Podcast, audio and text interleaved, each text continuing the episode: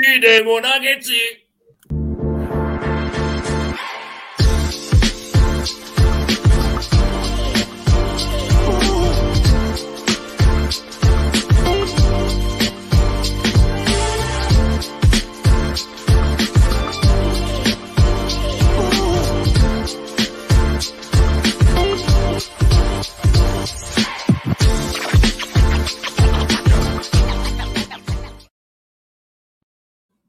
Dobrodošli ljudi, All Star Festa, najnovija epizoda Nugget Srbija. Odmah smo krenuli sa, sa grupom ljudi, gde Miti je otišao, koji je ovo studio smo rekli, no, šesti, sedmi, u Požegu. Pa, tako negdje. Evo, ja sam u Požegi, imam e, žurku neku večeras, rođendansku, uh, pa sam sad e, u, u hotelu uh, od 6 do 8 otprilike i onda idem na, na žurku. Žurka počela u 3 do duše, uh, ali sam imao i sinoć još jednu žurku i sad kako ne pušim, znaš, prije bilo uh, guc, dim, guc, dim i onda je sinoć bilo guc, guc, guc, guc.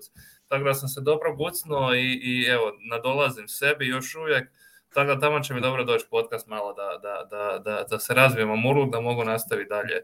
Gle, Pravo klince. mjesto si našao zato, evo. To je to, to je to. Klince klinom izbija. to je to, evo sa nama se još Ivan Kuštre tu standardan gost. Ermin e, i Anton, gde ste ljudi, je sve dobro? Je, hvala Bogu. Jo, osade na Bore Anton nam je ozdravio taman za, taman za feštu da se družimo. Taman. taman. Ermin Više je dobro u Čikagu. ja ne znam kad mi je zadnji put bilo ovako dobro. To je to, to je to. Danas, ovaj, kažem, danas nemamo sponzore sem Mitijevog Antima Murloka. To je dobra reklama, znači nemojte pušiti da ne bi... Go, evo, Pokemon Go, tamo lovim Pokemona, ovoga, tako da ako nešto tu čeprkam prstima da se ne bunite, ovoga, nije ništa, prosto samo lovim Deoxisa. Da. Ovoga... Ili imaš Charizarda? Ili imaš Charizarda? Ma, aha, ne, ne imam čoveče, to ti je odavno izašao Charizard. Ovo su neki novi koje, koje nija nisam u crtićima vidio nikada. Aha, ovo su neki super Pokemon. Opasno, da, da opasno. Da, da. Pa vidi ga da. nešto liči čoveče. Ovoga... Čekaj, daj. Ček, nema ti golove, da, služi, Skužić, šta je ovo Tuni na, na kapi? Ko, č, šta je gore na logu? Šta je? Ne vidim. Yes. U biti ovo je Pokemon podcast. A, da. da, da, ovo je ipak Pokemon. Bugs Bunny. Odličan za audio slušalce Mici, ono pokazuješ da, da, na kameru. za oba audio slušatelja ovoga, e, pozdrav vama. Hvala što nas slušate na Spotify. Ovoga. Zaprijetili smo Spotify da, će on, da ćemo otići s njega ako ne makne Joe Rogana, ali evo, ovoga, ipak smo odlučili ostati. To, to je, pita neve nam stiže Margo na žurku. Ha jo, pa ne smijem takve detalje odavati, ma ovoga, neve ne crni, neve Ovoga, evo, Nevena je, Nevena je Miroslav spomenuo, bez da ga spomene u vašem podcastu, ali tako Voja u Srbijan yes, Corneru. Yes, da, da, da. Kaže, pričao sam sa svojim badijem nešto o Lakersima. Rekao, kakav badi, niste se u životu ali dobro, ajde, ajde, vidite, kao Twitter prijatelji neki. Ja, pa to su najveća prijateljstva, sami. Jel da? Pa evo ti e, ovako... E, pa ja, najiskrenija, najiskrenija. Ja, ja sam prvi put sad s Erminom u podcastu. Di si Ermine, šta ima? Evo, pozdrav. Čekaj, ćemo mi izaći onda pa da se vi upoznate. Ajde, ajde, najbolji prijatelj. Otićemo u drugu sobu. da. Te da se razumu pa ne, breakout room. Znam. Vidimo se poslije na Twitteru. Kao. Može. Pa, to je na Ko što kažu na ono u kafanama se nađu kumovi. Na, da, tako evo i mi na Twitteru se nađemo. Da, da, da. Ovaj, da. E, nego ja dogovaram e, put u Sombor e, na proljeće, mislim to sam sad odlučio, Ovoga, kuštru sam nedavno ovoga, pihnuo zato. Ja mislim da bi trebali stvarno otići ovoga, u, u, u dom Nikola Jokića da vidimo ovoga. Prvo, e, želja meni već ostvarena je da se ide u onaj kafić gdje je on e, držao se gol do pasa rukom za granu, to sam ja već odradio. Ovoga, a želim da i Kuštra to odradi. Uh, šta Može. još? Onda onaj zid... Dobro, ali čekaj, kad ideš? Ovo Stani, je posle. Mi fali jedno 40 kila za to. Čekaj, šta, čekaj, prvo Ermin, šta si rekao?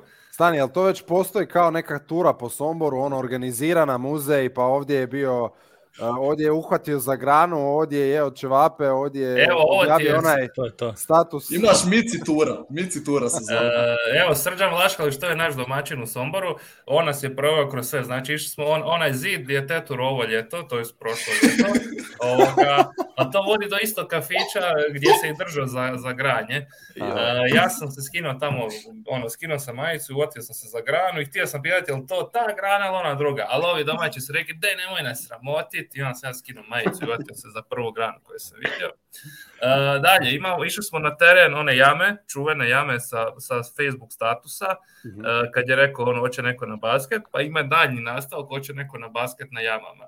Išmo na taj teren, to je teren kraj njegove osnovne škole, gdje se vidi i ovaj čuveni mural, Uh, šta smo još radili? A išli smo iz kafane u kafanu ovoga. Mogu reći da... Jeste igrali košarke i kako? Jeste išli po Sombor Shuffle, jel? Mislim, ja tamo hoću uzet uh, Jokićev talent, bar malo. Aha, aha, ti jeba, ti ko monstar dolaziš ovoga. Igrali smo, pucali smo na, na tom košu. Uh, čisto nije, nije pomogla, je. Za fotkanje, samo za fotkanje. Sombor Shuffle u, u Somboru, onda smo nastavili pit Ovoga, a vi možete šta hoćete. Evo, sladokusci, vi, vi volite na terenima snimati, pozivamo vas ovoga, e, svu trojicu da... Evo, ko je za? Sombor, proljeće, još ćemo se dogovoriti za datum. Ajde, ajde sad kad si već pomenuo to i Jokića, čestitamo rođendan, mislim 27. rođendan Jokiću e, danas. E, da. Hoće da pročitaš, hoće da pročitaš pesmicu što si napisao. E, može, čekaj, ili imaš neke? Ne, imam, imam ovde.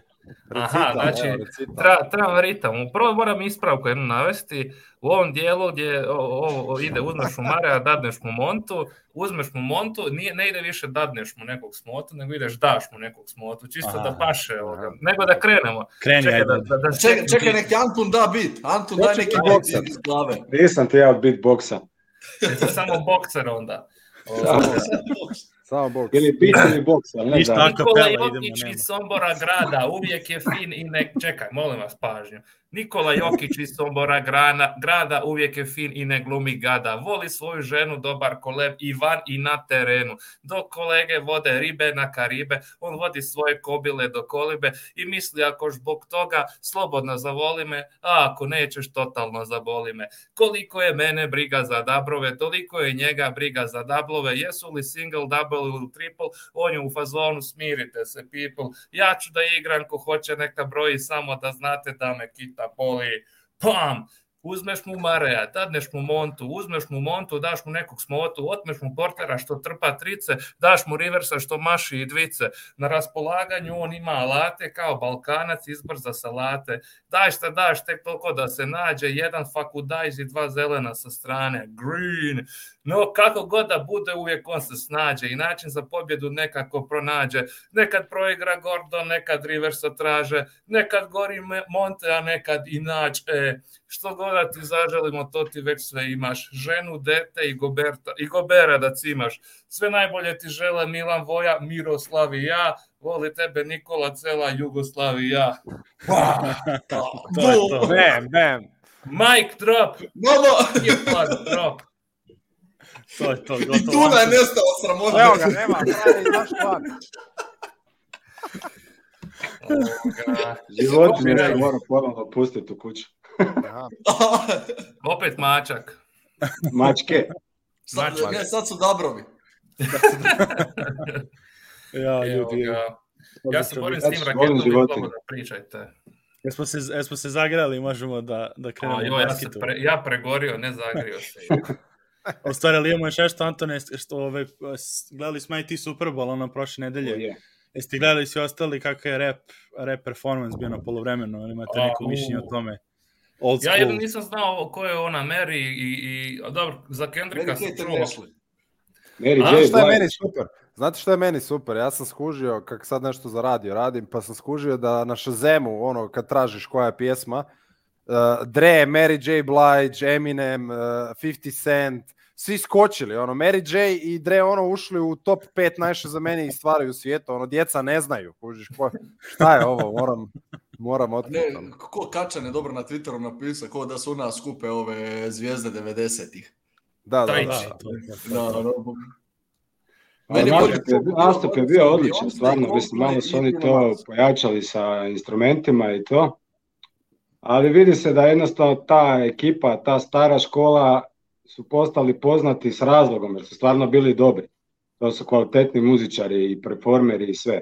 Danas ima hrpa tih, više to nije ni hip-hop, nego neka, neka, neka glazba, koja je meni osobno super, ali kad dođeš live na koncert, oni puste Madrid, matricu i viču preko toga, nema tu neke da. kvalitete. Čast izuzecima, uvek u moru tih da. izvođača nađeš nekoliko koji stvarno su majstori, da. ali nekada bi se ti probio u svetu glazbe, bilo koje, mora se stvarno biti dobar.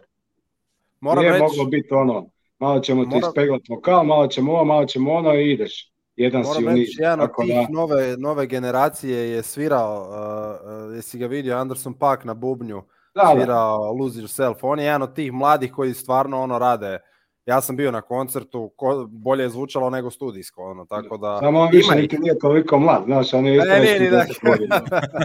više nije toliko nepoznat. Ide da, vrijeme. Da, to, da. Ali nastup je meni osnovno stvarno bio odličan.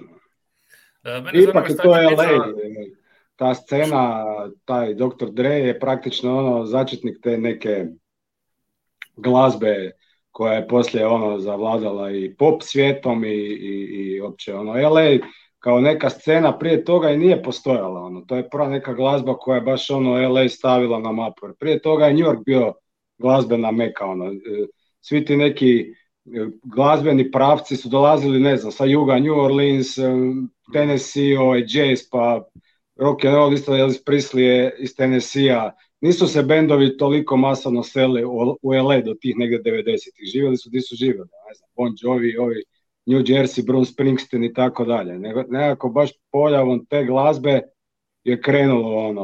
LA kultura ta se LA kultura. Da. da, da, da. Pa i tačno i dobro je bilo, mislim, LA, LA Super Bowl, ono baš, to je bilo ono prikladno do dok Dobar Super Bowl bio. Dobar Super Bowl bio. Obje, prava, prava prvenstvena utakmica.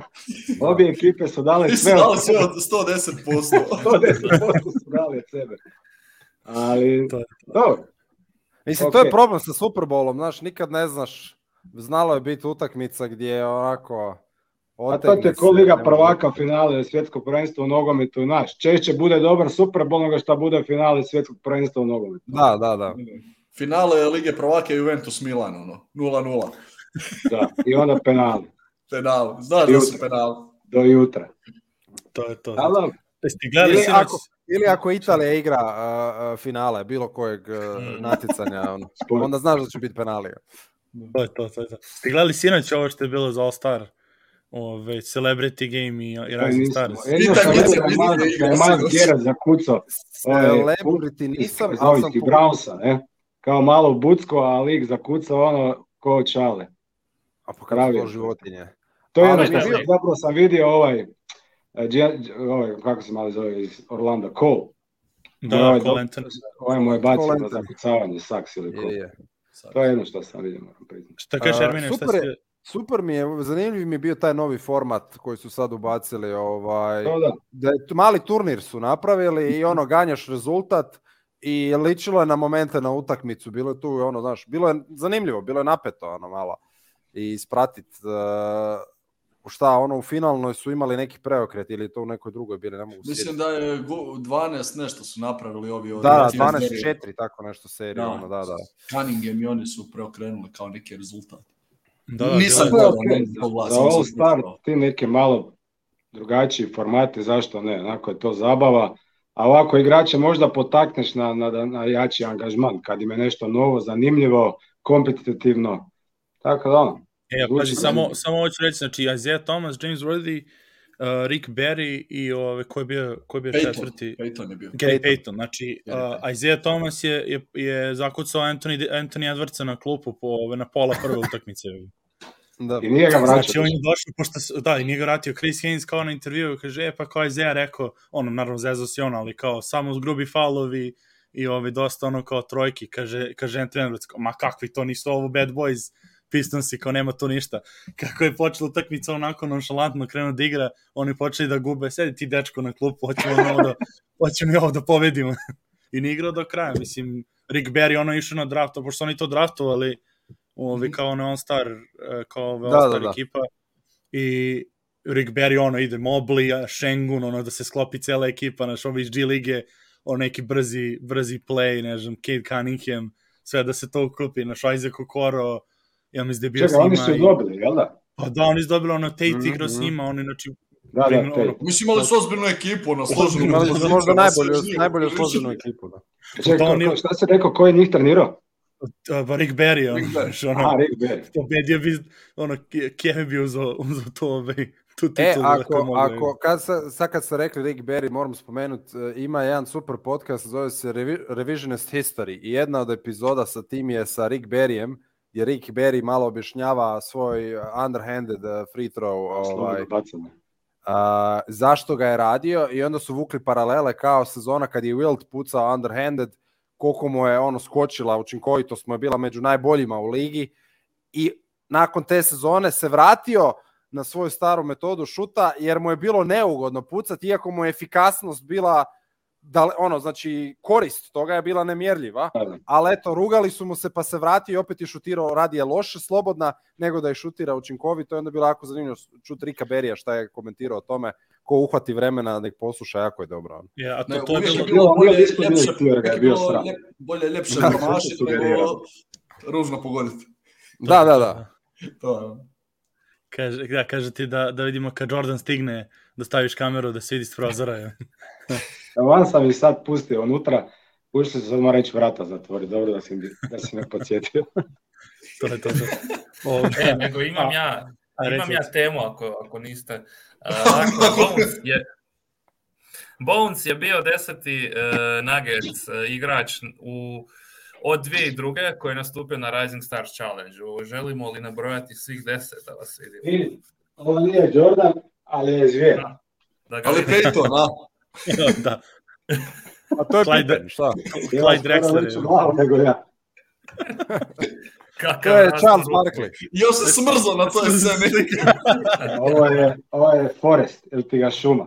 A da, nego zakucala ti se slika bila na... na, na sad... na, na Forest.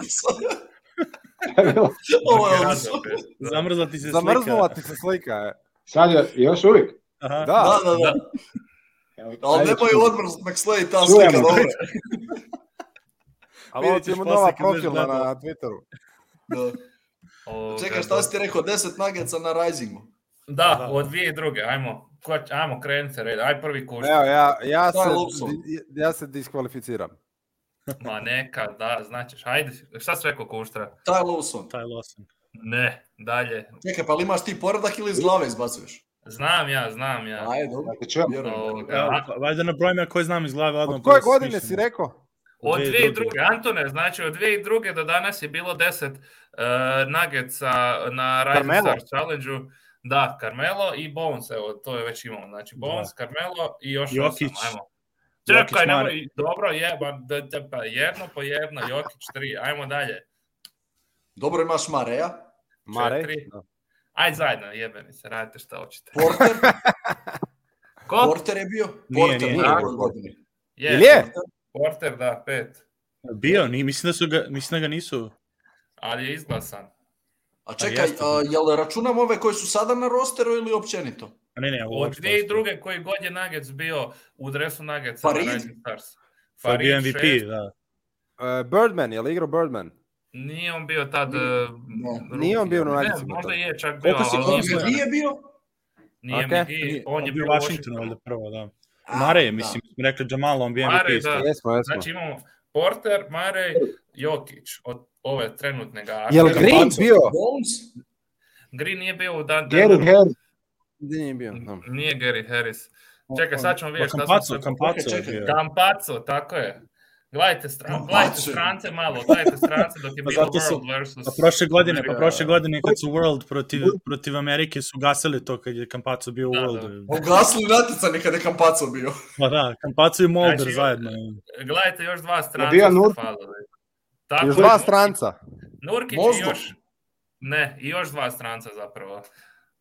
Znači, Nurkić, Nurkić Galinari Gallinari nije bio Gallinari, u da, Denveru. Da, on je bio, on bio, Još bio Uh, jedan stranac što je ovoga, ne bi rekao Kovač, da je Herman Gomez. Na Mudije. Mudije, da, da, da, Mudije. Mudije. Mudije. je stranac. Pa on da, je da. iz Konga. Da. Oni Kuminga vraća sad na Olimpijadu. E, a da. imamo još jedno koji je bio 2002. godine i 2003. Ovoga, sezona 2002. 2003. 2003. i 2004. Ovoga, uh, Brazilac. Barbosa, ne, ne. a nije Barbosa. Ne, ne. Nije da, da. Barbosa da. igra tamo. Da, da, ne, ne, ne, da, da, ne, ne, ne, da, da, da. ne, ne, da, da. Eto, šta kažete ovoga na kviz? Odlična ekipa. Al... Pao sam. Da pokrenem... Pao ne, nema za, nema za prolaz na ispit. Ajde, da. Ja šta e. pa tam, znači, če, kad smo kod Rising Stars, šta je juče, sam, ovo su anegdote, samo da ispričam stvarno šta je bilo, znači Clorox je zaradio toliko para na, na od ove korone, sve živo su reklamirali. Mm -hmm. Znači, boje dresova, na dresovima, onaj klač, znači komentatori su morali da kažu Clorox jedno svaku drugu reč, I ove, ovaj, imali su, ste videli onaj klač, eh, klač, eh, challenge što su imali? šuteve sa pozicije onih u istoriji. Ono jedino što je bilo smiješno kad su ona dvojica koja je bio ispromašivali sve. Scotty, da, Scotty da, Barnes i Maxi. Da. Barnes, da, e. To, ali inače mi je bilo, ne, nisam shvatio baš šta bi... Ono, ko da gledam tebe i sebe na basketu. E, tako ne. ne, na šta, oni su to kao trebalo da bude sa pozicija istorijskih klač šuteva, ali kao rekreacija, rekao, pa dobro, što nisu rekreirali onda? Jer ta prva pa da, pozicija... Pa, da, ta, trebalo je bude Magicovani oni e, poluhorog, pa je trebalo da bude istračavanje Reggie Millera, pa je Lillardov, sve trebalo da bude rekreirano, oni kao samo šutiraju s tih pozicija, mislim. Da, da, bez veze. I kao imate minuti, ne znam, minut i po da, da pogodite, ono, mislim, to je bilo, da, da ali sve ono bilo da, smešano, Bane i Halliburton, ono, mislim, kako protiv njih, šta radiš? Pa ne, trebali bi staviti uh, e, horse natjecanje da imaju. Pa to da, su imali, ono, prošli, prošli preko Zuma je bilo 2020. su to radili, bili. Da, da. da. Kad je bilo Pablo, to je... Da, da, Ma da, jedan na jedan da igra do šest, to bi bilo najbolje. Da se... Ne, jedan na jedan do dva. Pa Uz četiri da dribbling. A ne, pa da, po pa jedan broj.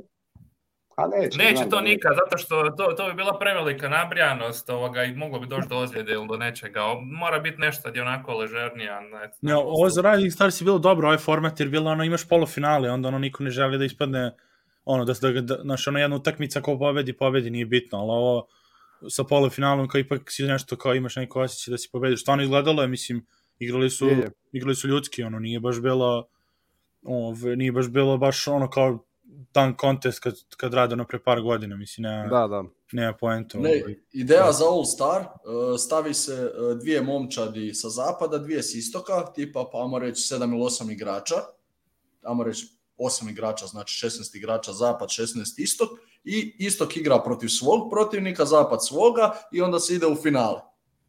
Niko, Aha, igra se da. tipa do, ne znam, nekog broja poena, ajmo reći, 51 i ko prvi do 51 prolazi dalje. A pa sad su imali do 50. 5 ili 2 na 2, šta? Ne, ne, ne, e, igra se kao ono 5 na 5 normalno, sve živo, imaš još tri izmjene, kao osam igrača dovoljno ti za 48 minuta, mislim, nema me zajebavati, ali možeš i smanjiti minutažu ili biti da, igra se da, do 51. Da. E, pa to, pa to je ovo baš to, što Ermin kaže. To, što Koliko je igrača u ekipi? Pa juče bilo po 7. Po 8. Pa, da, 7-8. Jel bi pa mislim, svaka te... ekipa ima svog nekog all-star igrača, ono, doslovno možeš uzeti iz Houstona, ne znam, nekoga. Znaš šta e, sam ja razmišljao? Ja bilo trojica njih u Rising Stars. Da, ono. a te ja 27 godina ono ima. U, u, u suprotnom smjeru, zato što Začujem. E, ja sam u suprotnom smjeru išao, gledam, Jokić koliko igra za Denver, ono, i nikako da dođe odmor, i sad dođe odmor i mora igrati na All-Star. Onak, zašto naš najbolje igrače kad imaju tjedan dana odmora, ovi tamo evo Monte već negdje tamo na jahti, a, ovaj, a Jokić mora tamo igrati. Znači, ajmo uzeti umjesto 24 najbolja igrača iz lige, uzeti 24 najgora igrača iz lige, da no stars natjecanje, i, a ovi lagano da negdje na jahti onako gledaju to i smiju se. Mislim. Ali ne bi bilo no, no, no, no stars, no stars. Ovo natjecanje. ja, genijalno. Javi se Silveru pa probaj vidjeti šta, šta se da napravi. Ili, ili, šta, ili veteran All Stars. Jel ima neko njegov mail ovdje možda? adam.silver.nba.com Ne, što nije A Silver ovoga. ne, ne, ne, adam.silver. Da. E, pa njemu je iscurio bio telefonski broj, neko je sliko. Možda čak poster. Je li je MPJ to? Sjećaš Voja? Ne se sam, to zvuči mi na njega, ono, to je... To... Na draftu je nešto bilo i on je sliko, znaš, kao ono, naš, e, sliko je Silvera, iza njega je bila prezentacija upaljena i videlo su se njegovi osobni podaci, njegov broj telefona, ne znam, je, je, je Ono, stanje na žirom računu i... Da, a on je stavio to na, na story kao ono, ne, greetings from the draft night ili nešto tako. Da, da, da. Sjebamo u mail adresu. Kakav lik. Kako ja to, ono, A to je bilo dobro kad, kad što kažeš ono No Stars, uh, No Stars, All Stars, uh, i onda kao kontra fantasy, ono što igraju sa Fastback Breakfasta, ono, da ješ da, da, da, negativan. Da, da. I to je bilo dobro na tnt da se drafte, ono, gledaš Barkley, ono, who he play for, ali uživo je. a šta mislite kako... Ali treba bi napraviti Atletik protiv ESPN-a. Ili tako nekakva natjecanja. A da, ko će... E, pa nešto sam vidio da su se zezali kao, da bi trebalo ostaviti ono A novinari misle da igraju kuće. Da, da, da. No, da, da, pa bilo, A imali su da stave šema i... Katastrofa. Bolje ne.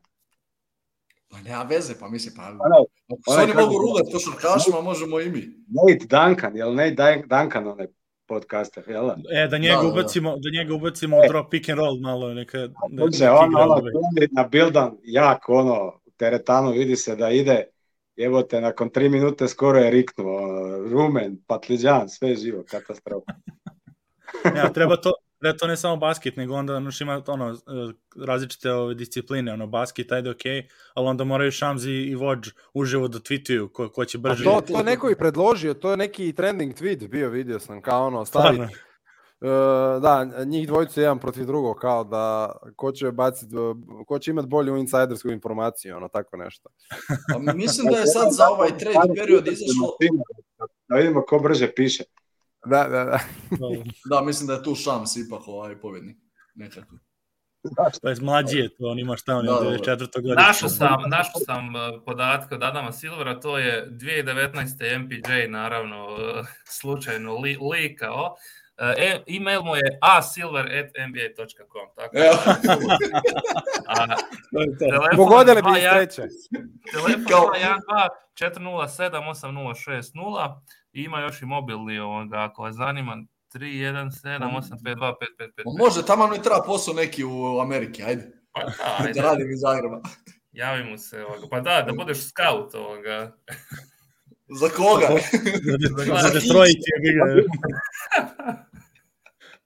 da govoriš kog da ne draftaju.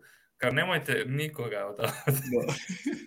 Ima to ono tajni dogovor kad Kuštar odradi analizu, pošli im draft report, ono, u ovoga obožavam ovog igrača, mnogo je dobar, zoveš njega precrte s liste tamo, ono, nikako je. Kao njega ne. njega nikako.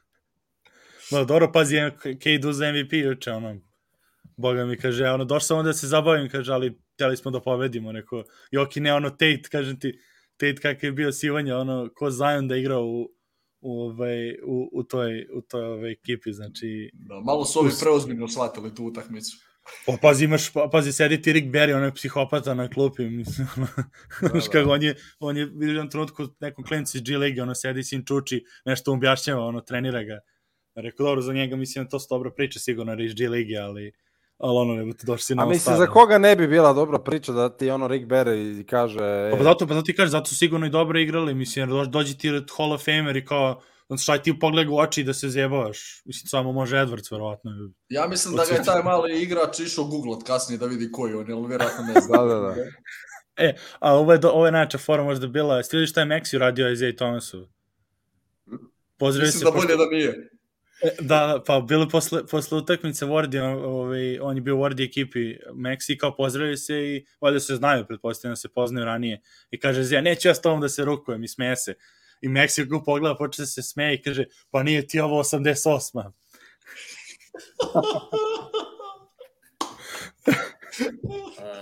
A, rekao, idućih 12 intervjua, idućih 12 intervjua Zeja Toma sere po Meksiju. Da, nije, oni zagrali se posle, ono, mi se sorta, ono, da sorta. Koliko godišnje intervjua. da. A ja, da, to vas, treba tri godine 18 intervjua. ja, ludilo je. Hoćemo šta da, ima, da. šta ima dalje. Ste, ste ispratili kad je bio draft ovaj za, za All-Star, ono, ludilo sa Hardenom i, i Goberom. Ona je možda jedna od boljih provala prva dva mjeseca ove godine. Od Barca. Čekaj, što o čemu pričate? Ono kad su Lebroni kad birali igrača za All-Star. A, da, da, da. Kako ga je uvalio. James, is he injured? Will he play? Ali ne, ja, da, da, tako, KD se namjerno ono trudio ne smijat. Cijeli draft, ono, ozbiljna faca i da, to. Da, da. I na kraju uspio. Ovaj ovaj slomio ga je, Marko, slomio ga je. Znaš šta, tu mi je e, Le, Lebron bio simpatičan možda po prvi mm. put ikad, ono, da, da mi je bio mrvicu simpatičan, ovoga, uspio je svaka čast. Da. A dobro sad kad, kad gubi, pa onda ne, nema se zašta hvatat, nema kao biti neki king kad ono, da. mislim, nećete ući. Ja da je bio simpatičan play. dok ne vidiš reklamu na Superbolu što ima to. Da. Jel pa to ono kad sam sa sobom priča? Sam sa, sa sa sobom, da. E, a za šta je to bila reklama? Ja nisam shvatio. Za crypto.com, crypto.com. Ja, ja. Ono, a kakve veze? Kakve veze? to ima sa ičim. A rekao mu je da kupi... Vjerojatno ima ovaj e, udio u kriptu. Znaš šta, rekao, rekao je sam sebi pri, u prošlosti da kupi dionice ovoga kriptova, da, da sve da. stavi na Bitcoin. Kao šta će biti u budućnosti, da. O, evo nam ga Miro iz, iz arene. O, Čekaj, nešto evo, da prekidamo nešto. Da. da. Da, to je bilo, za čemu verujem, ono, pa to, to je, ono, Lakers je sponsor, ono, moraju da ispoštuje da. ovaj, kripto.com. A sreće, pa nema veliko lice e, u, uh, lige da to odradi. onda strašno. Ono Ali ne se čudi da je on njima fakturira kao vanjski suradnik ovaj, te usluge. da, da, da, da. da. da to ispod stola da se naplati. No, to mu ja. Da. signing bonus bio. Ajmo, da, da. ove, ajmo, ove Ermine, mi smo s tom pričali davno za Chicago, jesi ti u stvari dobro, s obzirom na olike povrede, jel nije prešlo na tebe? Jesi ti dobro? si zdravi, dobro. Ako me interesiralo di to ide, ovo pita. da, da nije prešlo, pa to, da nije prešlo na navijače, je, ono, svi su ispoređivani. Znaš šta ću ti reći, zadnjih par, ja sam slomio stopalo prije jedno 8 godina. A, pa, dobro, Zadnjih par da- dana me opet nešto jako boli to, znaš, pa metatarzalna, vanjska, to mi je dokrajčilo sve, sve košarkaške ambicije. A, ja sam, ja sam, ja ti rekao, ja ne znam kad sam zadnji put bio ovako sretan. Ja mislim da se moji bulci drže fantastično s obzirom na situaciju s rosterom. Mislim da su jedni od pogođenijih ekipa u izostancima uh, u ligi. Emo od korone, emo od ozljeda, uh, pun pogodak. Uh, ha? Od Alena. Ozljeda od da, Alena. Da, da, da. Um, Billy Donovan stvarno je uspio preokrenut potpuno kulturu, eno ranije smo pričali o nekakvoj kulturi, stvarno je uspio Uh, ti kad gledaš te dečke i to je ono što smo, sjećaš se kad smo pričali bili pa sam govorio kako mi se sviđala predsezona najviše mi se sviđalo šta su svi govorili e, ono nije mi bilo do utakmice nego imao sam dojam da se kuže, da grizu da postoji zajedništvo i evo stvarno ispalo da uh, da nije to bilo fake priča za novinare i oni zbog toga igraju tako dobro jer grizu jedni za druge. Mislim da su po tome jedna od ono rijetkih ekipa koja tako živi svaki igrač za drugog. I, ovaj, I mislim da onog trenutka kad budemo u punom sastavu, uh, uz eventualno jednu korekciju u, u rosteru, se svi ostali mogu pozdraviti sa nadama za trofeje. Ono, tako da. to i mi kažemo. to, da, da, da kad, bude, kad budemo zdravi. Evo, došao da Tristan Thompson. Ja to je malo ovaj, u novine gurnut. Šta kažeš? DeRozana za MVP-a, jebi ga, treba malo gura. Pa treba malo, nije ni bio ni u top 5. Ne. Pa onda može se i DeRozan gura. Ja, ja mislim da je teško ga je staviti u top 3 kad imaš takvu sezonu Jokića, kad imaš takvu sezonu Embida i kad onda imaš igrače poput, evo, i Janis koji igraju uh, na neverovatno visokom nivou. Ono što da Rosen je, on je po definiciji jedan od najkorisnijih igrača lige, apsolutno. Mislim, on tu ekipu nosi na leđima, uh, ali ja, gledaj, ja sam samo sretan što dobro, lijepo igraju. Da, I, da, I što viđam lijepe količine mid-range-a, uh, bez koraka. Bez da, koraka. Da, da. bez... A, reci mi, kad, kad, se Caruso, Kad se Karuzo vraća? Se zna. E, znaš šta, toliko je tih ozljeda da ja više ne znam ko je kome kakav timetable.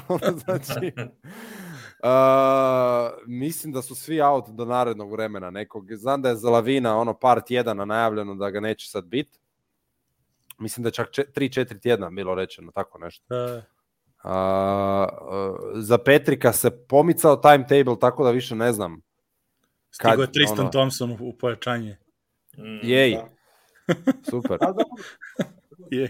Gle, a pali nam, gle, svi nazad, ajde. Fali, fali, fali visine, ono je. Evo Miro, ajmo Miro ubaci. O, stiže Miro iz Pozdrav ekipa.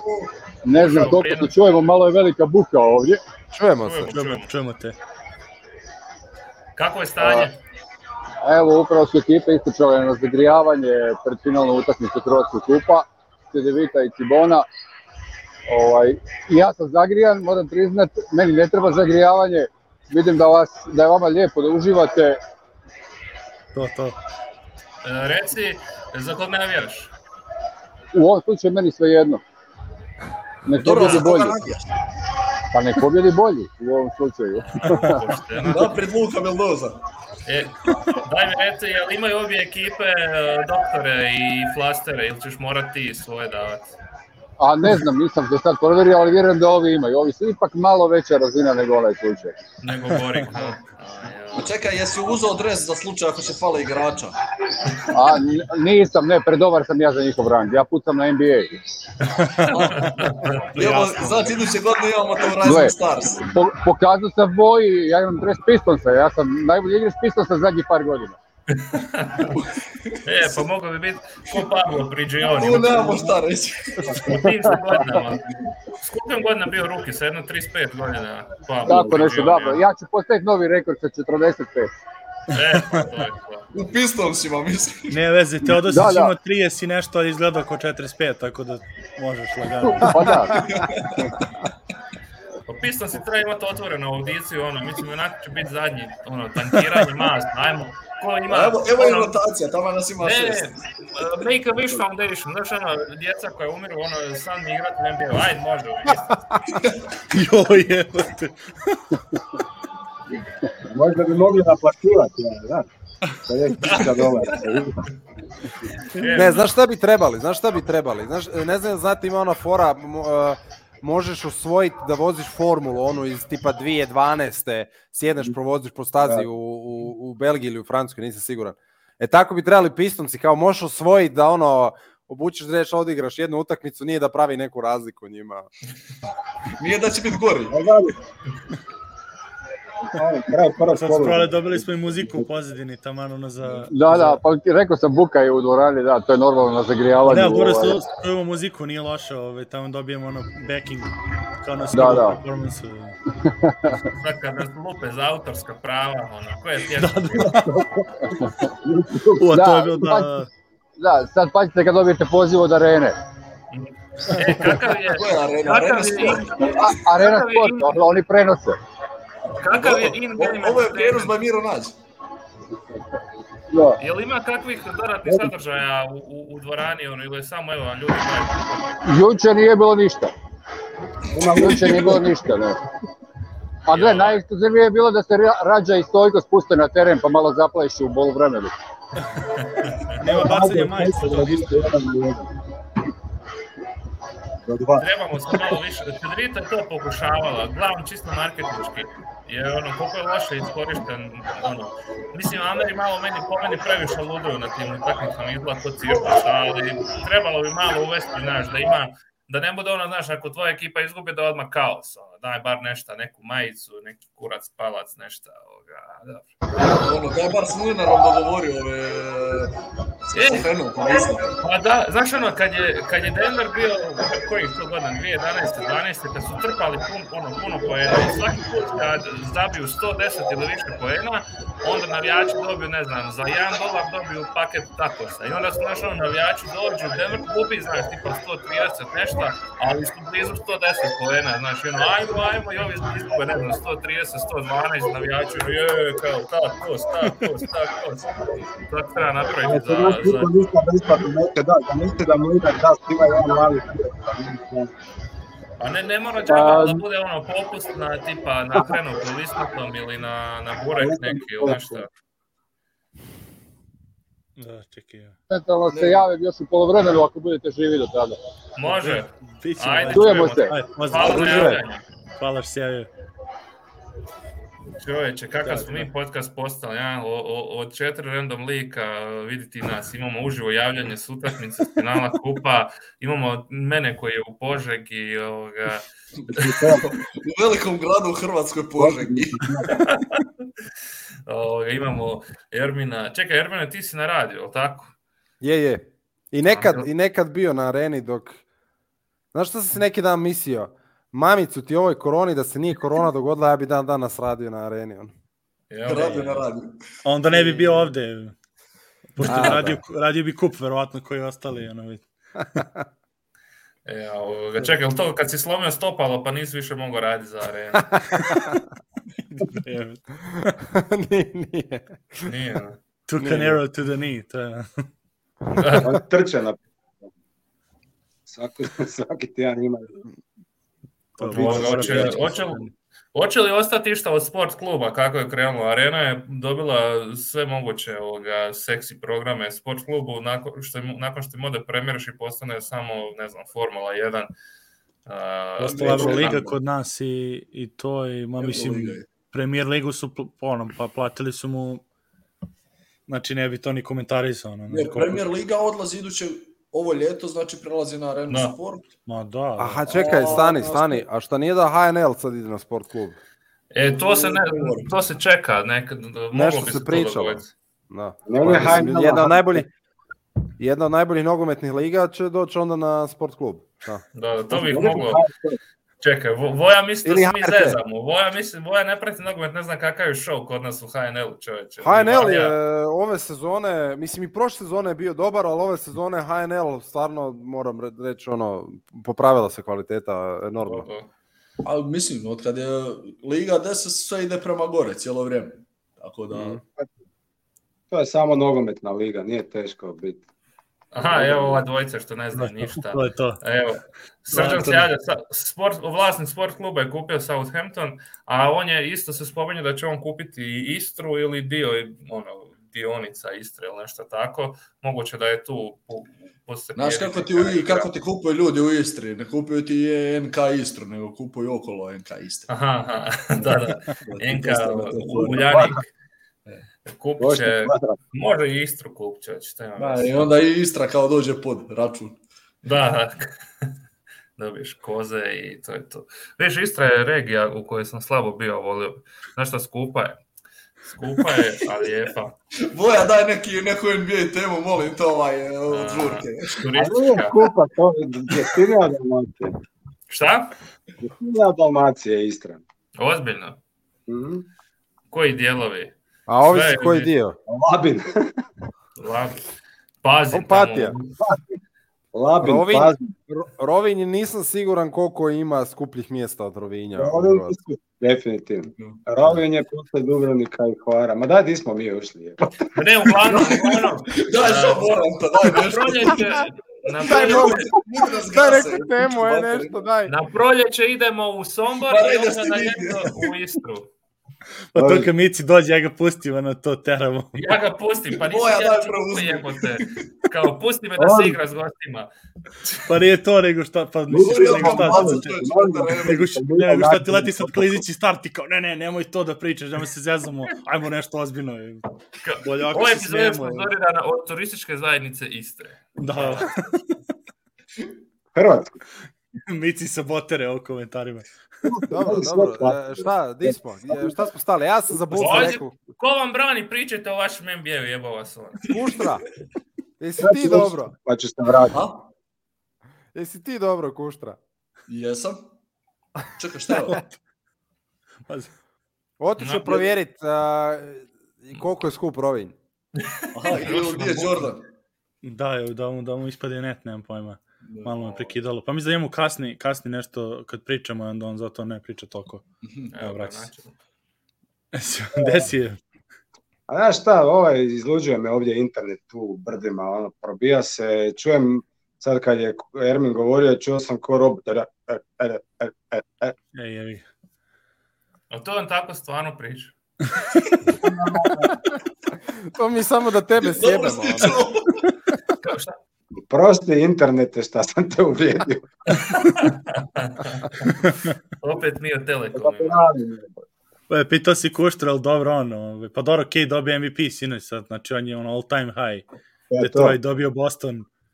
Dobili bolje, od toga, bolje od toga ne ide. To je to. Ja, ja više neću tražiti ništa od ove sezone, meni je dosta. Ja, ja sam ih Samo... isključio gledat više. Pa Baš došao je Begli, došao je Begli i uh, stvarno uh, možda gasiš. Begli. Opasan. Da, Begli je opasan za svoju ekipu. A i za sebe. Ja mislim da on više igra video igre nego košarku, takav lik mi je taj Begli. Ono.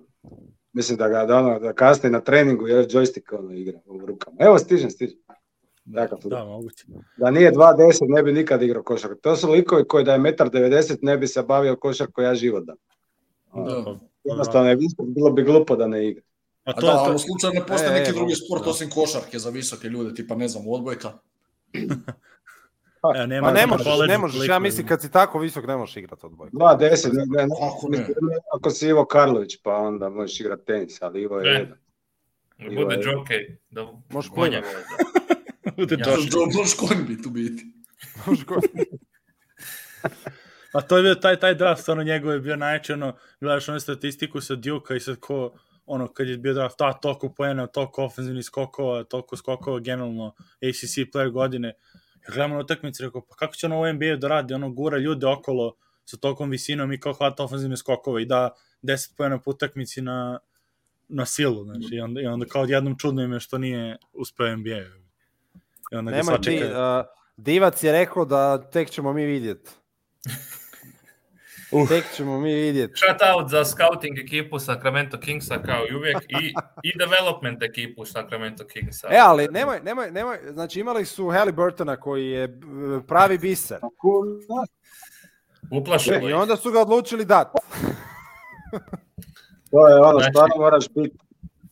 Imaš Foxa koji je ono, već te godinama tu i znaš šta možeš dobiti od njega. I sad dobiš tog Halliburtona, ono koji ti padne u krilo, I sad ne znam šta bi s njim, ono, riješio bi se Foxa, ali nikoga neće, pa dobro, ajde, ništa, nek ide Haliburton. to moraš biti lud. Iako, ono, ove igrače ostale koje su doveli ovaj trade deadline, pa nije to toliko loše, mislim, taj Sabonis da, i ovaj, Sabonis je korektni. Šta kažeš? Pa Sabonis je više nego da? korektan igrač. Ma ja, kako ne, znači, Ali sad recimo da su Haliburton i Saboni zajedno bilo bi puno bolje nego Fox i, Halliburton, i, ovaj, i Sabonis. Da. Ali, pa I isto govno. Mislim, A? isto govno je tu. Isto govno je. Haliburton Šta? Fox da i... Ma i Fox i Sabonis i Haliburton i Sabonis je bilo najbolje da je i Fox i Haliburton i Sabonis i onda možda imaš nešto. Ma pa nije, pa ovaj ne, ja mislim, ovo je, ne, ja mislim... Ovo je Haliburton je fantastičan asistent. On je prvo i da. osnovno da. gledan Oh, Sabonis bi se ne zabio koševa, a Fox mu je on, Foxu je dobro jer mu ovaj otvara pik da on može se probiti do koša, gdje bi on gledao da on njemu spustio, tu i tam hoće, ali sa Halliburtonom je to je sasvim druga priča. Sad, mislim, Halliburton je bliži ali... Chris Paulu nego sad ovim nekim novim šuterima. Da, ali Dieran Fox ti vikne Kamehameha dok šutira, tako da, znaš, tako. moraš znati izabrati između prioriteta. I može zabiti 30 pojena po utakmici.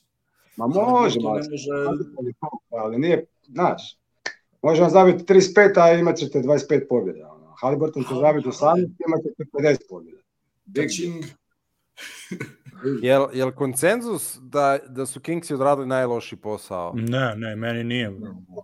Mislim, ne najloši, ne znam ko je najloši, ono, kad bi sad na listi stavio najlošije poslove, to je možda čak i Dala stavio, ali, ali Skinks i s obzirom na posle Vincenzo, na Di mislim i Sabonis, što kažeš, nije Sabonis loš, loš, loš. Jedino što su to sjebali u tom prvom draftu, kao što, ajde, kažeš, Haliburtona su dali, ali ako će ovo je... nešto ako će ovo nešto da im uradi, mislim, za sve ove ostale poteze što su napravili, Hilda su se bar rešile ugovora, bar jednog ugovora, mislim, su se rešili. Uvalili su Indijanu Hilda samo tako, da, da Indijana da, da. uzela samo Haliburtona da, za da, da, Sabonisa, to bi bilo cool Ovako su im uvalili tog uh, Buddy Hilda, uzeli su im Justin Holidaya, koji je po meni ono super zahvalan igrač i rađe bi njega imao na rosteru nego, nego Buddy Hilda.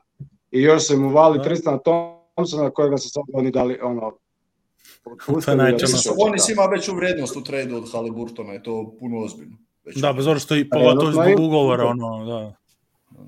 Mislim, e, ovo je igrač. Daj da se ja ubacim Ko? malo.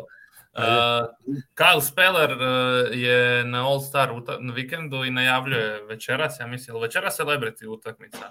Juče bila. Juče bila. Jučer, a ona nešto najavljuje večeras, možda na ovome... E, Danki to, da. Danki to, uglavnom. E, a mi smo pričali s tim, tako da ono, shout out to me.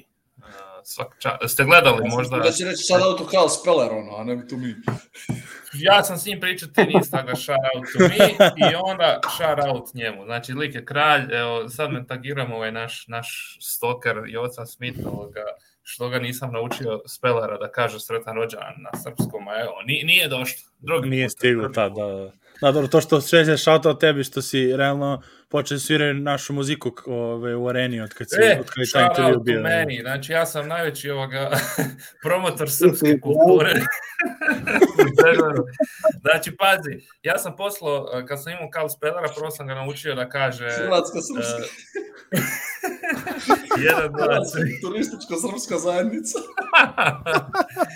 ovoga, E, dosta, dosta. Ovako, znači, znači šta sam ga da naučio? Da. Naučio sam ga par nekih izraza, ono, idemo na nageci, ajmo Nikola, ovo ono, i rekao je da će koristiti. To je baš onako lik gotiva na Voja isto bio u, u backstage-u. Ovoga. Baš je baš ljubazan lik i dao nam je broj od jednog uh, neću najaviti. Ne, samo ću reći ovo, znači imamo kontakt od ovoga samo dok malo neke stvari sredimo pa ćemo možda do, uspjeti dobiti ovoga u goste, uh, ko zna zna. Uh, E, pozdrav našim audio slušateljima.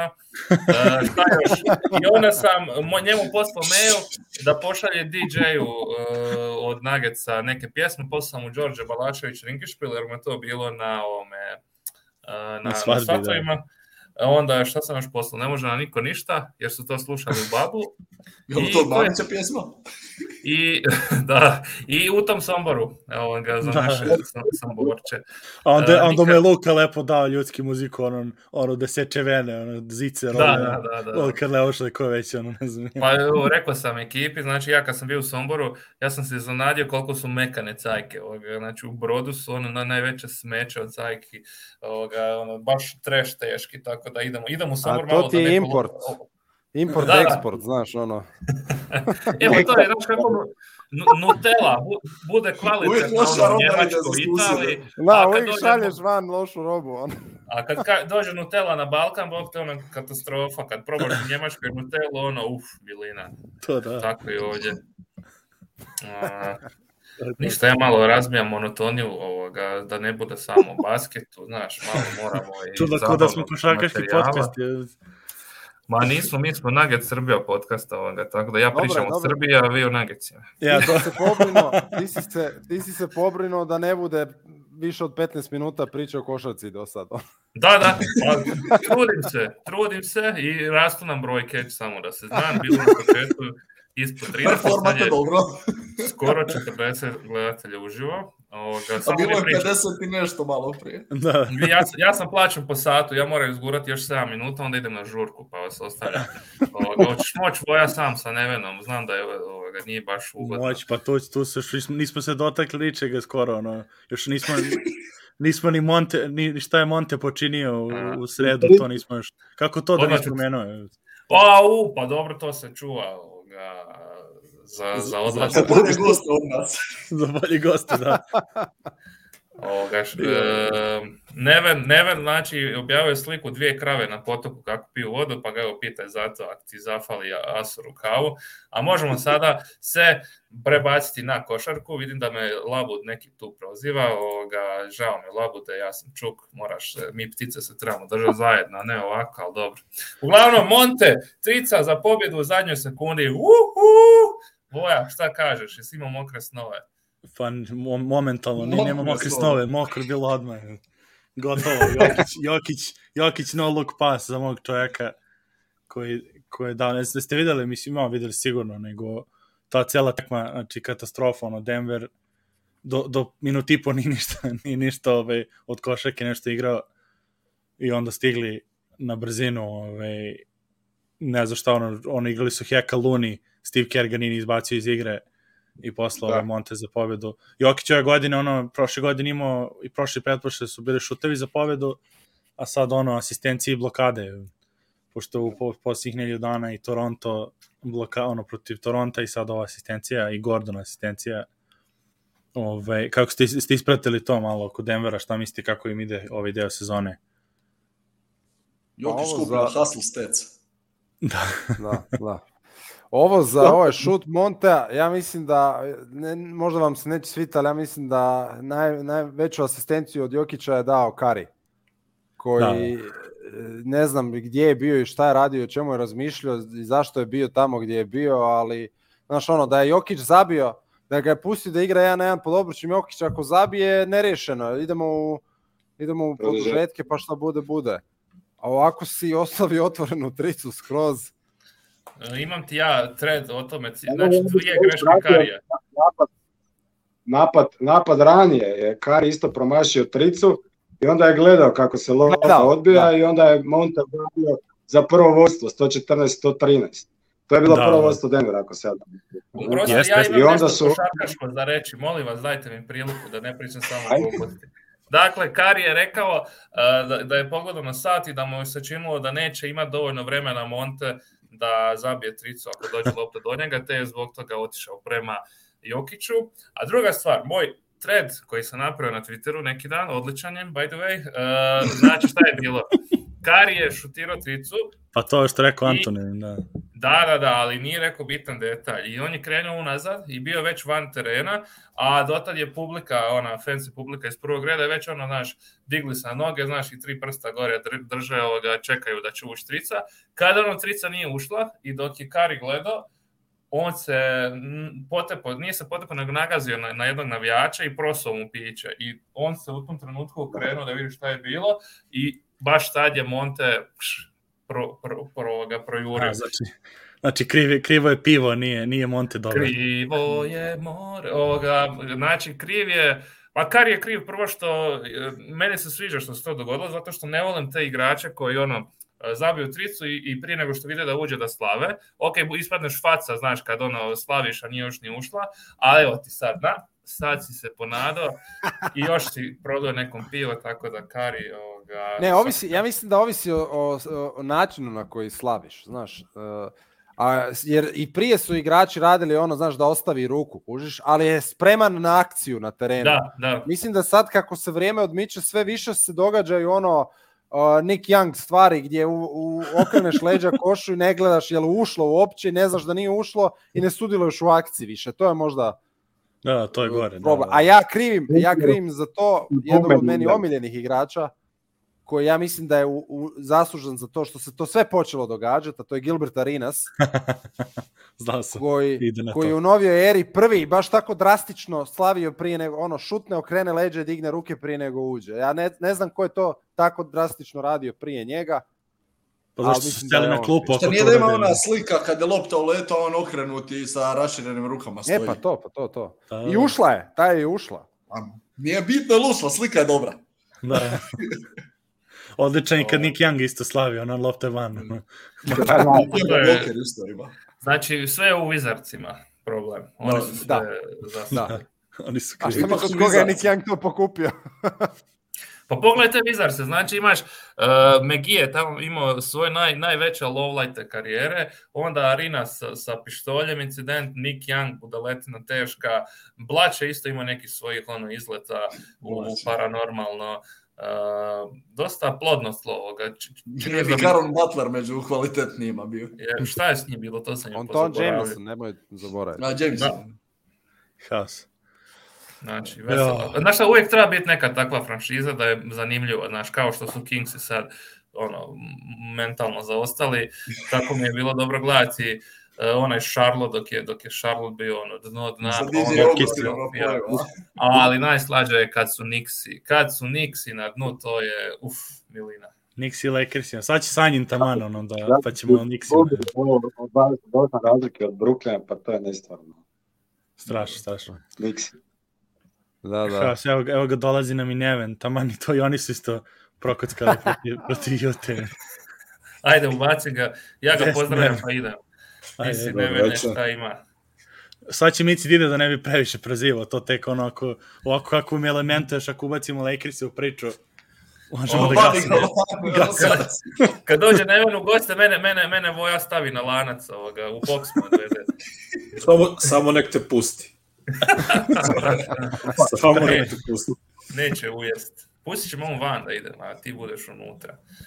Da ništa, ne mene kako stinače, kako mentalno zdravlje u vezi Lakersa i to. Dobro, dobro. Mislim. Mentalna higijena. Pa, znaš ono, kad prođeš već onu fazu da ne očekuješ ništa, on, da je sve okej. Okay. Pa, e, a kako, Kako ti se sviđa ovo što je izašla priča da su G, da je Pelinka i, i, i ovaj vodstvo Lakersa su rekli ovima, vi ste zakuhali situaciju, htjeli ste igrati zajedno, sad riješite ovo kako znate i umijete. Pa iskreno to bi mi ja rekao na njegovom mjestu. Odlično. Da. To Nisam to vidio, gdje je to bilo?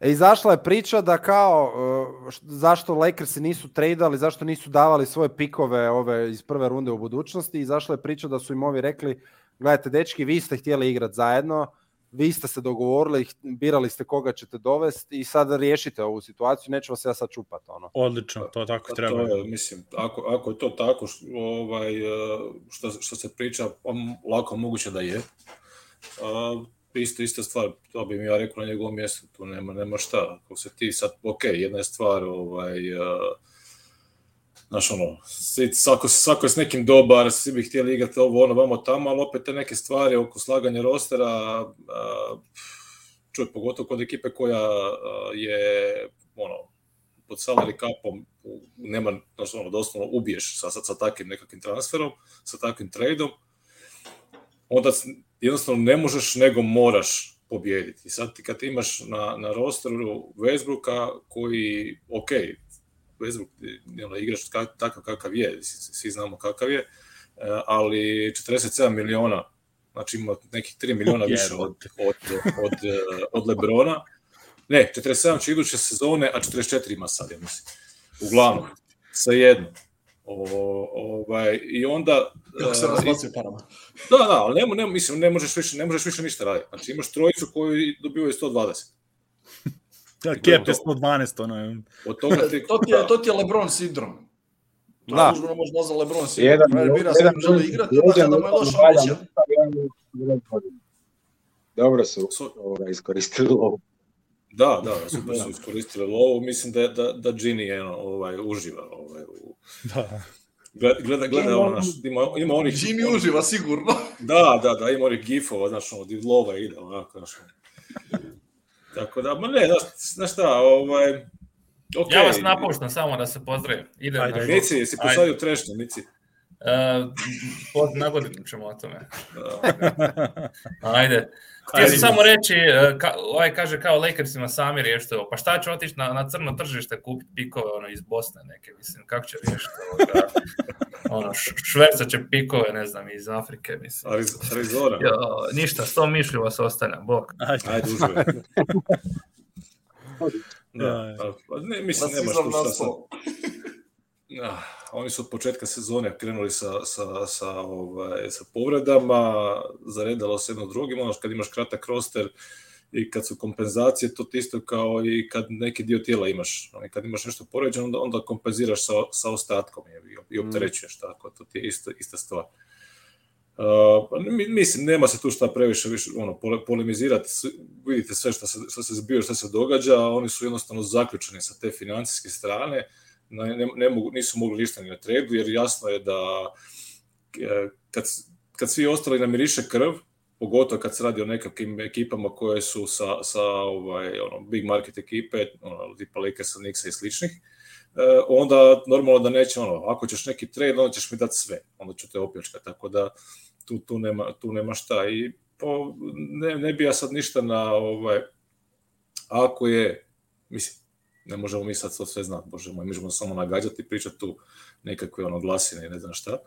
Ako je to tako kao što, kao što je, e, Palinka je dobro postupio i dobro postupio što sad nije odradio neki trade koji će ih opet zakopati još više. Da. da.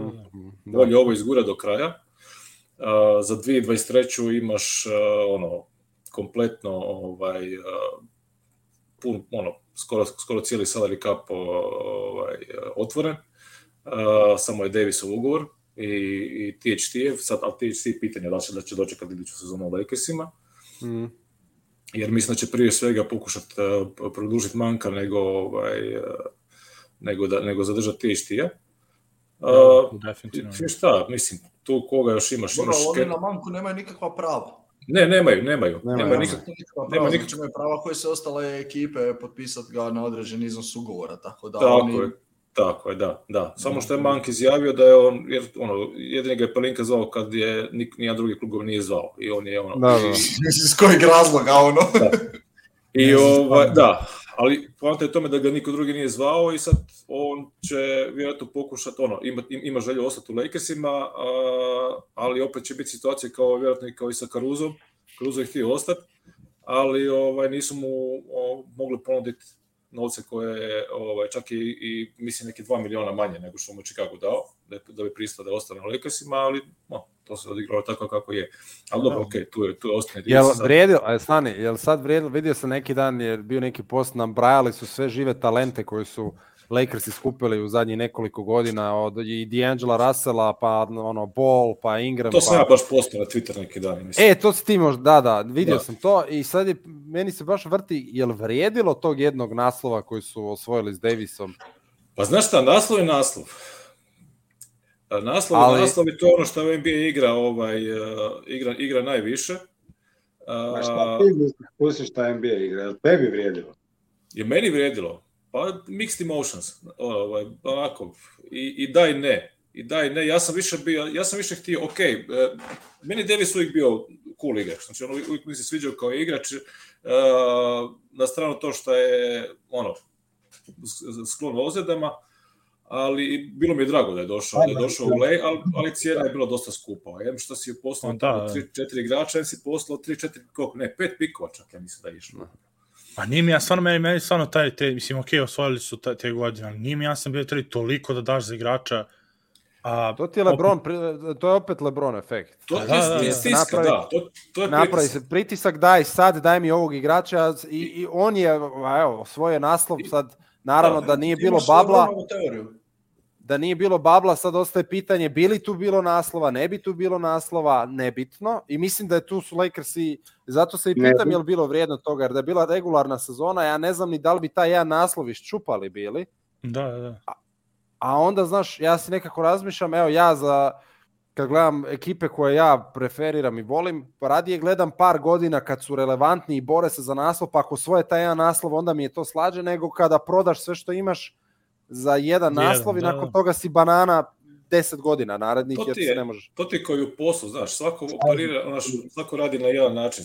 MO, ovaj, uh, ima, svako, svako ima svoj. I kod se to uvijek bilo poznato da nikad nisu gradili preko drafta, još od, mislim, zadnje, zadnje građenje preko drafta je bilo kad je Magic biran ovaj, kao, kao prvi i posle sigurno... Pa teško, te, teško da, da. I James Worthy je ovaj, isto obiran. da, samo ajde kažeš Kobe, ono jedino ajde kao njega. Dobro, okej, okay, ako, okay, Kobe preko to Ja, to jedno, isti... mislim, na to misliš, no, ni građenje da, da. bilo, da, da. Da, ali, ali prije Kobe je došao šek kao free agent. Da, da, jasno. Pa dobro, da, to je isto građenje da. nekog oblika bilo. Da, da, mislim, da, da imaš jasno. neki oblik ali, građenja, a ne ono, bez tebe građenja, ali da šta da, nije. svi kod mene. Ali šta nije ono malo suludo da ti kažeš kao nećemo, zato je to proces i to traje, ali onda se dovedeš u situaciju, osvojiš naslov i nakon toga si u godinama sa Smušom Parkerom i sličnima zaglavljen ono gdje e, Wellington ti igra ali, i ne znam ko sve ne. Lakersi su uvijek ili su gore ili su skroz dole, pa kod njih nema sredine, jednostavno je to Uh, Ma da pa dobro, i ja, ja razumijem, to je prirodni proces NBA, meni je zbog toga NBA super, zato jer ne može jedna ekipa biti 15 godina, 10 godina u vrhu i to je odlično. Ali sad, znaš, da, Lakersi nisu bili ni... Uopće nebitno nisu to. ni dvije godine bili u vrhu. Koja je ono, Hollywood, razumiješ mi? Oni ako nemaju spektakl, onda imaju opozite tog spektakla, kužiš. Jednostavno, da, mislim, ja to ne volim. Ja volim prodavati. To ti je, Meni je to bez veze i nisam fan nikad takvih franšiza i takvih poteza, ali jednostavno kroz svoj povijest kad gledaš Lakers-e, uvijek su iste, iste stvari radili. Ili hmm. žele imati glavnog uh, u selu, ili zadnjeg. Ali to, pazi, to, to je nus pojava, mislim da to nus pojava cele, mislim, cele te priče sam big market, small market i oni da su sad, da su oni ono u nekom, da su oni ostali u Minneapolisu, ne bi oni mogli tako da operiraju, tako je, zato što, tako. što dozvoljeno im je naš igrati. Čuta, ono, znaš, Nix isto da, da. bi htjeli biti takvi, a ne. Da, da, da, da, samo što Nix imaju dolana za, za vlasnika. Da, da. da Nix imaju Dolana za vlasnika i to je sasvim jedno, ne, nešto drugo u odnosu na, na, na, na bas obitelj. Ne, ja sam da, da, da mislio da, u kontekstu, oni su dobili jednu sezonu gdje su osvojili naslov koji je bio u specifičnim uvjetima i sve ovo ostalo... Da, pazi, ali nije trebala biti jedna sezona, jer ti kad uzmeš, uzmeš u obzir uh, povrede Lakers sa zadnje dvije sezone, znači ovu sezonu i prošlu sezonu, to ti je pozdrav sanjene.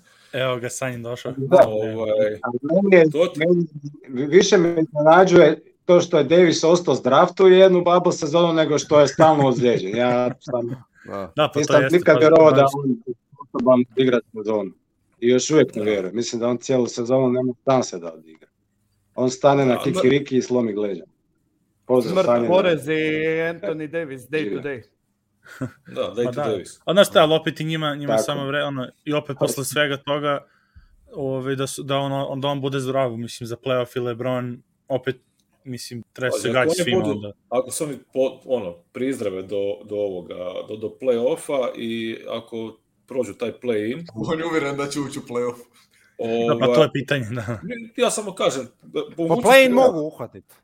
Mogućnost je realna mogu ste I ako, oni, ako krenu u, ovaj, u, u, u play-off uh, svi zdravi, pa ja, znaš šta, ne, ne bi bio na ničem mjestu koji dobio u prvoj rundi. Znači, osim, osim, Sansa. Osim, ja, osim ja mislim da bi Sansi i Warriorsi potpisali da dobiju Lakers u prvoj rundi. Ne, ja mislim da ne, ali Sansi da.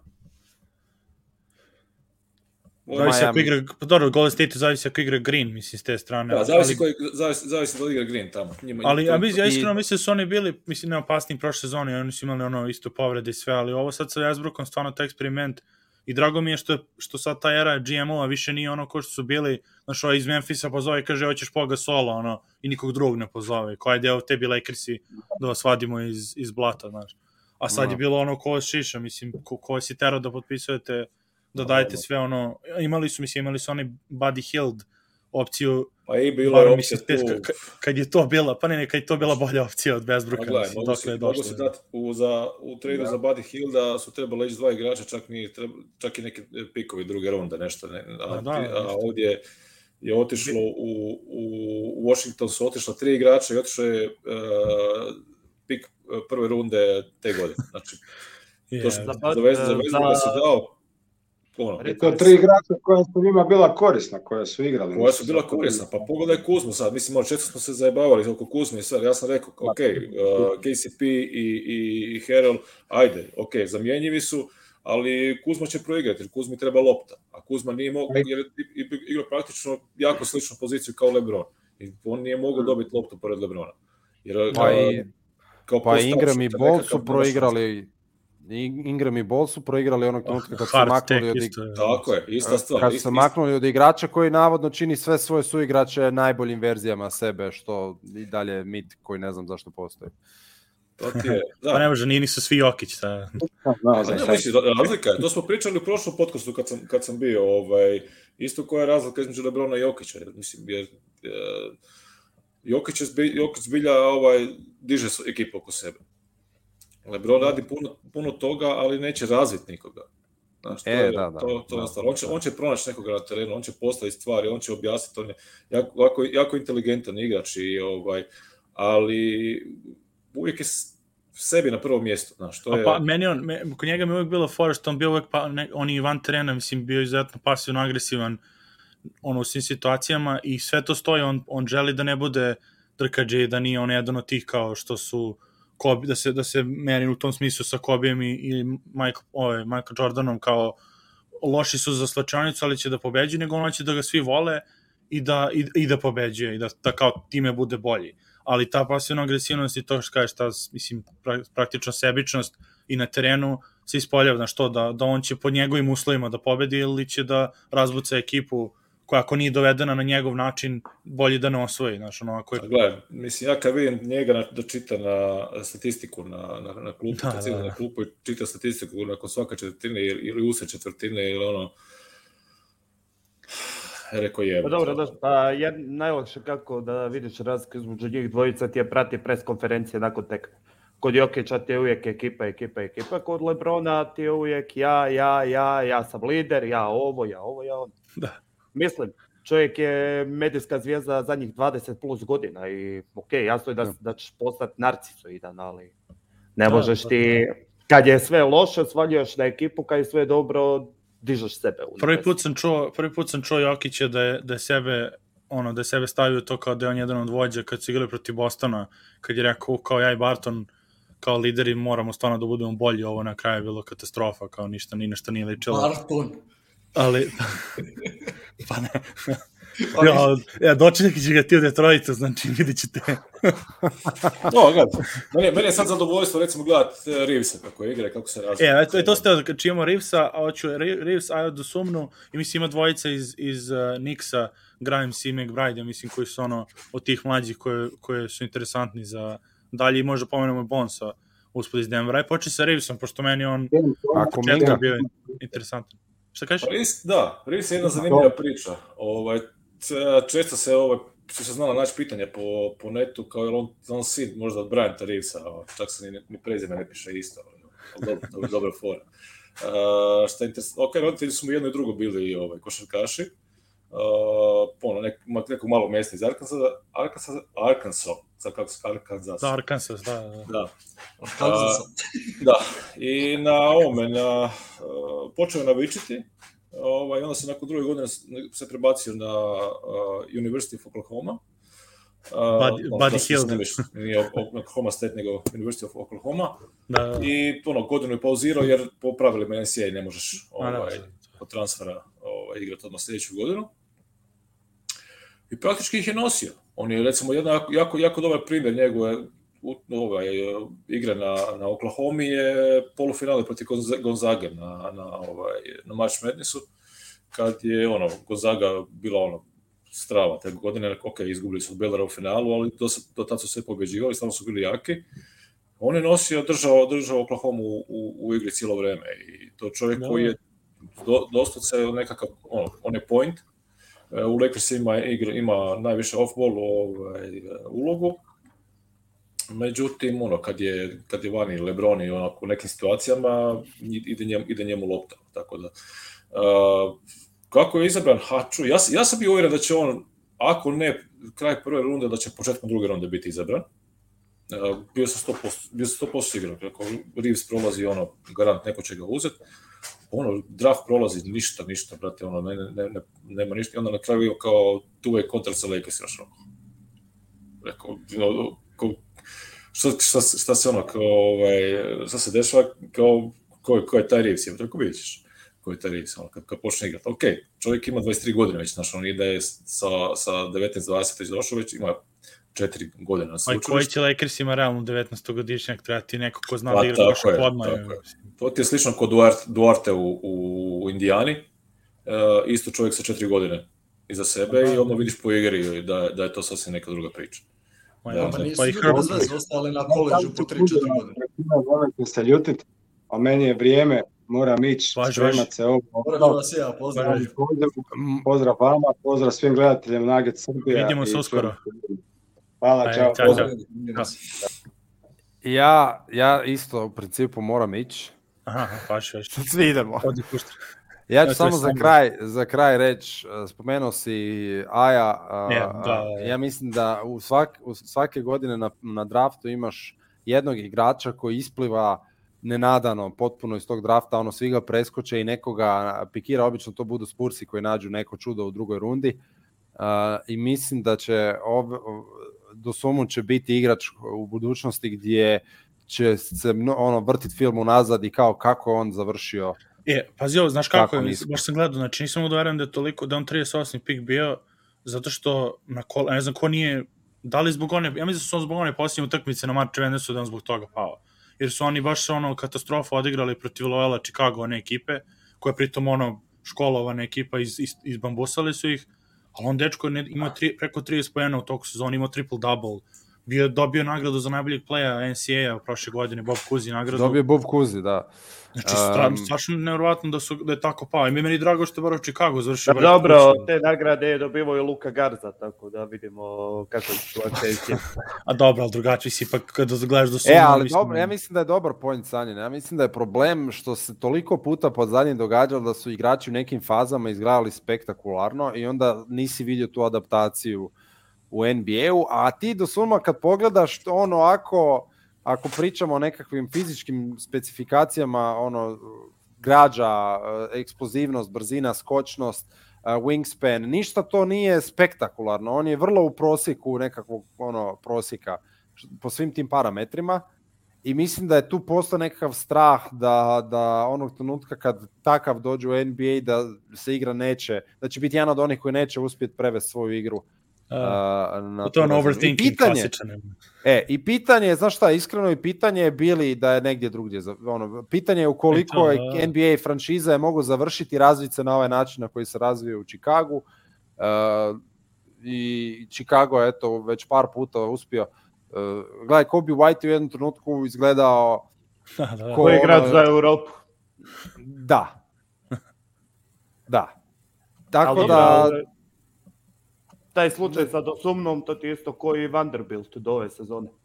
Isto, 40 i neki pik, ovo ono, dok ti nije došao pravi trener koji ga u sistemu stavio u pravu ulogu. Da, da, da. to, da. to je čovjek koji ti radi sav onaj prljavi šljakerski posao. On će ti uzeti tri šuta, zabit će ti dva, ali će ti skupiti 15 kokova ovo da, da, da. sve skupa, 10 obrambenih i koji će ti na taj način pomoći ekipi. Dakle, ih imaš more, ali to što je Ermin rekao, u koju ekipu ćeš upast, kod kojeg trenera ćeš upast, kako će te smjestiti u sistem. Da, da, da pa evo, malo prije smo spomenuli sve ove mlade talente koje su Lakersi imali, ali Lakersi ne znaju razvijati mlade talente, uh, osim kad mladi talenti sami sebe razvijaju. Niti ih interesira, ali evo, recimo Bryant je jedna velika iznimka uh, i, i Magic koji su došli mladi, ali su sami sebe zapravo više razvijali nego što ih je uh, uh, pa da. franšiza. Da, da, ali, dobro, ali, tip igrača, to je. Da, to su talenti jednom u desetljeća e. koje ti dopadnu. Koji šta, Tako da... da ja sam sretan zbog Bulsa jer je meni ovo dobar znak za budućnost. Ja mislim da će se dalje razvijati dobro. Imaju dovoljno mladih igrača, imaju dovoljno tih veterana koji e, dobro služe primjerom. Između ostalog, evo, Darozan je, ja mislim, došao ko, sa, ono, ko naručen ovoj da. ekipi. Da E, da, da za ono što se događa u dvorani kad se trenira, za ono što se događa kad se voze busom, avionom na utakmice i tako dalje, mislim da je tu vrijednost Drozana kao MVP-a možda i najveća od svih trenutnih kandidata MVP-a, najveća sam ljud za Jokić, ali mislim da Drozan ipak ima da, da, neko, pa neki veteranski leadership i iskustvo i prošlo dosta toga, um, bio je dugo u ligi i imao je priliku raditi sa Hrpetinom vanrednih igrača igrat i trenera trenirat učiti od njih i e, da zato sam jako sretan sa situacijom u Chicago jer imam dojam da je ovo nešto održivo i u budućnosti, ovo nije sad ova sezona, nego za narednih pet ne. Da. godina imat ćemo šta gledati u Chicago. Pazi, to je kar, ono, počinje uvek koji sve, počinje od vrha, znači kad dovedeš dobru, dobru upravu od starta, znači Karin Šovaska je došao i, i kako su ono strukturu napravili od, sa Billy Donovanom i sve, da. No. poprilično, po a, a za, za DeRozan što kažeš, a Paul George ima najbolje sezone, mislim kad je igrao normalno računam Indijanu, ali ono MVP sezone kad je ušao Billy Donovanov sistem, mislim, mm -hmm, sa mhm, Oklahoma. Mm -hmm. To je isto interesantno se pomene, mislim, kako igra DeRozan. Sve se poklopilo. Da, baš, ostaje, baš. Da. ostaje nada da ćemo biti zdravi do godine i da, to, ćemo, da, i da ćemo riješiti to jedno pitanje visine i obrane perimetra, mislim da nam je to, e, ne perimetra, nego e, reketa, mislim da nam je to najkritičnije trenutno stavka i s tim nadama ću vas ja Pa dobro, to, ti je, da. to ti je samo problem ozidaba, pa da imaš Patrika Williamsa, to ti je već druga situacija uvijek. Gle, ja evo, iskreno ostaje za vidjeti, ja ne mogu reći da je Patrick Williams rješenje toga, ne znam. Patrick ne znam Williams je li. Po meni čist, ne znam je li. Da. Taj dio koji njima fali, kužiš, to ti je onaj igrač koji će ti raditi sa prljavi posao, koji će ti odrađivati sve za ekipu i koji ti neće u napadu biti smetnje. To e, to. Da. A mi ćemo to, a mi ćemo nastavimo o tome da ne zadržavamo, ne zadržavamo Ermina ako mora da pali ili imaš ekstra Moram da palem, neki... ja isto idem na koncert. Vaš, vaš. Aha, Uživajte. vidimo se. Uživajte ljudi. Ćao, čao. Evo, hoću. evo nam je, evo nam ovaj pitanje, oh, ja slučajno sam ja slučajno krenuo sam Ermina da da O, dobro, vidim ja nešto. Ovaj, evo, evo, dobili smo ja sam sa Sanjima. Treba do da sutra da ostanemo, ako ja ostanemo na na streamu sami. A, A ne, ne, ja, ja ću isto palit za sat vremena. Ma dobro, to ima to će to ni Vi treba dođe za jedno 45 minuta, 35. A, evo imamo pitanje iz publike, možemo jedno šta ovaj da li Pelicans treba da traduju Ziona, pošto da. baš smo pominjali te klince ovi ovaj, sa, sa iskustvom sa koleđa i to tamo se sastavljamo sa ono Reeves pričom i Herb Jones isto, či znači, na Alabama bio par godina mm -hmm. i opet ono, znaš koliko više im treba i, ono, dokaz NBA da ti neki spremni igrači nisu protraćeni pik, mislim, uzmeš ih lepo i to će, baš, baš me interesuje da će te neke druge runde u budućnosti postati baš to, da ne uzimaš ono eto samo da baciš pik, nego baš da uzmeš te igrače koji nemaju kao taj high upside kao ovi 19-godišnjaci, da, nego pa- uzmeš da. lepo, e, spreman igrač, treba mi takav, daj drugu rundu da spucam na to, bolje nego nekog kao isto što ima upside, ali da nije toliko veliki upside, nego uzmeš kompletnog igrača. Šta ti? Ja, meni ja bi ga trade... Reci, reci, ajde. Ja bi ga trade do iste sekunde čim bi mogo. Da, zajedno, da, da, da, da. da. Oko njega je meni rizično da po meni je rizično da gradi franšizu. Ja mu čak ne bi dao ni maks da sam na mjestu Pelikanca. Ali to ti je sada dvostruki mač jer Baš. imaš igrača koji je najavljivan, ko trans, ko, ko igrač koji će ti nositi franšizu i koji je pokazao kad je igrao da je on taj, da je sila, šta? Ali ti čovjek je da replika Grega Odena, de facto. Baš, baš, druga sad priča se druga operacija ako bude bila, on... Da. A definitivno slunač nije onda je on kriv sad koja je kao ugojio se to, mislim, šta da radiš čoveče, operaciju stopala imaš, ne može onda trči i da, da skida kilažu ako već ima sklonost od uvek je bio ogroman, mislim, i onda... Ne možeš, da, ne možeš da trčeš i to, ali možeš po nekakvom posebnom programu jest i održavati svoju formu, da, to, da, to, je to spremu, kužiš na nekakav način da ti kada opet dođeš na parke da ti nemaš 20 kila viška. I plus evo što kaže da. Ana, on ne želi uopće da igra u Pelikanci. Znači, da, oko njega je skuplje takav tim, znači starci, menadžer, obitelj, svi ono. Neće, neće, što je Negor, on će završiti u Niksima, ja to vidim. Znači, on će završiti u Niksima. Da, jeste. Jer to ti je to, koji što ti je igrač kojeg, uh, znači, on želi medijsku pažnju, on želi veliki market, on želi sve. To je igrač koji će ti idealno završiti u Nixima, gdje će ti Nixi dati cijelu budućnost za njega i gdje će ti on nakon tri godine otići u mirovinu jer će ga ozljede iskasapiti i gdje će ti uništiti franšizu za narednih deset godina. Da, to baš, baš bio kiks da, da ga potpišu, jer znaš ono opet, mora neko da, mora neko da ima petlju tih, od tih franšiza. Znači oni imaju sad tim uh, naš malo s nekim potkovanim stvarima oni mogu da ili nekim potpisom mogu i da budu nešto, šteta što je mislim New Orleans ono fudbalski grad, ono što ih ne interesuje toliko košaka, ali sada da potpišeš njega u nadi da će on posljednje dve godine ugovora da ti kao nešto doprinese. To mislim, vrlo mi je to slično kao ovo što su radili sa Michael Porterom u Denveru. E, ne, mislim, možda čak ne, ono, ako bi potpisali Zana ovako povređenog na ekstenziju, to je bilo još gore od Michael Portera, ovi bar nisu znali unapred da će da se povredi za 5 dana posle potpisa ponovo iako ima sve čisto, znači, ali u tom nivou neko imaš taj rizik, a nemaš petlju da ga pustiš, da ti ode i da imaš fleksibilnost sa parama, nego, a šta ako bude dobar nek drugo? Pa dobro, ako bude nek drugo, kažeš, mea kupa i, te, i teramo dalje, imamo druge igrače koje ćemo probati da graju, znači, jer jeste zajedno stvarno i kida i sve, ali, ali oni kako su, i to mi žao isto njega, toliko su ga navikali kao nekog generacijskog talenta zbog toga što ima dobre fizikale, to, to najgore od svega Što da on sad došao kao Lebron, stvarno, da kažeš sve ima, da, da, da nema grešku, samo možda, znači od sada pa na, može samo da napreduje. Nego on je došao sa tim nekim stvarima koje su, znači, samo povrede dovoljno da te, da te ukanali. Znači on sad ako treba da ne skače više, ni on ne može da bude da igra kao Jokić, na primjer, u tom, meni to u glavi, ono, kod njega uvek bilo, što,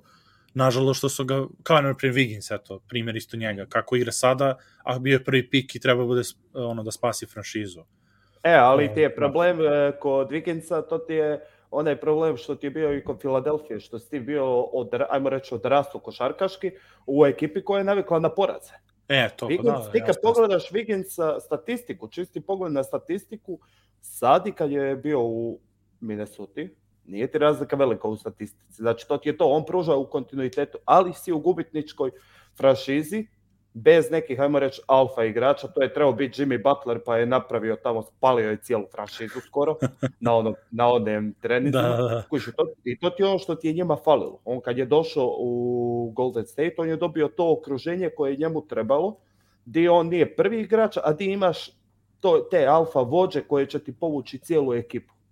I ti si, ajmo reći, on je za igraču uloge, ajmo tako reći. Njegova je da, obrana, da, on će u nabavu da. isporučiti svoje Da.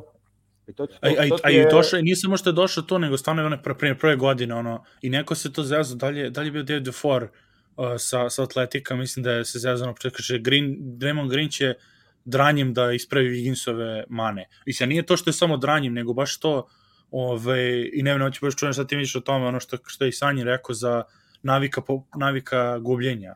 Jer nije samo što su oni navikli da gube, nego to da detalji nisu bitni. Kao što ima veze ako ja potrčim za loptom u ovom trenutku kad svejedno ćemo da izgubimo 10 razlike, ta tih dva poena nije bitno. Da. I to opet Philadelphia što se gomilalo. Ovo, šta ti misliš? da, to je stav da. mindset. Ja se samo na kratko vratiti na, ovaj, na druge pikove i gotove igrače sa, koji da, su da, četiri važeš. godine na kolađu bili. Uh, meni je smiješno kad, kad čitam uh, starije, znaš, Da, Dečko da, da, ima da. 20, 2, 23, maksimalno 24 godine i kaže, kaže neko starije. Šta stav? U današnje, u današnje vrijeme e, znači priprema e, trajanja sportaša, koliko sportaši danas traju, ima koji u 40. godini igraju, se bave da. profesionalnim sportom. I sad neko kaže za igrača od 22-23 godine starije. Aj, e, molim te. Mislim, tako da to, to su to, to, totalne gluposti. Jer, e, nema, mislim, ne, ne, ne, nema smisla previše ni polemizirati o tom. Ma da, pa je, pa. Da, što se da, zajema tiče, uh, ha, tu kad bi imali insight nekakav, kad bi imali više informacija o tom njegovom zdravstvenom stanju i šta se, šta se unutra događa, mogli bi nešto pametnije komentirati. Međutim, ovako, izvana gledajući, uh, najveća šansa Pelikansa, ukoliko ne postoji nekakav pozitivan pomak da oni znaju nešto, da, da se tu nešto pozitivno dešava, znači da, se ne, da ne ide u Greg Oden smjeru, nego da više ide u Charles Barkley smjeru. Uh, ok, ide, i, ono, vidit će, znaš, ostavit će ga igrače, ali ukoliko uh, je, je druga priča, uh, njihova najbolja šansa je uh, da ga što prije riješe. Uh, iz razloga što već, ono, uh, trade iz kluba koji ga je tradao, znači koji ga je, koji ga je, koji ga je draftirao. Draft, da. I, tako je, da, i koji ovaj, i, i, i dok još uvijek postoji taj nekav hype oko njega, tu je najveća šansa da oni dobiju maksimalan, maksimalne ovaj, asete, ono, nekako, znači, ono, pikove, igrače, šta god već, e, u, u zamjenu. Sad piti, kažem, samo pitanje šta, šta se tamo dešava, šta je sa njim. Tako da, ovaj, e, a da, pff, ja da sam da sam na ono na, na, u toj poziciji ovaj neko ono GM-a Pelicansa i to ja ja bih gledao da, da ga utopim za za za nek, za nekog drugog za nekakve pikove. U pa, svakom da. slučaju. Ne ja znam samo A, koga mislim, ko bi, ko bi se upecao sad, ako kad je, kad je da ne kažemo Nixi. Ma uvijek se, evo šta ti kažem Sanjan, upecat će se neko poput Nixa, poput, ovaj, poput Lakersa, poput, znaš ono, to, to, će ti, to će ti uvijek, uvijek proći, nije to, jer na, našao se neko, znaš, našao se, uh, e, trado je i Orlando za, za Fulca, razumiješ? Isto to znaš, da, je... to je svjesno. Da, Duše, ali, da, dobro, da, da, bi su... mogao kriviti i franšizu koja bi tradala za zajedno? A ne bi mogao kriviti. Pa i to je, da, baš jer, jer, će, jer će pokušat. Pazi, dečko je mlad. razumeš, ima, nije sad da je on, da je on satran osakačen sa, sa ne znam koliko ovaj, povreda s ovim s On je mlad i uvijek imaš u tim godinama uvijek imaš šanse da neke stvari ispraviti. Znaš, ono, pusti ga još godinu sa strane, radi sa njim, znaš, ono, e, fizički ga dovedi u nekako normalno stanje, znači ne. Da. stanje atlete. Može se to, samo pitanje da on želi. Da. I to je to. I, sad, i to opet, i dolazimo, sad se možemo nadovezati ovo što je Voja isto ranije rekao oko, oko tog mindseta igrača oko, tih, oko svih tih stvari. Ma pa i franšize, Sjeti, mislim, da, da. I, I franšize, da. Ako se sjetite kako je kom, ovaj, znači uvijek kažu mama, mamba mentality, E, šta je, šta je Kobe uvijek znao govoriti. Naj, posvećen naj, najsitnijem detalju. Jer imaš ono sitnice, na primjer, kad, kad igraš ono, kad se, kad se igra ovaj, ovako, ne, kad igramo mi po terminima, ono, kad se nađemo vani na, na, na, na, na 3 na 3 i slično, i sad ne znam, gubiš i ono, na, na, na 18-12 i u njima fale 3, tebi, tebi fali 9. I sad je pitanje, hoćeš ti pustiti ruke dolje ili ćeš stisnuti, zagrabiti ili ono, i, i, i krenut koš po koš probat, probat stići. To tako je, tako je u treningu, tako je svaka sitnica, mislim takav je cijeli život. Život da, da. čini, čini sitnice, znači ono, ništa, ništa ne ide preko noći. Jedan u, u ne znam koliko miliona dobije na lutri ili se ili ima ne znam ono da, umre bogat, gilje, bogati, da. bogati rođak koji je čija je iz Nigerije je bogati rođak ma ne, nešto da. razumiješ, ali to su totalne gluposti ono, Da, mora se raditi. radi. Pa Evo ovaj primjer, da- ja ću ti, sorry Voja, ja ću tebe samo ovaj primjer. Znači, Šamanić je otpušten iz Pursa bio sada u ovom off-seasonu, ajmo reći. A, situacija koja je meni osobno digla, znači što se ja rekao da je to jedna od situacija koja je njemu i presudila. A, to su bile one pripremne tebe, šta je to bilo? Mislim da je to bilo protiv Orlanda. Mhm. I on ti je bio zadnji igrač, znači možeš, možda neće stići tu loptu koja je išla, povukla se kontra, on ti je bio, ajmo reći, metar i pol, dva od beka Orlanda i ovaj jasno, ovaj uhvati loptu i šprinta. Ali čovjek je nakon četiri koraka odustao. On je napravio tri, četiri koraka i on je tu stao, kužeš.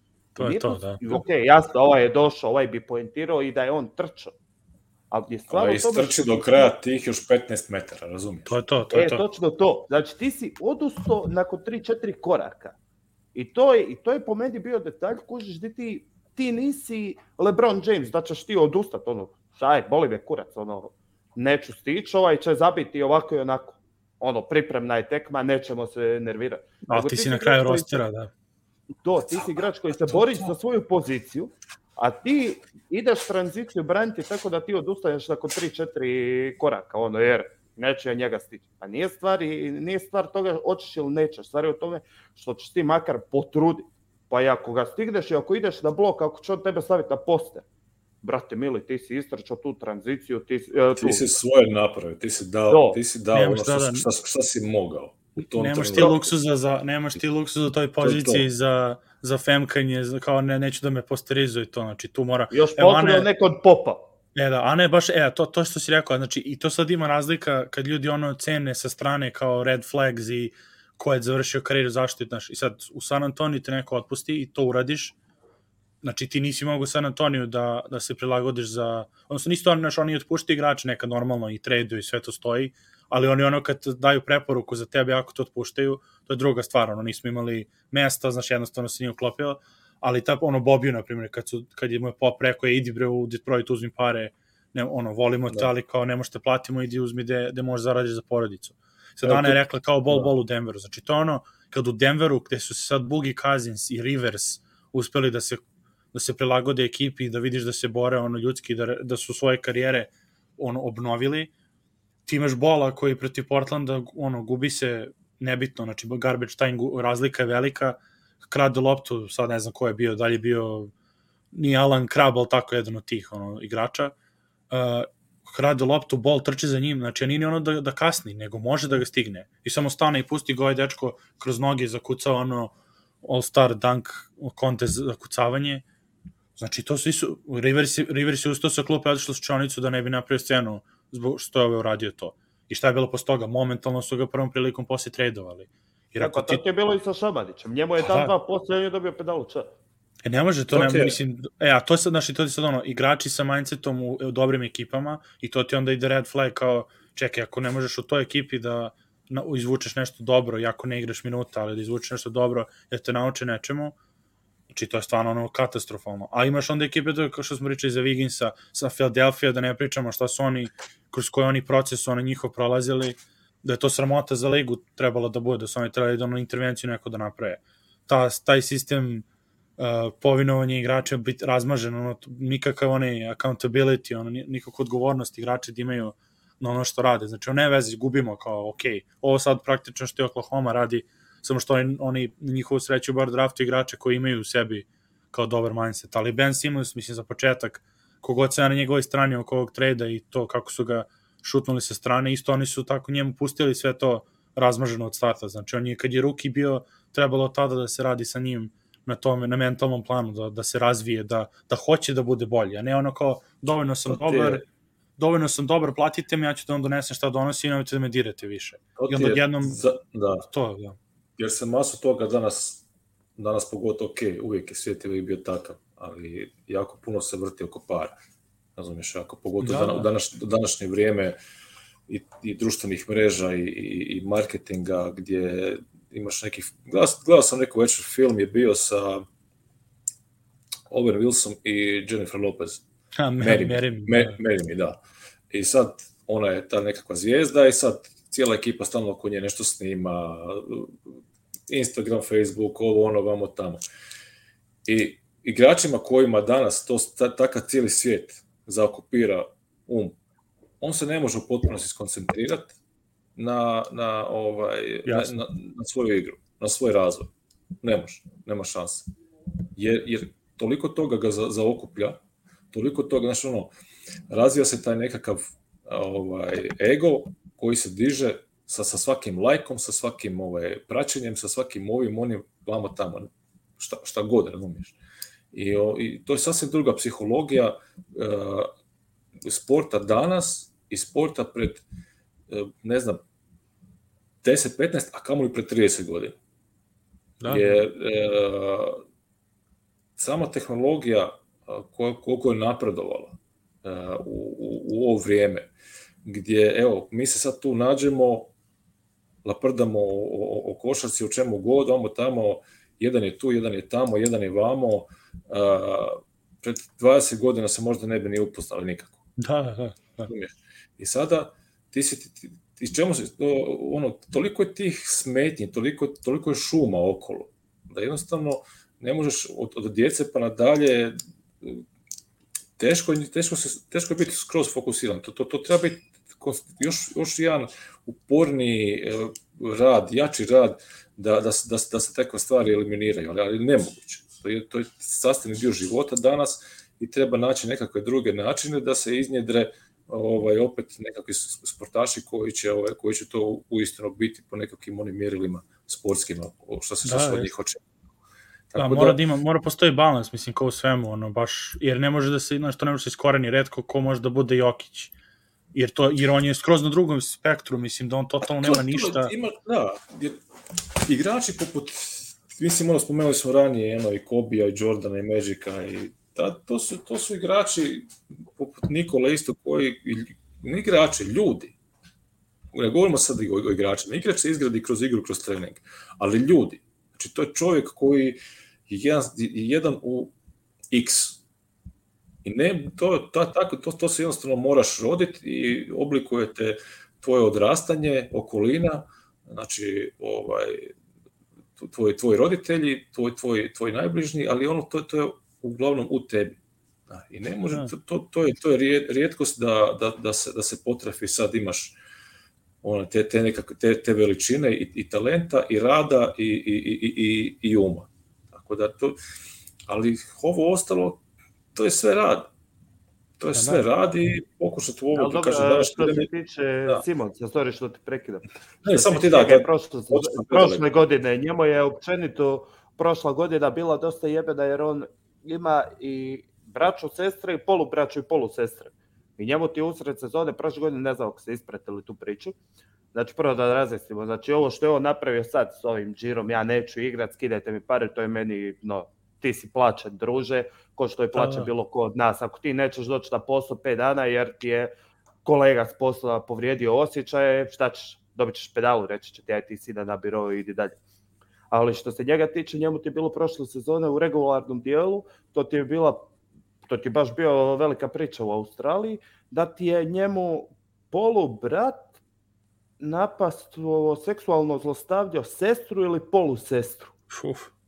I e, to ti je bilo negdje usred regularnog dijela, pred kraj, tako nešto ovo. Znači sad pazi, znači imaš te obiteljska sranja, nisi od kamena, svako da ima obiteljske Ma, probleme, vidjet će se da tebi aj dođe ti do igravanje i onda kiksaš, ok, kikso je sve pet, i onda dođe ti nakon tekme je, da, zadnje, da, da. dođe ti i trener i su igrači ti dođu i kažu mi njega ne vidimo ko pravoga igrača za nas, ovo ono, bla, bla, bla. Ajmo reći, ajmo to staviti ovako, tebi je ta ekipa obitelj. Ma jasno. I ti, ako, ti, ako imaš, ne znaš, očekuješ da će ti oni doći i reći, slušaj, nema veze, mater mu jebem, pa Tako bilo je trebalo, što je bilo, mislim. idemo dalje. Da, ok, desilo se šta se desilo, jebem mu majku, idemo dalje. Sutra je novi dan, nova sezona kreće, zašao sve. E onda u toj situaciji ti od njih, oni ti dođu i javno ti kažu ono i bace tebe pod vlak i onda se tebe razlače po medijima. Da, da, da, ma sve. I onda kao ajde, ja mogu... da, ako sutra kao dođi kao ipak na trening.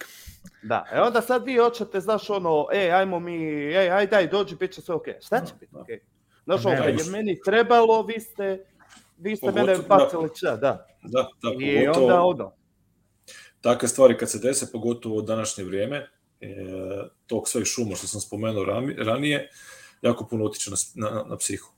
I tu bez, bez podrške, što kaže, što je to, je, to, to, to ti je familija. Klub ti je familija koja te, ono, gdje moraš biti jedni za druga i gdje moraš, moraš dobiti određenu podršku. Od, ovaj, a, ne, ne znam ako na to tako bilo, kažem, opterećenje je u svakom slučaju, definitivno, nije, nije to lako, pogotovo ako si još vezan, tako, šta god da je, opet, pa to su, to su, to su ono, ja, no. Da. ajmo reći, tamo je dužni, evo, dužni, evo, zaljepio sam vam poveznicu tu u ovaj naš privatni chat. Mhm. Znači, to je objavljeno 12.4.2021. Znači to usred sezone. Ono. I kužiš, ti se mučiš s time, jer ono, odrasto si opet s tim ljudima, to ti je obitelj. Pa jasno je. Pa sve jedno, znači, pazi, čak i da toga nije bilo, znači sve to dođe i onda ti dođe, znači, kaže, da kaže da izuzmeš i to iz cele priče, to dovoljno to što u playoffu, što kažeš, najgore momentu karijere, ti neko dođe šutnite dok si, dok si dole, I sad to kažeš, ok, plaćen si, treba da igra i sve to, ali s druge strane ja gledam, rekao, ti imaš pravo da daš otkaz, mislim da je god asije. Što neću da. da radim s vama, aj, čao, mislim, idem da nađem drugi posao. Sad to što je NBA u tom, ono, u, toj, u tom fazonu da, znaš, nije, sistem, nije, nisu mogli da ga, da. da. nisu mogli da ga puste da samo da otkaz ili šta već. I onda... Da, i onda mora, ove... se mora otići u penziju ako će... Pa ovaj. da, da, znači da. onda to, da, i onda to razlika, znači možda ode kaže, hoću da idem negde drugo da igram i da dok, no, dok mu istekne ugovore. Tako da, Ali te tu strane sad baš... se vraćamo na onu priču što je bilo u mentalitetu. Da, on da. je došao, on je odabrao. Šta je Jimmy Butler Jeste. napravio kad je vidio, da primjer, u kojoj je on ekipi? Da, da, on je jasno. došao, okupio rub rotacije, igrao protiv ovih glavnih, i e, kuš, on je njih pobjedio na treningu i on je dokazao da su oni bez njega niko i ništa. I to ti je ono što se vraćamo, u kojoj si franšizi odgajan, u kojem sistemu, di ti ono, znaš, ono, kako si prošao kroz život. Ben Simonsu je sve bilo ono na izvolte. Jimmy Butler je doslovno, no, svi znamo njegovu priču kroz šta je on prošao. Ma da, da. Jebi ga, zato ti je ono. Ja sam... No, pa evo, evo, ga, evo ga Miro se vraća ponovo, na lo, lo vreme. Miro. Pozdrav ekipa, evo baš polu vreme, da, utakmice. 32-28 vodi Cibona. Aha. Koliko ste zabio? Vidim, vi ste se, vi ste se malo ovaj, izmijenili. Pa da, da, da. Da, i stanjili. da, da. Čoče, ovde su trojica u rijeci sad. da. da, sad smo u većini. Da, sad je bilo, stvarno bila fora da nam, da nam kopira i troknu zbog muzike u pozadini, to je bilo najče. Ne čuje se, mislio da se ne čuje dovoljno, ali YouTube... Jel ima šta ljudi dolje da zavete? Pa nije nešto puno, evo gledaj. Dobro, sad je puno ljudi sad izašlo van na, na polovremenu, ali nije puno skroz. Da, ja sam Ima vidio... još dosta mjesta. Vidio sam jer eh, za oglašavanje doslovno je bilo katastrofa. Ja do prije par, dok ti nisi stavio objavu zapravo na Twitteru, ja nisam znao da se u Rijeci igra uh, kup. Nigdje da, medijski nije bilo on. Medijski nije Klasi, znaš. Klasika od HKS-a, to je marketing je bio vrhunski, kao i web stranica. da, imamo u Srbiji se igra radi ovaj koreć, zato ja sam, ja sam izvao dosta ovih naših isto drugara ove, ovaj, sa televizije da dođu da se družimo s nama, ali oni svi na kupu rade, tako da cijela tamo ekipa, ove, ovaj, arena, sport klub, oni druge kupove rade, tako da smo Ali ovaj, bitno, da se, bitno je da ste okupio mrzitelja hrvatskih klubova velikih i svega hrvatskog. pa dobro, NBA. Ne, ovo, ovo, su, ovo su ljubitelji koji, koji samo malo drugačije gledaju na stvari. Koji dobivaju prijetnje i to. Ove, pa ima i toga. I to. Ima, ima i toga, da. Ima i toga. Divot. Ja. Evo pa ovde da, u četu, u četu treba sad će da krenu da rade sklekove tamo pozadnje, ja ovde taj... Da, da, evo, evo ga. Tu ste, tu je, roko, da. Da. Da, da, da kaži Miro. A, čekaj, a gdje su Mića i ovi? Miro je imao termit, ne znam, gdje je Mića? Mici. Mici, pa bio on, on isto nekom rođendanu, ove, bio on u prvom satu i u Požeg je otišao neko slavlje. Da. A Mici, da, da. stižu mu žene i to je to. stiže gotovo. Mora ne, mogu ga, ne mogu ga kriviti radi toga. Pa presto da puši, mora neke druge pa poruke pa, da. da, da, da sad radi. Presto da puši, navukao se da kokain. Neće valjda. Nisu te godine NBA. Ne, nema, nema Micija, pa ne možemo naći nekakve ono, ovaj, van košarkaške teme. Ono. Da. Mi smo odnosno malo u previše filozofske. Da da, da, da, otišli da. smo u filozofiju pa, mindseta. Pa, skužio sam, da, čim, čim stanje držimo na olog, kad sam se ubacio, sve mi je bilo jasno. Uvijek ja najgore. Znači, uvijek ja najgore. Ne, ne, pa nije to bilo negativno, ne. Zašto bi bilo negativno? Pa onda u redu, onda je sad... Sad ćemo, pa da. sad ćemo malo na, na opuštenije teme za All Star, tamo si nam uneo break, ono da... Sad, sad da imamo reklame, sad bi bilo reklame za, ono, break da, za reklame, da, da. pa onda nastavimo dalje, ovaj. To se već isplati, znači, aj, Šta kažeš? Uživajte, rekao, ja ću, ja ću dalje ovaj, e, pogled drugi dio, pa ako još budete živi, kad bude gotovo, opet se javim.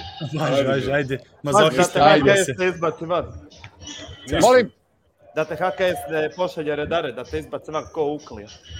Pa ne, imam ja, imam ja ovaj štelu tamo kod njih, nema problema. Evo samo Nikoš Amara. Ne, mislim sam kod zaštitara, ne kod HKS-a. Aha, okej, okay, onda je dobro. Da. Ćao, čao. Pozdrav. Vidimo. Da. Ćao. E, ja i kad, kad ove ovaj tamo nemeno break, da, da prebacimo na All Star, pošto smo na, na fešti. Ajde. E, ove, ovaj, ove ekipe, čekaj sam imam sliku, koje su ekipe, ove dve. Prvo, jel vi, jel vi gledate uopšte All Star utakmicu, ono, kako im je ne. odnos prema All Staru? Pa, znaš šta, ja sam gled, znaš kad sam gledao All Star, uh, igrali su Danny Benning i Sean Kemp za zapad. Gledao sam zakucavanja Isaiah Rydera i uh, ono, recimo Greg Miner kad je zakuca, zakucavao Boomer. Dobro, ajde, ajde moram priznat, prati, ispratio sam Lavina i, ovaj, i Gordona, to je, to je ono, to je, to je već jedno od, od top 5 natjecanja u svih vremena. Da, ali generalno samu All-Star utakmicu a, ja mislim da nisam pogledao jedno 15 godina.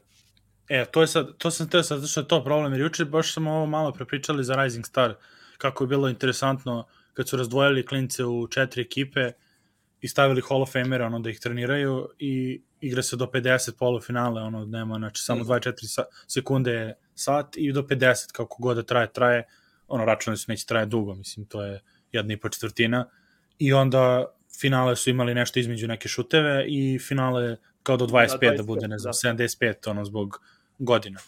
I ne znam da će to da zadrže, ali mislim da bi trebali, zato što klinici su stvarno došli, jer ja sam, juče sam radio sa, sa Miroslavom na DMVR-u, ove, ovaj, Serbian Corner, i baš sam to rekao za, da su počeli prošle godine zbog tog imidža i PR-a da klinici neće, neće ošte da se potrude na tim Rising Star utakmicama, mm -hmm. jer znaš, ako, ako te salomite, na primjer, kao bre, da, da. beše da. Brandon Knight, ono, Kyrie Irving, kada ga je išlo ono 1-1, pa ankle break i to, onda, znaš, kao odjednom si sramotate. E sad, ovo sad s pobedama je drugačije, znaš, tip sramote, ne znam, sad izgubiš, kako izgubiš u polufinalu sad, ove, kad si protiv isto, naš, protiv ekipe, možda iz tvojih saigrača ili klinaca iz lige. I mnogo bilo interesantno, znači oni su na oba polufinala su išli na jedan posjed, drugo se završilo sa bacanjem Tejta, ono, u stvari nije bacanje Tejta, on je prodor imao za pobedu, a prvo je sa isto šutem za, za pobedu, ili su bila Bane je valjda bacanje, ali bilo je 49, 47, mislim. bilo je, mislim. Pre, bilo je 5-6 razlike. Uh, Jalen Suggs je promašio jedno, jedno bacanje, bacanje. Jeste, da, da, da, na, zabio je prvo za 49, drugo je promašio, onda su ovi uspjeli stići to joj preokrenuti. E, Ali to, to, da. finale je bilo zanimljivije jer jebi ga do 25.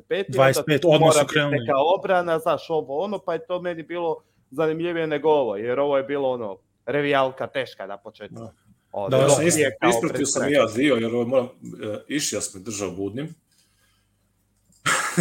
Osam. Pa uh, ne bi ti bio koži. Da. Uh, A ti igraj po trsatu termine. A, da, da, gore na betonu. Ja. Dobro, sad sam u kostreni. Ovaj... Fina, fina gospoda. ja, imamo dva, dva, put, dva put e, u tjedno termin. Ok, ajde da se vratimo na ovo.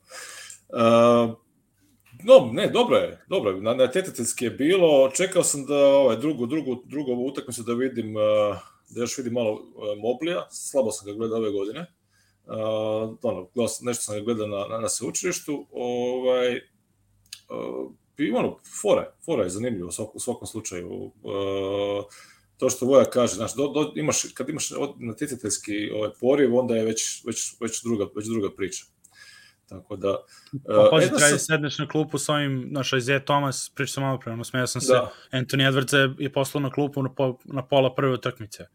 Bilo mm. je hmm. nonšalantno, znaš, treba bude najbolji igrač. Da, da, da. On igra nonšalantno, što neće da igraš, sedi lepo, Ajde, uživaj. Ajde, ti, ti, pa se, pa se olagi malo i... Došlo do da. finala, ovi kao, pa da. čudo ne igra, kao Anthony Edwards u Minnesota majici, kao nad majici, mm. kao hmm. ne igra, pa ne igra, zašto ga ne interesovalo da igra, slobodno. I to, i to kod Tomasa. I to kod Isaiah Thomas, znači. A, a i s druge strane, mislim, s druge strane Rick Barry, ono, on draftovao, pošto oni su imali draft ekipe, radili su draft kao i ovi, samo nije bio televizoran. Znači oni su, prvo što je preče sačuva bio draftovan poslednji, onda su on raspucao u finalu, naravno, da dokaže. Drugo, Rick Barry išao i sastavljao ekipu, ono, nema, nije on išao nešto kao sad flashi. Jace, ono, Jason Tate, Evan Mobley, Kate Cunningham, Uh, Meni je bilo klip... najjače kad se ja vidio da je njegova ekipa pobjedila. Znači, on rekao, od svih ljudi pobjedi ekipa Rika Berija. Znači, on došao, Iš... pitali ga ono konferencija, za posle kao što što on played the right way, on, znači, sve odbrana, lepo se igra, ali ono, sad bio, vidiš ga da je, da je da bio spreman to, to, to, i on doletio. A to je pristup to je pristup. Ne, I Kate, da, i Kate posle, Kate dobro, posle na konferenciji, on na konferenciji bio je posle kod TNT ovih likova, sedi čovjek i pitio ga, vidiš ozbiljan, ono, da je pod adrenalinom od utakmice u fazonu, ja sam teo doći smo da se zabavimo naravno i to sve ok, ali kao iskreno teo sam da pobedim, da se pokažemo protiv igrača ono svoje generacije, kao da ipak igraš showcase my talent, pogotovo što u Detroitu, ono da malo pokaže. To Jer on, na primjer, da. on uh, Halliburton izgleda ko, ono, izgleda kao da ubica. Znači, tačno ti igrači koji su imali iskustva, minute neke konkretne, oni su izgledali klasu iznad onih. Znači, čak i Bones iz Denvera je dao 10 poena u tom polufinalu, on je bačen poslednji veče pre, jer mhm. je David Mitchell se povredio. Šta čovjek igrače koji su ono igrali u nekim sistemima koji liče na košaku, znači ono, ono op, tu samo im eto za šutimo, za pobedu promašije, zato Jalen Green s druge strane dao 20 pojena u prvom meču izgubili su, jer je ono Houston fazan. Ma da. da. Znači Houston da nisu Tate i Shengun, ono, nego, nego divljački, da. ono, klasično. E, aj sa, samo da vas pitam nešto, ovaj, uh, posle, Vid je posle dolazio, U A pa sad će vidjeti, sad će vidjeti Toni. E, ok, ne, jer on, on, ono, o Celtic, pa ovaj, stio sam samo da vidim da, šta, šta vi mislite o, o trade deadline Celticsa. Ja mislim da meni je, da meni je bio super. Meni, je meni bio isto super. ekstra, da. da. Baš sam da. to posle s njim, ovaj, meni su, meni su duše, ja, ja sam baš ono, jer meni su, ja sam njih prvo volao od kad sam bio klinac, i onda ono vremena sam prešao na Denver, isto mislim normalno zbog, zbog Jokića ono godinama, već mislim već to već 7 godina skoro, koliko je, ali, ali nisam mogao da ih gledam ove godine. Ove prve godine da sam aktivno izbegavao da gledam Boston, kad, znači Schroeder, pa mislim Josh Richardson je ok, ali i on, i on, on su prešli da radi Tatum i Brown, ono šta, šta ko mm -hmm. hoće, ono, samo, samo meni ono posede. Ništa, ni, ništa, ništa mi nije izgledalo kako treba i ovo, pa i ovo kad su da. odradili, evo, taman, taman stiže. Da, da. Krenuli smo, Evan je pitao o trade deadline-u Bostona, ovaj, nevezano za, za tebe meni sam Ansi letao. Post, ča, ča, ovaj. ovaj jer meni su, meni, znaš, šta, znaš kad su meni Celtics i ono, nekako pali. E, znači, kad je Scary Terry otišao i, i, i drugi, drugi, drugi udarac je bio kad su rješili Tyson. Znači, joj, to je malo mi ta, da, da, da. ta, ta čvrstina Celticsa pala. I tad, tad nisi znači, mogu, mogu dobiti do izražaja ovaj, ni, ni Tatuma, ni Brauna, posve e, bez, bez takvih igrača. I to je ono što, što mi, što mi kod, Celticsa falilo.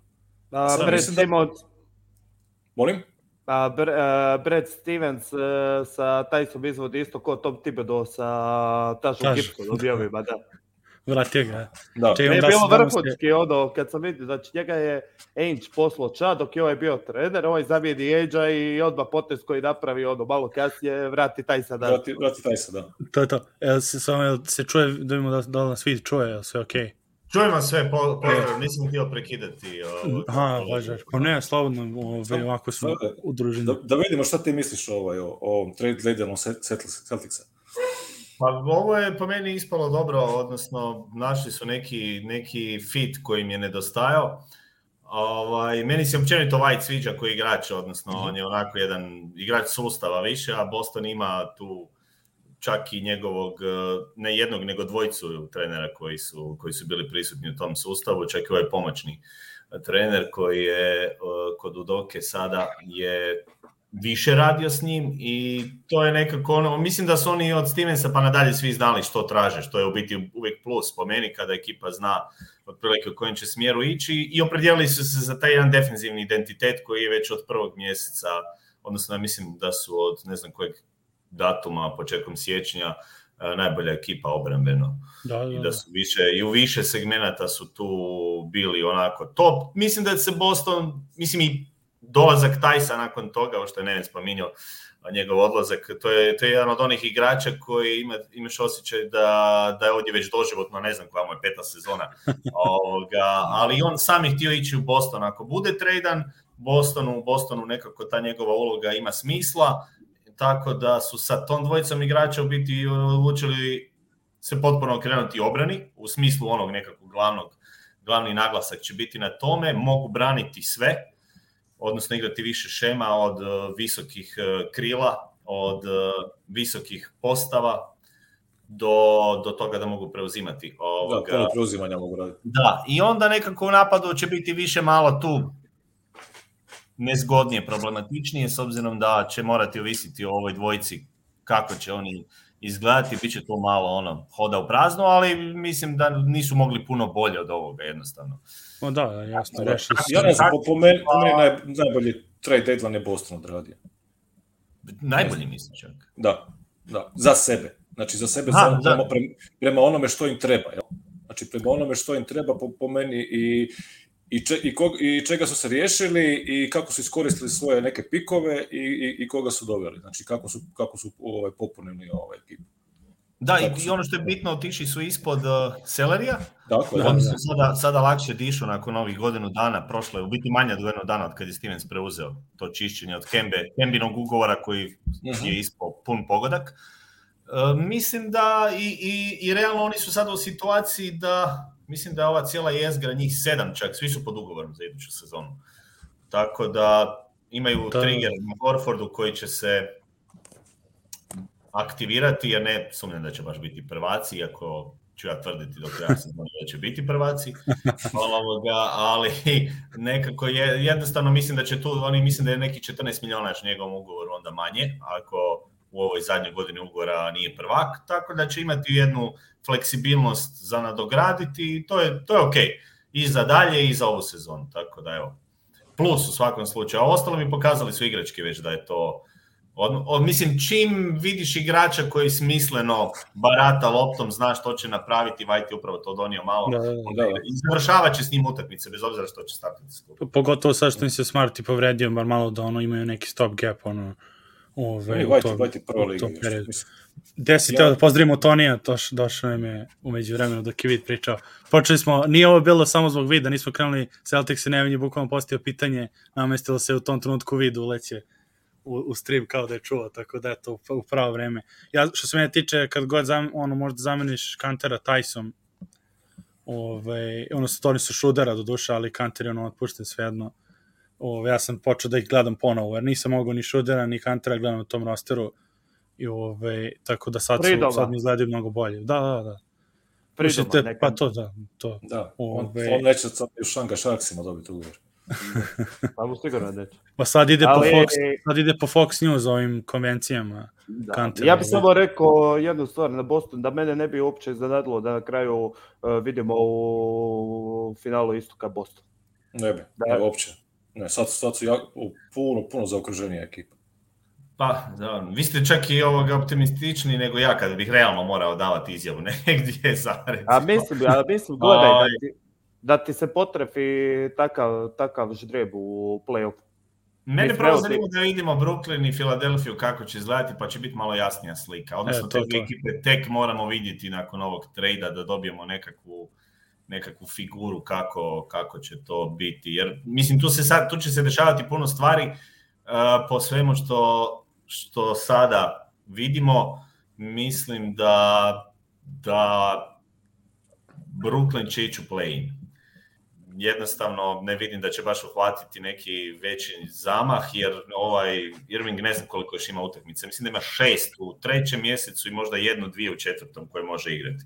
Ako se ništa po, ne promijeni po, ovom planu izvan terena i onda ostaje Durant koji se neće odmah vratiti, Simons dok, znači oni će par utakmica zajedno odigrati, a realno nemaju baš, gleda sam i raspored, nemaju baš idealan raspored i tu teško da će oni više od sedmog mjesta, sad su osmi, što znači play-in, a što znači onda automatski u prvoj rundi idu gore na nekoga koji, koji je odmah moguće da. Miami, Milwaukee, Chicago, tu će odmah biti od prve runde show. Isto će biti da. Ludula, mislim, od prve runde. To će svi da. biti ovaj, tu negdje. Veselo, da. Toni, Toni, šta ti misliš o, o, o, o Brooklynu i o Fili i o tom tradu? Mislim, generalno, šta, šta su učinili za te dve i mi nosiš majicu Hawksa, naravno, šta od njih možemo do kraja dočekati. Da Sad si Collins povredio, nažalost, u kanaliju mi fantasy ekipu time, ali ne veze, valjda će bude dobro. Pa i meni je u kanali ovaj, jednu ekipu na fantaziju. što je najgore, očekivao sam da sad ovaj ruki Jalen Johnson, što su ga uzeli u prvoj rundi i na zadnjem draftu dobio neke minute, ali McMillan nije baš sklon razvijanju mladih igrača, posebno nakon ovako kilavog ulaska ovaj, u, u sezonu, osim toga Galo se probudio u zadnje vrijeme, tako da od njega se dobiju neke kvalitetne minute e, s klupe. Ovaj, a što se tiče što se tiče Neca i Sixersa, meni je to ok trade i za jedne i za druge. Evo, baš sam pisao zadnji tekst za Telesport i mislim da su urednici stavili dobar naslov. Win-win, jer zapravo su svi dobili ono što im treba, što su željeli. Znači, ono, Mor je dobio igrača kojeg je htio još lani, kojeg zna dobro iz Houstona, E, konačno su dobili tog beka, pravog pravca tog beka da igra uz e, Embida i dobili su e, vrhunski povrat kad gledaš za Simonsa koji je ono drastično možemo reći pala cijena nakon svih ovih događanja. Tako da oni su dobili ono što im treba, ili još ta neka druga opcija uz Joela koju nikad do sad nisu imali i mislim da bi to moglo biti jako zanimljivo ako Harden bude Harden.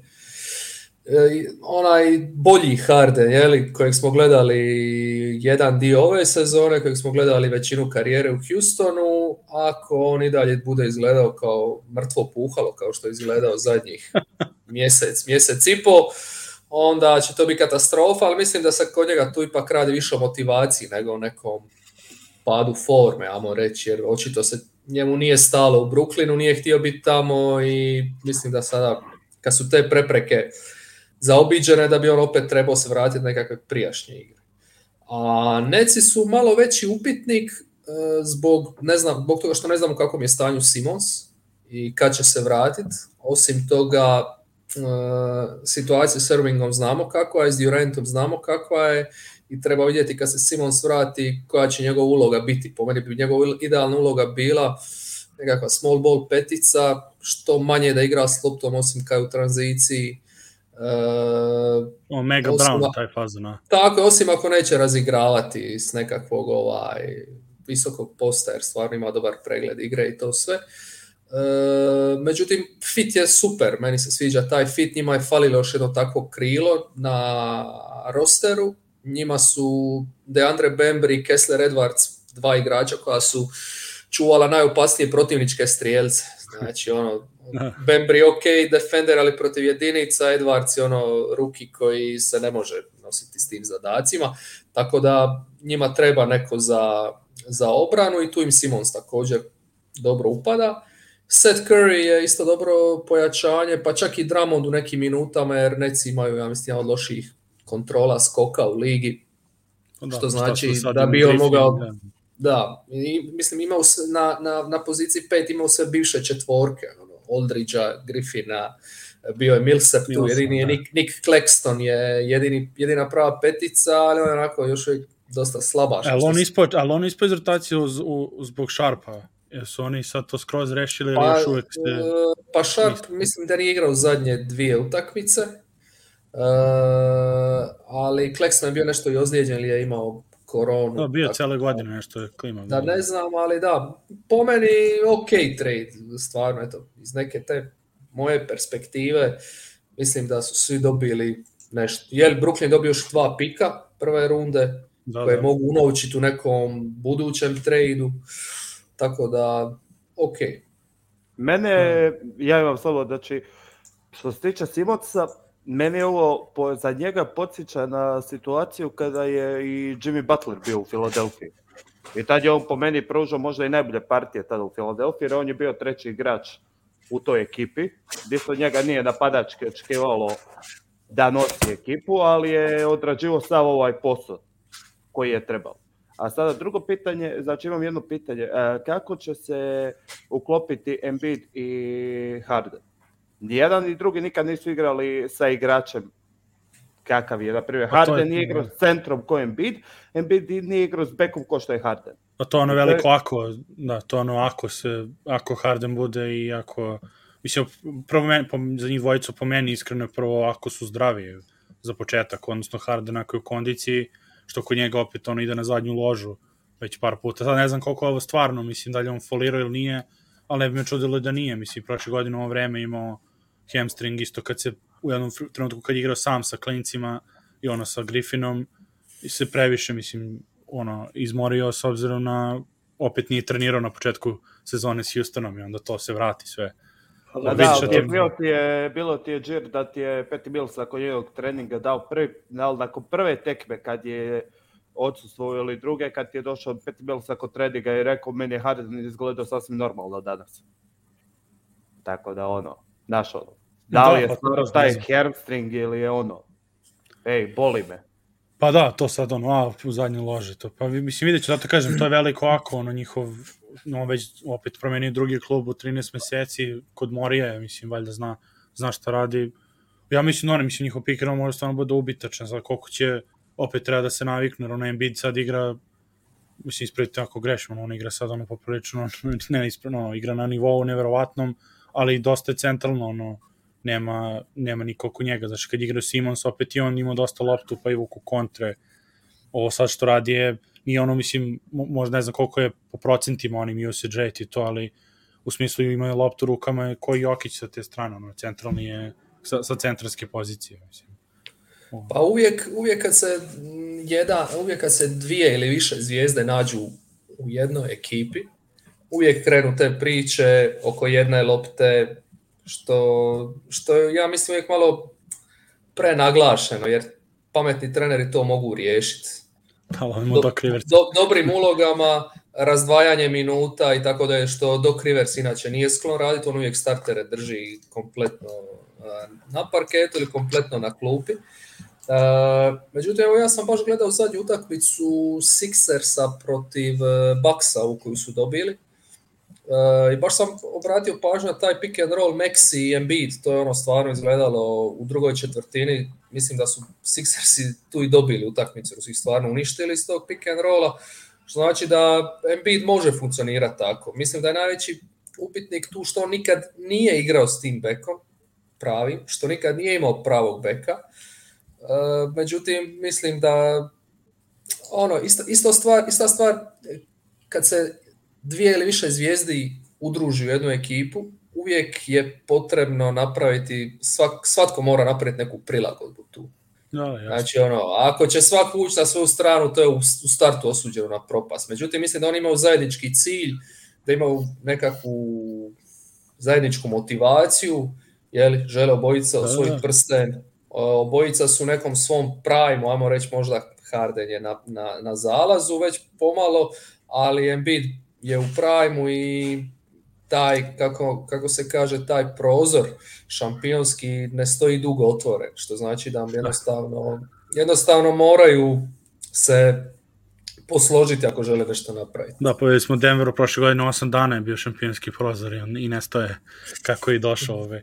A za, za ne kažem, a za, evo vidim, mislim, šta ti misliš o, i realno što kaže Toni, ne mora, oni ako se prilagode, to ne mora da bude u negativnom prilagođavanju, dovoljno im bi do par poseda da, da ne mora da se, ono, da se bije sa centrima i da odmori malo time i da time produži možda i svoje telo za ovu sezonu, kako se obično zna da, da ga istroši. Pa, ja ću ovako krenuti. Mislim da to može biti puno jednostavnije nego što neki puta svi volimo otići u, u, u, u razno kako. To nisam jedno par ključnih riječi. Mislim, ajmo realno, prvi, najbolji igrač u tradu je Harden. Harden je veličina igrača koja sama po sebi, ako je on prisutan fizički i mentalno, nemamo mi tu šta puno filozofirati. Mislim da su to prekvalitetni igrači, kada imaš takvog igrača, da najviše zavisi od njima. Ako su oni spremni se prilagoditi jedan drugome, mi ćemo tu imati fit vrlo brzo. To je, da. mislim da je to jedan kroz jedan. Ako Harden i Embiid su spremni igrati zajedno na način na koji mogu njih dvojica koegzistirati, ono da koriste obojica svoje prednosti, takav ubojiti tandem nismo imali centra i beka. Uh, I mislim imali smo kroz povijest nekih primjera, mislim i kad je LeBron dolazio u Miami, neki su drugi, neke druge zvezde su se morale prilagođavati i kada su se prilagodile, kada su oni počeli funkcionirati kao ekipa, onda je to stroj koji uh, melje. Nije isti primjer, ali opet primjer zvijezde koja se treba prilagoditi. Wade se treba maknuti u stranu, prepustiti i sam je izjavio kasnije da je prepustio u jednom trenutku momčad uh, Lebronu. Uh, E, stvar je koliko će Harden tu biti onaj Harden ko, koji može biti, a stvar onda ostalo će biti više ovi detalji kako će, kada dođe utakmice, kako će Rivers reagirati e, sa ovim nekim ključnim drugim stvarima, odnosno koliko će koga držati zajedno u petorci, koliko će e, kombinirati ovu drugu petorku. Mislim, Filadelfija je, i, i složio bi se s ovim što je što, što većina ovoga komentira, nekakva win-win situacija je za sada naravno. Da, da. Ovoga, jedni i drugi su napravili nekakvu vrstu upgrade-a, Harden tamo ne bi mogao funkcionirati, to je bilo evidentno, dobili su nešto drugo, dobili su i, i tog Dramonda koji ako može biti koristan za 15 minuta, već plus je to je ovo što, što je Tony pomenuo, nemaju, oni, njima su sve četvorke, u biti centri igraju bivše četvorke. Dramond je jedan tip centra koji može pomoći na 15 minuta ako može popuniti tu rolu, tako da su i oni neke svoje rupe uh, potencijalno popunili, a Filadelfija je realno zamijenila Krija sa Hardenom, mislim. Da, to je, da, da, da. I dali su backup centra da dobe tog igrača, jer oni su igrali ove sezone takvi i bili su konkurentni. Tako da tu bi trebali jedne i druge viditi kao nekom boljem fitu. Za sad je Filadelfija u prednosti samo zato što ćemo ih vjerojatno prije viditi. Da, da. E, prije će oni moći, odnosno imaće više utakmica zajedno, više mogućnosti da se uklope, nego što je to slučaj kod Neca kojima će trebati malo više samo zbog ovih, ovih svih drugih elemenata ali to su jedna i druga ekipa koja su onda u onom najvišem rangu kada ako, ako stvari sjednu. I mislim da mislim prednost Neca je što meni se Neš čini inteligentniji od Riversa, barem po onom što sam gledao Neca ove sezone nekakvim katastrofalnim postavama gdje on stvarno dobro vodio ekipu, evo neka, neka ovoga, i drugi kažu ako su videli nešto drugo. Mislim, to je ekipa koja je ekipa koja je znala igrati fizičku utakmicu, koja je znala reagirati u obrani, prilagoditi se, mislim, opet sa bez i Hardena i Duranta Irvinga u momčadi čak. Da, Tako da, da, to je da, teško, mislim, bez njih trojice, kad se tako da ekipa. Daneš, Daneš stvarno na neki način izvlačio je i maksimum i ono što je mogao, jer mislim to je ekipa koja evo nije dočekala ovu trojicu više od nekoliko utakmica u ove dvije godine, na koncu opet ovaj slučaj koji su imali servingom sada, tako da mislim uh, bit će interesantno, a nekako mislim da je i Filadelfija dobro prošla što je ovaj uh, vidio sam, ne, ne znam više, komentare da, je, da su trebali dati tajbola umjesto Krija, meni je baš obrnuto, trebali su zadržati da. tajbola, a dati Krija. Zašto? Jer mislim, tu čak nemam ni raspravu neku posebnu, nisam imao dvojbu, jer tajbul je tip igrača koji će im trebati na ovo što oni imaju. Ma, da. Maxi može igrati uh, eh, off the ball, može igrati sa loptom kada je Harden na klupi i igrati ovaj vrti ovo što je radio s Embiidom cijelu sezonu. Oni tu ne moraju ništa isprobavati. Uh, šutere ok, Harden je onako, da li je bolji strelac od Curry, ne moramo raspravljati. I dolazimo tu do toga da će oni neki drugi igrači popuniti rolu. Mislim da obrambeno ono što oni mogu izniti, što nisu praktički ništa izgubili, će im biti veliki plus ako ova dvojica kliknu. Pogotovo kada staviš tu nekog Tajbula, Green. Oni, to, to je ekipa... Tobias Harris to je ekipa koja može svima napraviti onda nered. Mislim da im je bio bitan taj dio Tajbul Curry da zadrža ovoga a kada su već morali nekoga dati. Jer, mislim, tu su i neci dugo lomili oko, tražili su taj bula, dosta dugo, nije slučajno. Da, da, I, ja, su, i njima da, bi taj igrač uh, e, dobro došao. Pa podor njima taj bula i Simon zajedno, to je bilo vrlo ono, vrlo bi se istakli. Jer oni već imaju, ajmo reći, već, veću širinu tih šutera. Mislim, da. Harris je najvjerojatnije izgubio za sezonu, pa ajde, njega moramo gledati kao nekoga koga neće imati Pa zato su možda za na kraju pristali za Karija, ono, kao da je da zamenimo pa, bar nešto. Sigurno će biti plus, jer ono, mislim, oni Mills su tu negdje po meni slična, slična uloga. Imaćeš jednog od njih dvojica uvijek na raspolaganju. Da, jasno. Da, i da. sudeći da. prema Google-u nije neka ponuda striptiz klubova u Filadelfiji, tako da bi Harden trebao biti koncentriraniji na terenu nego van terenu. A možda, mislim, možda, i, možda i to je loše, ono, u Houstonu bilo dobro, pa je dobro igraju. Možda mu treba, možda je to njegove čitanje knjiga, ono, Da, isto bio sam u Filadelfiji, ima se Diz izaš, tako da... ne, ali... Istraži, istraživačko novinarstvo. ali mene zanima sada druga stvar. E, ko na centru umjesto Embida, ko će popunjavati te minute? Ako ne dovedu nekoga u buyout, out ako se neko ne otvori ko bi onda trebao popunjavati? Trenutno Millsap igra to, ali rekli su da će tražiti u buyoutu nekog. Jer opet ako se ne otvori neko ti Vučetić ima trupu čet, nisu... hajmo reći, 10 minuta. A njima vratno, naš, pretpostavljam da nisu oni toliko oduševljeni za, za te neke zbirne stvari sa Ridom i sa onim Besijem, da neke te stvari, da oni popunjavaju te minute. Pa mislim da mogu nekog centra, mislim evo sad je Thompson otpušten, pa već, već je Chicago ugrabio priliku, Biće još tih primjera, ja mislim, e, do, do, ne, ne znam do kojeg datuma traje taj... E, će do biti... kraja februara, valjda, tako e, nešto. Pa je auto tako da Biće tu još e, nekoliko igrača koji će se moći, ono, mislim, potpisivaće se, tako da mislim da je ono, ako moram birati da krpam e, backup centra, da nekako se negdje snađem, ono, uvijek bi to, ono, u ovoj situaciji to prihvatio, jer opet mogu iskoristiti nekoga, možda neko da. iskoči od ovih. Prvi to za, za, za, za buyout market. E, to, mo, mo, da. Možeš, Prvi treći, znači imaš... Prvi treći, pa ime, ajmo, to ti još vremena da se pa nešto mogu igra. Enesa uzeti. Do, do. Tri doma. evo Enes, da. O, samo mi to fali da bude najomraženije. City Brother in Love, evo, to je, to je tamo za kantera, evo. To je. Meni je bilo pa. samo Jeste, najbolje. Jeste vidjeli da je... E, Kanter je nominiran, jedan od nominiranih za Nobelovu nagradu za mir. Daj me, nema jebat. Joj. Da, I, od, i odmah se, odmah se ovaj, uh, Ali meni je bilo najbolje, oprostite, preke, meni je bilo najbolje što je NS Kanter od svih franšiza tradan u najkineskiju franšizu u NBA ligi. Znači da. čovjek koji najviše sere protiv Kine je bio tradan. Pa sad je otpušten odmah. Pa da, iste sekunde.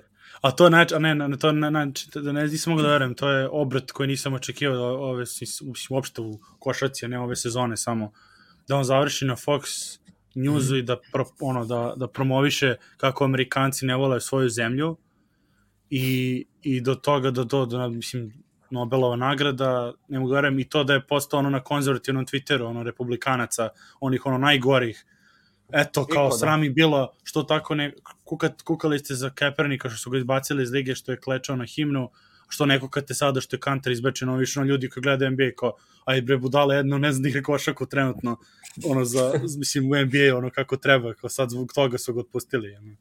Nema Čekaj, on bio treći ili četvrti pik na draftu?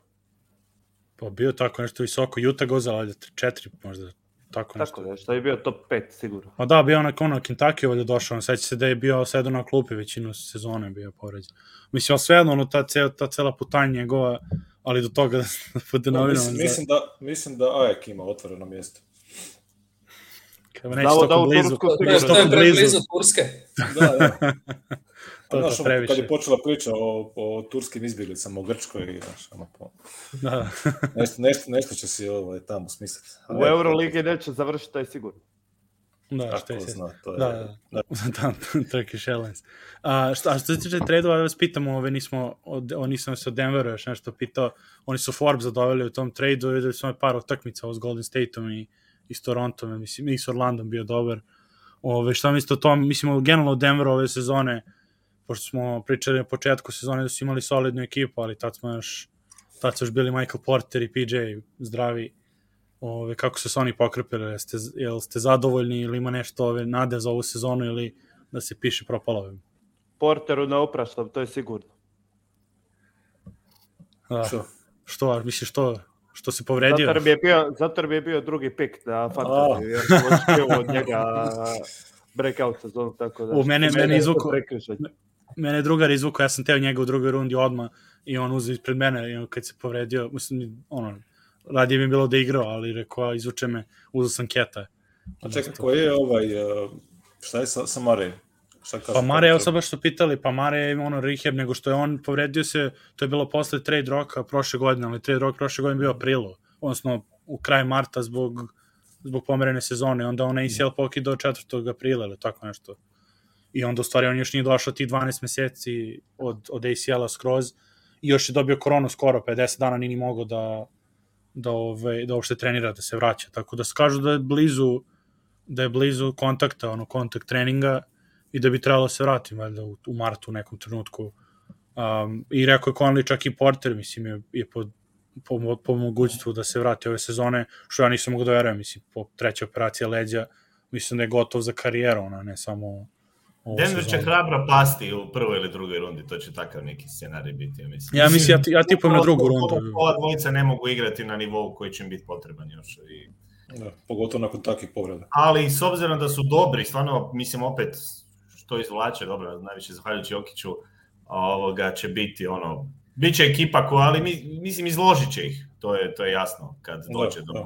play-offa. Bili su izloženi i prošle godine, vidjeli smo kada je došlo da. do do te situacije ekipe proti, poput Sansa, ali Warriorsa koje će biti duboke, koje će biti taktički, uh, imati više opcija, to će biti onda... E, pa za zavisi, ja isto mislim zavisi od meča, pa ono, Golden, Golden State stvarno, stvarno su zeznuti, ali nekako manje, manje su mi oni mislim sad opet biraš između dva zla, između njih i Phoenixa, ono. Ra radi bi možda Golden State, s obzirom na, na nedostatak ono ko da čuva Jokića, nego pick and roll CP3, ono, i Bukira sa, ovaj, sa njihovim krilima kako imaju. Znači, a to ono, mislim, kažem, to će, da biraš ko, ko će predate ovaj, ko je da te zezne. Ja kažem, mislim, ja, ja sam ono, stvarno poverenje u ovu ekipu više nego inače ove sezone, stvarno gledam ih ono non stop i sa kakvim oni, koje oni loše forme. Znači, ovi koji su igrači ne toliko dobri, oni igraju, mislim, na lošijem nivou nego što se očekivalo, bar, mislim, do skoro. I onda su skoro počeli sve bolje da igraju, mislim, Bug je došao ne mogu da verujem da on pozitivno donosi, mislim, kao taj backup centar. Mislim da vjerojatno mi donao bilo ko, ali on kao, onako kao ono ogromno telo, ta druga postava se skroz iznivelisala, posljednjih 5-6 utakmica su izvlačili startnu postavu, ovaj, ono, sa, nisu, nisu gubili 15 razlike kao na početku sezone. Tako da nešto gledam, ako Marej dođe, čak ako bude ono, ne znam, 70, 80% Mareja iz Babla, ono ili mislim prošle sezone imao je 20 nešto poena po utakmici, računam Monte se vraća u drugu postavu, on je napredovao da oni mogu, mislim bar mogu prvu rundu da prođu skoro sigurno, onda ono, onda posle zavisi kojim, kojim se zalomi, u kojoj formi Jokić koliko će biti umoran, koliko neće. F meni se sviđa što su Forbes doveli, ako znam, ono, ljudi su spili, raspametili se kad je došao kao, a, Forbes, rekao, dobro, ljudi, stanite polako, nije ono, ono spasilac, nije ono Clay, ali s obzirom da je ono, Denver odavno nije ono knockdown šutera, koji može iz, iz odvajanja da da, on se ispostavi ono, zna šta, zna šta treba čovjek da radi, ono, uđe iz klupe, pre neki dan, ono šta je 20 nešto poena, igrao je 20 nešto minuta, pre toga ima ono što 12 minuta 9 poena, ono, tako neku utakmicu, otprilike to mi treba, ono, ali, ne znam, Toni, šta ti misliš, ono, za, o stvari, ajde tebe pitam, ono, malo dosadno pitanje za MVP-a, sad su izašta, ono, glasanja, ovi pričali smo Philadelphia, Jokić, Embiid, Janis, ko ti je tu, ono, koje po tom mišljenju se ističe tu kao... Samo da se ja, jer ja idem sad čaj, ja moram a, sad izdati. E, vaš, vaš, Samo, u ovom trenutku, da sad kreće, u ovom trenutku ispada da će ići Memphis na Denver. Tako da, a to je zajebano, oni... Be... Murray, tu no, da, možda da. imaš neke šanse. A pa dobro, ali zajebano, oni, oni imaju kad, protiv Denvera bekovi koji pro, probijaju je katastrofa. To je. Mislim. A, ali može, mislim, mladi su ono, ne mora znači da će da. Ma isto tako ste prošle godine ste kleli se, kunuli ste upravo što nije riješila se Bartona, pa evo sad vam je Barton. Ne, ja nisam, boga mi to, to za, za, za rekord, ja to nisam, meni Barton jedan od boljih, ali i pogotovo kad, mislim, biraš iz njega Gary Harrisa u tom trenutku, ovaj 20 nešto miliona, ovaj manje. Ovaj, Ekipa, ja vas pozdravljam, bilo mi e, zadovoljstvo i Ćao, se. hvala što ja, došli. Možete normalno pričati bez mene. o da, ti si naškodio mnogo. bilo sam. Ajde, čao. čao. Ajde. E, Toni, tebe sam stao, šta misliš za Pistons MVP-a iz Jokića i to? Generalno, ne moraš ništa detaljisan, detaljisan, nego šta misliš ono? Da, pa meni od svih igrača, iskreno, ne zato što sam ovde kod vas u podcastu i to, uh, najkonstantnije predstave kroz cijelu sezonu i gledajući i dostupnost, znači manja kozljeda, Eh, minute koje igra, utjecaj na momčad, mislim, i tu konstantno opet napominjem od početka do kraja sezone, Jokić. Ako gledamo tko je s najmanje učinio najviše, imamo Embida, imamo Jokića. Možda su tu izjednačeni jer Sixersi su isto bez Simonsa, ali ovi su bez dva igrača, drugog i trećeg igrača po važnosti. Jer ovi su bez drugog, ajmo reći. Znači, opet bi se tu Jokić mogao ovaj, uzeti u obzir. E, Janis je, Janis je također dominantan, e, malo ispod radara prolaze njegove predstave, jer smo se malo kao i u slučaju Lebrona navikli, e, da. navikli na to da je to normalno što on isporučuje, iako Baksi ove sezone nisu toliko uvjerljivi jer je istok puno jači nego što je bio zadnjih par sezona. Uh, mislim da je Stef otpao, jer ono, čak, čak bi se moglo reći da bez Grina se vidi ovaj, kako je puno da. teže igrat. Uh, tako da ne znam, ja bih ja bi Jokiću dao, dao MVP-a, iako opet to nije popularno, uh, jer jer e, da. ljudima, casual fanovima trebaju novi narativi, nove priče, trebaju neko novo ime, tu se Embiid uklapa idealno. Tako da, ne znam što će nakon biti, ali eto da imam glas, ja bih ga dao Jokiću i mislim da je zaslužio osvojiti da. ove ovaj sezone. Da, pa ja mislim, dobro, mi naravno Nuggets rebitom su uvek pristrasni tome, ali ja pokušavam u tim situacijama što objektivno da budem. I ovo mi se svidelo, ovaj Stropal što je radio Tim Bontemps, koliko je blizu Jokić bio Embiidu, ja sam očekivao iskreno mnogo veći razdor tu, da znači, će Embiid biti ono skoro, ne jednoglasan, ali otprilike ovaj, skoro pa jednoglasan, baš zbog toga što rekao, mislim, gura se dosta više i to je sad ono što i Barkley rekao, kao je navijači iz Denvera kukaju stalno ove ovaj, kmeče kao što Jokić ima disrespekt, a to je ista priča, znaš, nije on da ima disrespekt kod svih, nego kod onih najglasnijih. To je ono što najgore, znaš, oni koji imaju najveći najveću do, ono, reach ove, ovaj, za publiku, a oni su ti koji su glasni u, u Disrespect Jokića, oni koji, što kažeš ti, koji gledaju stvarno ne postoje, mislim, razloga. Onda imaš ono par ovih iz Filadelfije koji iz nekog razloga imaju mržnju prema Jokiću, ono, što je iskočio ispred Embida ovih godina. Znači, ono, juče neki lik izmišlja neke brojke, stavi, ono, ima pre hiljade i hiljade lajkova od Philadelphia. Znači, izmislio je, stavi brojke kao bez, bez Embida, Philadelphia ima kao minus 89, a bez Jokića minus 66 u plus minusu, kao ukupno. A, Embiid, a ni rekao da Embiid propustio da računa svih 12 utakmica Philadelphia i 6 utakmica Jokića, znaš. Nije kao samo tako, znaš. Ma ne, I tako neke stvari, da. mislim, bez veze, skroz ono, i, a ja kažem, mislim, meni glupo što je Embiid stvarno dobar, i bar oni su njih dvojice međusobno gotive, ono, to naj, najče od svega, ono, bar su oni neki rivali, pa da kažeš, ajde, da ono, duđemo da u hype, nego Totalna glupost. Utakmica njihova, ja mislim da je u trećem mjesecu. Njihov matchup. E, Sixersi protiv Nuggets. Mislim da je ja, e, zašto je to, zašto je to, to će biti jako zanimljivo. A zašto e? je crnio ponovo? Što je back to back Philadelphia ponovo. Može se desi opet da ga odmaraju. A, protiv, da, da, da, da, da. Čekaj, sad Nuggets imaju jedno koliko 6-7 utakmica vlačih. Da, i mislim da je Sacramento, da. Oma, Pelicans ne, ne znam ko je još ostao. Šest, mislim... Je, dvije šest, da. Sacramento, Portland, Oklahoma, Houston, Pelicans. E, to je to. Da. Ali znači, znaš šta? Da, znaš da. njih, nema šanse tu 6-0, oni, oni Sacramento redovno gube. Ono, doduše, kad igra Richard Holmes. Je, je, i prošle sezone su dobili sve četiri utakmice. Da, da. Ne znam se sjećate onog e, renta Zeka Lova u studiju kad su bili Kendrick Perkins i Richard Jefferson. Kad su mu se smijali ove godine, da. Kad su mu da. se smijali i on govori čekajte ljudi kao ovo su njegove brojke i sa izlista sve brojke. je sve ok i mislim da je Jefferson rekao pa šta, osvojio je prošle godine.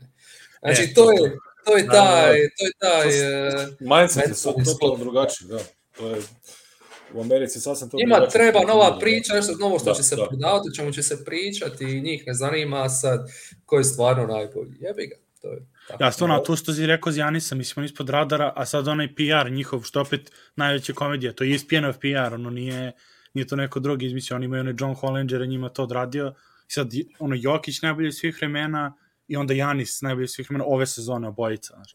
Janis onda tako gore, onda je bil, ne znam, NBA na ESPN-u, na Instagramu kao, eto, stigla je Stropol, šta mislite ko MVP, stave sliku igrača. I sad ono Jokić, e, ovaj, e, stave Embida, Janisa, Stefa i nema Jokića, ono, on ne postoji.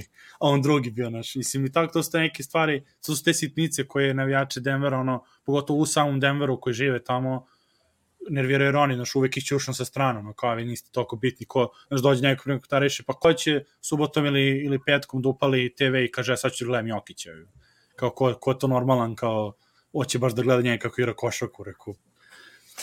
Mislim, ne znam šta treba ti ono, gotovo, reku si sve. Tako ne, ne, da je, to, je, to je mašinerija, to je zajebana mašinerija protiv koje ono, teško se boriti, iako eh, ja mislim da će još jedan jako bitan detalj tu odlučivati na kraju, eh, barem kod eh, glasača koji ima u stvarno objektivno pravo glasanja, zadnji mjesec sezone. Da, da. Mislim da taj zadnji mjesec sezone zbog toga nekog uh, recency bias, el, koji je ono uvijek prisutan, uh, će biti dosta bitan. Onaj ko ima, bude imao jak završetak, taj bi mogao biti na kraju osvajač. Čekaj, do kad da. se glasa? Do kad oni, jel, jel se uđe već u playoff? Mislim da da. Da, da, isto, mislim, mislim da, da playoff sezon. Počne, da. da. da. Da, da, da. Jer, ti, mislim, to će, i, i, i sam ono, playoff performance će isto igrati tu. Da, da, Ali ne, da, dotad, dotad se već zna. Ne, dotad, da, da. da, već a, daj, aha, a, okay, ok. Da, ne mogu baš da, da to, ali, ali svejedno, mislim, ta što kažeš, na kraju Ter Jokić, na primjer, to je prošle godine išlo pod ruku su se svi povredili i onda je tu bilo, ili je tad mogao da padne i da izgubi MVP i onda odjednom samo je ono, počeo sve bolje da igra i Denver se digo u tom posljednjem mesecu na trećem mestu i onda je bilo gotovo, mislim, nema šta da... E, a, a tko je u poredku MVP-a narastao u posljednjem mjesecu? Stef, zato što ona ima bolesne brojke u zadnjih mjesec, mjesec i po i na kraju završio treći je, ili drugi. Četvrti on, četvrti. On. Mislim, u Stropolu to mi je četvrti bio na kraju. Da. Ko je bio drugi lani, ono, zapravo? Da. A ne, a ne, ne, izvini, prošle godine, prošle godine Embiid bio drugi. Mislim da je Embiid bio. Embiid pa Embiid. Stef, da, da. Pa Stef, ja. E. Da, ali bio, na primjer, Stef, ja mislim čak možda imao slično ili možda i više prvih mjesta od Embiida, ili tako neko bilo čudno, Embiid je bio drugi, ali više imao drugih mjesta nego prvih u odnosu na nekog drugog, mislim, on baš je, a to jeste, to pravo se, ono, on je, on je bio nagrnuo odjednom i to ljudi su ono bili, o, što ne da se Stefu s kojom on ekipom on vuče do play-ina. Da, da, da, da, da. Na kraju nisu ni u play-offu bili, mislim, o čemu sad pričamo, ono, ne, ovo, da. veze to. Nego ajde da, da spitam samo za All Star, ovaj, uh, mi smo malo prepričali ovaj, samo, samo u utakmici o nekoj možda eventualne promeni formata kao što su klinci odigrali, ali ovaj bi pričao o trojkama i zakucavanjima, jel to gledate više, vas interesuje to toliko, jer sam ovaj jedini ostao za, koji, koji gleda ono vikendom. Pa to je jedino što i pogledam, ali u snimci. Da, pa znači dobro, kasno mislim. To su jedina dva da, da, da. gledam u snimkama i ostalo nisam fan. Kako, kako se čini ove godine, mislim kako vam se čini ono svima, ovaj field za, za, za trojke bar? Čekaj da pronađem. Pa, ja sad ću, ne znam ko, ja ne ko šutiraju. Ček, čekaj, sad ću imam ovde sliku. Sad ću... Ajde, vidim. A nema Bogdanovića, da, znači nula bodova. Nula bodova, da. Evo su trojke od gore. Bane, Ben Kennard, Levine, McCollum, Mills, Towns, Van Fleet i, i Trae Young. Uje. Nije loše. Pa nije loše, ali nema niko izraziti. Pa to, to, pa zato može biti interesantno, da, to može da, biti ono da, da, da, da Levin da opet 30, tu došli, ne znam šta on sad radi, on može, mislim, ne vjerujem da će on šutirati za Bane. Evo, ja da biram su... Bane-a. pa ranije sad nešto mi je čudno kad gledam ove par godina, oni da li pot, mislim, kao uzimaju te šutere koji su sa procentima stvarno okej okay i sve, ali sve mi više nema onih ono set šutera kad Peđe uzimo ili kad su ovi mm onaj, mislim, prošle godine Duncan Robinson i Clayton, ono, to su, to im je ono posao, ono, Joe Harris, nego ovo su, meni su više ovo iz igre šuteri za 3 poena. I onda ne znaš nikad, kako bi Beše Levin pre par godina ima ono 30 skoro jednu rundu i onda sledeću je ono samo se izduvo i nije imao ništa i izgubio. Ove, tako da ne znam, baš tu Bane jedino eventualno dalje on kao set shooter i Heidi Towns na kraju ispada je Ove, ovaj, Ma nema šanse tamo smaka. Ma ne, ne, ne, ne da će osvoji, nego on kao on jedini tu kao namest, mislim, iz nameštanja nekog ono šutira, ovo ostalo ne znam kako su im brojke iz tih ono catch and shoot ovaj priča, ono trej, šta misliš tih od onih, mislim, gledaš Treja najviše vratno ove sezone od nas. Ne znam, mislim da nisam nikad vidio da je šutnio catch and shoot tric. Pa, pa, pa to, zbog toga, rekao, jedino da im daje malo više vremena pa ono iz driblinga, da. Samo iz driblinga, da. Iako Da, to može biti e, čudno jer neki igrači ovise o ritmu, neki igrači ovise o pripremljenim akcijama, neki vole više šutirati iz driblinga. To, to, Ali da se ne lažemo, mislim da svi ti igrači koji su tu mogu pogoditi ono seriju. Ne. E pa to gaže, da, da možda bude se desiti da, da ono prštanja, možda se desi da ono da bude ne znam ono 25 prema 5 ono u nekom head to head ono njih kad uvate loš da. ritam ono to je Ovo, ja sam, ja sam mislio bio, ovo, ovaj, to sam bio čuo za danas, ali sam juče ovom Srbijan Koneru na DMVR-u pričao, rekao je Wrinkle za, za trojke ono, od narednih godina, da će bude interesantnije da nameste igrača ono, koji su pokupili velike ugovore zbog šuta, ono Duncan Robinson, Joe Harris, tako ti, i da onda, da onda imaju ove suparnike koji se bore za takve iste, mislim, ili u istoj ekipi ili on u ligi koji su u toj poziciji i onda za ugovore da se igraju Znaš, on Duncan Robinson sad mora protiv, protiv Štrusa ove godine da igra, ono, pa ko pobedi, dobije veći ugovor od, te, od tam te dvojice. pa to je bilo zanimljivo u svakom slučaju. Ili bar da. dio ugovora, aj. Da, da. E, o ko je, ko je pisao? Da, neko isto rekao, baš smo juče, mislim da to isto emisiju su pričali za, za kucavanje. Vidiš, ja misliš, ono, to je postalo baš, otišlo ono da, mislim, Cole Anthony i Juan Toscano Anderson se takmiče, i ovaj jedan taj, taj ovaj mama koji s nama priča, Fozon rekao je Lebron je kriv za to što on godinama to odbio, da se namestilo kao da nije cool više, da se to ono, da nije bitno to takmičenje kad najveće zvezde neće da učestvuju. Pa, da, znam, mislim imali smo ono, ja sam mislio da više nećemo imati nešto novo, ovoga, puno, ali da imali smo tamo tog Gordona i Lavina baš, koje je bilo zadnje kao... našao kaš, kad je to bilo? Je. Da, ali evo, to je ono, već je prosto. godina. Ja. Da. Mislim, mislim da je manje prostora, mislim u tricama je jasno, znaš, ono, imaju taj nekakav sistem natjecanja, a ovdje opet teško ti možeš toliko ideja koje nismo vidjeli uh, izvesti. Te, mora biti neko ala Alavins Carter koji će sam po sebi biti spektakularan kad poleti, pa će to biti nešto, nešto novo. Zato su Gordon i Lavin bili specifični, osim ideje su imali i, i te atletske sposobnosti. Uh, mislim da je Cole, uh, Cole Anthony recimo jedan interesantan tip jer me malo podsjeća na, mislim, stasom je onako više spad web, ali, je, ali može i tekako dobro zakucati što je u biti, uh, radi sam jučer ovu, ovu utakmicu koja ne, ove, ove šta su napravili od ovog Rising Starsa, ne znam će šta bi tu rekao, ali uh, uglavnom ono kako su izašli na da. teren i ono samo su, znaš, ono, kreneš u dribling i ovaj te gleda dalje i to je to, pa onda, dok, doduše, probali su nešto promijeniti s ovim igrama do 50, pa je zadnje dvije minute, onda nastao show, ne, odnosno, kad su došli malo, da, da. pobjede, onda su odjednom svi igrali, kuć. Da. Ovaj, ali ajde, nešto drugačije, u biti bilo je par baš momenta gdje Kolentoni za Anthony što uopće nisam vidio uh, tijekom uh, sezone. Ok, drugačija prilika, pa ono u tranziciji, pa mu možeš baciti od table ili ili mu se otvori cijeli reket, nitko neće izlaziti na njega, ali vidi se taj nekakav ono ekstra potencijal u tom pitanju. Ta, ali moj neki evo favorit sad, kad smo nabrali te igrače, mislim da bi ovaj Obit Open mogao izvesti neki, neki show, on mi onako izgleda da, da, da. malo, malo, malo drugačije ovoga. Makar tu isto sad ovisi, moj, šta znam, to je. Ja, evo, ja, ja sam više ovako kod Toni, ja to više ne gledam baš ono, ako ne moram raditi, onda to, meni da, ovaj malo, refreshanje od, e, od NBA i to mi dobro dođe. No. Da. Ovoga, jer onda opet kre, nakon kreće jako. No.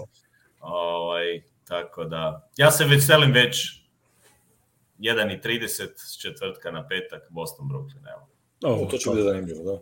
O, ja, ja sam došao što se ovo stara tiče, ja baš sam pre, malo pri, ono prije kada sam pričao napomenuo zadnji kojeg se ja sećam sam gledao ono Danny Manning i Sean Kemp su igrali za zapad. Tako da, ovaj...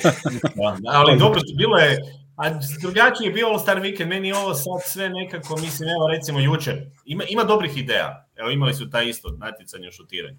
I onda kao ovoga, klač momenti iz NBA povijesti, ne? i okej. Okay. Ali onda opet taj baby hook od Magica Johnsona. Mislim, oni su svi taj šut izvodili, Flota tamo, da. prema košu, pa on sad pukne ono normalno, nema, e, da. mislim, ja bi onda, mm. ako već ideš na tu ideju, pa ajde neka krene s driblinga, s driblingom kako je krenuo Magic i neka izvede pravi hook, da baš da. tako e. zabije, ne ono, sad se ja okrenem, pa to mislim, to nema veze recimo sa tim šutom. E, pa e, da, da, da, malo onda znači- unesu drugačije, draži, to bi već bilo možda interesantnih ideja, u startu nije toliko uh, loša, ali onda bi recimo, evo, taj šut Rea Alena iz konera, pa neka ti neko izlazi na taj šut, pa neki strči na koner, pa neka zabije. A ne, onda ono, to izgleda onako više, naš ono, baš, ono, joj, sad, sad, ok, moram zabit, ne moram, a, dobro, super, daj peti. Ma, ma, baš sam, je, e, to sam... E, to, to me malo nervira, odno, od, u startu izgubiš odmah interes, ono, nekako... Jeste, malo pre sam to, kad smo, ne znam da su bili, kad su bili kuštali, kad, pre, ne znam koju, sad već smo u trećem satu, a sam baš to rekao, ako bilo, razočarao sam se kad sam video ono najavu ko, i oni rekreaciju, ti, oni su pustili na highlightove ti šutera, ku super, kao sad ćemo imamo horog Mobleja ili o, i oni kao zicer, i ne znam, ono isto trojka, Real, ova ne Realanova, i Realanova, nego Reggie Miller isto, ove Game 4, one protiv Chicago, kad istraču iz bloka, pa oko Jordana, i rekao, e, super, sad će pa da istrače iz bloka, rekao, sad će da istrače iz bloka i kao da pripale, ništa, oni samo normalno set pozicije i, i, i to je to. Je. Ono što su trebali, evo sad kad je uh, Vid spomenuo ovaj Baby Hook od Magica, ovaj, odmah izvući McHale i Periša, nekam stoji tamo i ajde, šuti preko njih. da. da, da, to bi, to bi bilo ono, barem, barem nešto. Mislim, ima tu ok ideja, ali se sve svede više na neku zabavu, tako da, da, da, da to zabava, da, mislim, da, da. Je... E, to, to je moj problem u zadnjih, mm. sa ovom starom, u zadnjih nekoliko godina. Uh, što sam jednostavno ovu prokletu košarku i taj prokleti sport počeo svaća preozbiljno i zanima me samo ozbiljne stvari ne mogu se više opustiti i gledat e, utakmicu samo tako da mi prolazi vrijeme. Kao što mogu, ne znam, Saba ligom, Euroligom ili nešto tako. To mogu, ali NBA mi ono baš kako strast, prevelika strast i ne mogu se ne mogu se da pusti nešto tako trivialno ili prizemno, poput Old Star. Ono. Da, to sad zvuči malo glupo, elitistički, ali jednostavno nije moj vid zabave. Daj mi utakmice, daj mi utakmice, to me zanima. Ne, meni, naprijed, super, meni je super ona ideja da, da, da, da se domaćinstvo u playoffu finala odlučuje uh, na All Star utakmici. Ja.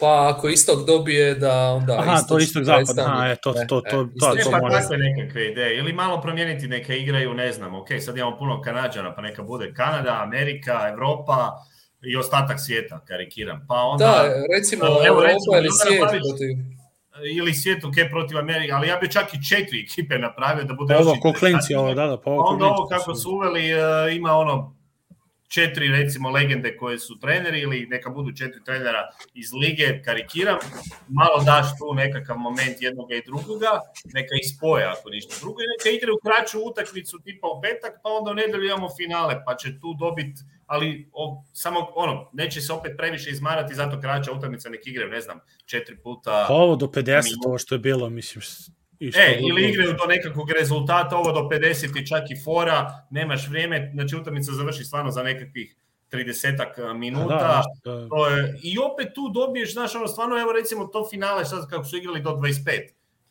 I kada Odmah su krenuli da igraju, da. Kada su kada su se malo ozbiljili, znači bilo je jedno dvije minute, niko koš nije mogao dati. Da, da, da. Jednom da. nema. Jer jednima i drugima, ono, naš 13-13, nećeš ti, neću ja, ono, izlazi se na svaki šut, izlazi se na ono, preuzima se odjednom u obrani i odjednom imaš ono draž, recimo, dvije, tri minute. A mislim da bi to tako nešto na ono da stave s ovima, pa evo, makar trajalo pola sata, mislim, to stvarno nije puno. I osnovno, kad imaš 10 igrača, neće nitko igrati više od, ne znam, pa da, da, da. par minuta. A Evo, to bi možda dalo malo, to onda bi onda bi imalo i ljudi bi malo se. A još pogotovo što je to neko za, za, za istok i zapad, ono da, da se ove odluči ko, je, ko će da bude domaćin, to na primjer interesantno. Ono su pokušavali sa onim dobrotvornim svrhama. Jedne godine ono kad je Kobe umro, tad su odigrali tad su odigrali ljudske Kobe, Kobe MVP trofej, to mislim ljudski, za All Star ljudski i na kraju se ona Ila Manning završavao, to bio rezultat i u stvari to je bilo interesantno isto svaka četvrtina po nekom rezultatu pa se nešto ti Mislim, naravno, sad neko oni izmišljaju šta će, ono, nek, ne, to je njihov posao, oni su plaćeni za to, ali interesantno, žao mi ono da tako neki vikendi prođe, to mislim, onda bolje da, da ih nemaju, to ono, bolje onda pusti igrače, sad Jokiću bi bilo do, ja, mislim da može 8-9 dana da, da ode Montes izležava na, na, ove, na jahti tamo, ono, uživa, odmara se, Jokić treba da pute u Cleveland, još na rođendan, ono, i da, da tamo bleji sa, mislim, ekipom i da igra sad All-Star, pogotovo što neće ni igrati, mislim, igraće opet ono desetak minuta, koji svake godine, jer on, on, on, on, on pa preo neozbiljno da shvata to, znači on ne, ne bi ni da, da se folira da, da odigra za MVP trofej, ono, samo baci pas i malo air gitar i to je to. A do, to ti je, to ti što, što, što, što je Toni ranije isto pričao o, o drugačije se to gleda ono i kod njih i, i drugačije mi to mi neke gledamo jer sve to je show, znaš, to ti i ovoga i ovoga i kad da, se da, pričalo ja. Jokiću za MVP-a, po svemu ovome, da, ne, da se ne ponavljam, to nije sve rekao, uh, definitivno Jokić trenutno vodeći u, u, u, u cijeloj priči, ali treba neko novi, treba, treba nešto drugo, treba, znaš, treba neko ko je ko nije to, toliko, toliki flegmatik i ko nije, ko je, ko je više medijski Ovaj, Marketabilno, da. Da, tako da. A to je to ono što, to je, mislim, ja ovaj pričam, to je njihova kratkovidost, oni, oni ne razumeju, mislim, eto i šta Janis, Janis isto Dork, ono, mm. zeza se sa, na svoj račun i, i ono, mislim, a igra košarku kako igra, i to je njihov problem, što oni stvarno reklamiraju proizvod, zato NFL, kakav god daje, ono, i Godel kakav daje, njihova liga napreduje svake godine i i ono, mislim, i igrački i marketabilno, ono, najveći klubovi, mislim, Kansas City, ono, koliko puta to pominjem, Kansas City kad je ve, ono, visoko tržište za NFL i kao popularan tim, mislim, može onda i Denver, pogotovo što je i veći i lepši grad, a ono, i dalje ove ostale ekipe. Znači, ono, Utah, igrati Utah i Denver, ono, opet ponovo gustu utakmicu, mislim, svake godine igraju gusto, oni stave tri puta od četiri na back-to-back -back Denveru ove sezone. I ništa, mislim, i bude ono, na, ono, pre neki dan kad je bila Utah, i Lakersi na, ovaj, na ESPN-u ili da su bili nacionalna televizija, Denver i, i Golden State igraju onakvu utakmicu nigde, ono, sa strane, nigde jedva ko je video, mislim, i to ono što ne, oni, mislim, za sada ne razumeju šta je u stvari, šta prodaje kod ljudi, da nije, da to što rade sada je poprilično kratkovido i da to je ono, mislim, kratak, kratak, ove, kratka kamata. Dok im nosi pare, kad im prestane nositi pare, smislit će opet nešto drugo i to je to. Ma da, dobro. Da ne idemo sad ono u tamno. Da Ove, ovaj, šta, imamo, šta, imamo, šta još smo možemo da, da bacimo da, za amo, kraj. Amo, amo, amo, da, amo, amo baciti kladionicu osvajač e, zakucavanja.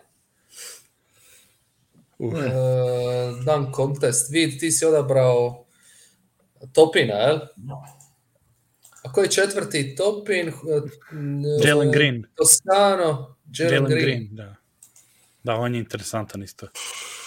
Pa ja ću Green, ajde a ja ću Cola Antonija zato što e, kod nižih igrača za kucanja izgledaju atraktivnije. Da, da, tako da, da, da to, je, to je tako. Znači, to... Iako mi je Topin favorit, iako mi je da, Topin da, favorit. To, a Topin je Dugajlija, znaš, on ima, on, je, on, je, je, nije toliko fleksibilan, više je krut, ali... on više neko ko, ko, ko Dwight. Ovaj, Pa ma, manji, mislim da, da. on je pa konji ko Gordon, mene top već podsjeća da će bude kao Gordon. Ne, Gordon, Gordon je puno fleksibilniji od Topina, znaš. Ne, Gordon, dobro to, ne, to, kažem, visinom igranja, na to mislim. Šta je Gordon izdao? Da, možda, možda čak se slažem tu, možda je ono Topin čak više e, tijekom utakmice ono atraktivniji kad zakucava da. in game zato što ono može zakucati preko staviti na poster bilo koga, ali Ovako, znaš, Ali isto je... znam, gledao sam e, neke njegove highlights ono, dok ni još nije došao u ligu na Daytonu kad je igrao, ono imao stvarno spektakularne mm. zakucavanja. Da, da. Koji ima ono kroz noge u kontri zakuca. Tako je, da. jače, da. Ono, da. Da, da, da. Ima, ima, ima, imao neku vrećicu trikova, ali Ništa, jedem sa latino bratom onda da imam. Toskana. Toskana. Toskana. A taj ti ostaš taj, na kraju će tvoj dobiti. o, to je baš bio šok, ono, mislim. E, Toskana, jako simpatičan igrač. Evo, kaže, kaže, kaže Jovan u komentaru, Jokić je toliko brutalan igrač da mu CMB iz rođena napravio All-Star festivities, to je to. Da. Evo, javlja se i, mi, i Miro Nađe. E, da, Cibona osvojila kup 67-65. Miro nam se javljao bio iz, eh, iz hale, ovaj, pozdravlja. A, da, vidio sam, vidio sam. E, to, to. Ove, ovaj, ništa, ajmo, aj onda ono, ne, na, na, ovaj, na brzinu samo šta mislite do kraja ove ovaj, istog-zapad, ko će, da se, ko, ko će u play biti, kako mislite da se to završava, ove, ovaj, kažem, pošto sam teo sa Hawksima, dobro, ono, ti nismo toliko ni pričali o njima, a, ove, jel oni će da se probi malo dalje ili misle da će kroz play in da uđu u play-off? Pa mislim da je play nekakva realnost, jer ekipe su već dosta odmaknule na tom šestom mjestu. Boston im bježi, evo baš gledam, šest pobjeda. E, tako da mislim da će oni, e, oni Nixi, Brooklyn i Hornetsi razigravati. Uf, to je dobar play-in. Zanimljiv play-in. Ja, di si, di si Raptor se smjestio? Ajme da, Raptorsi su mi sedmi.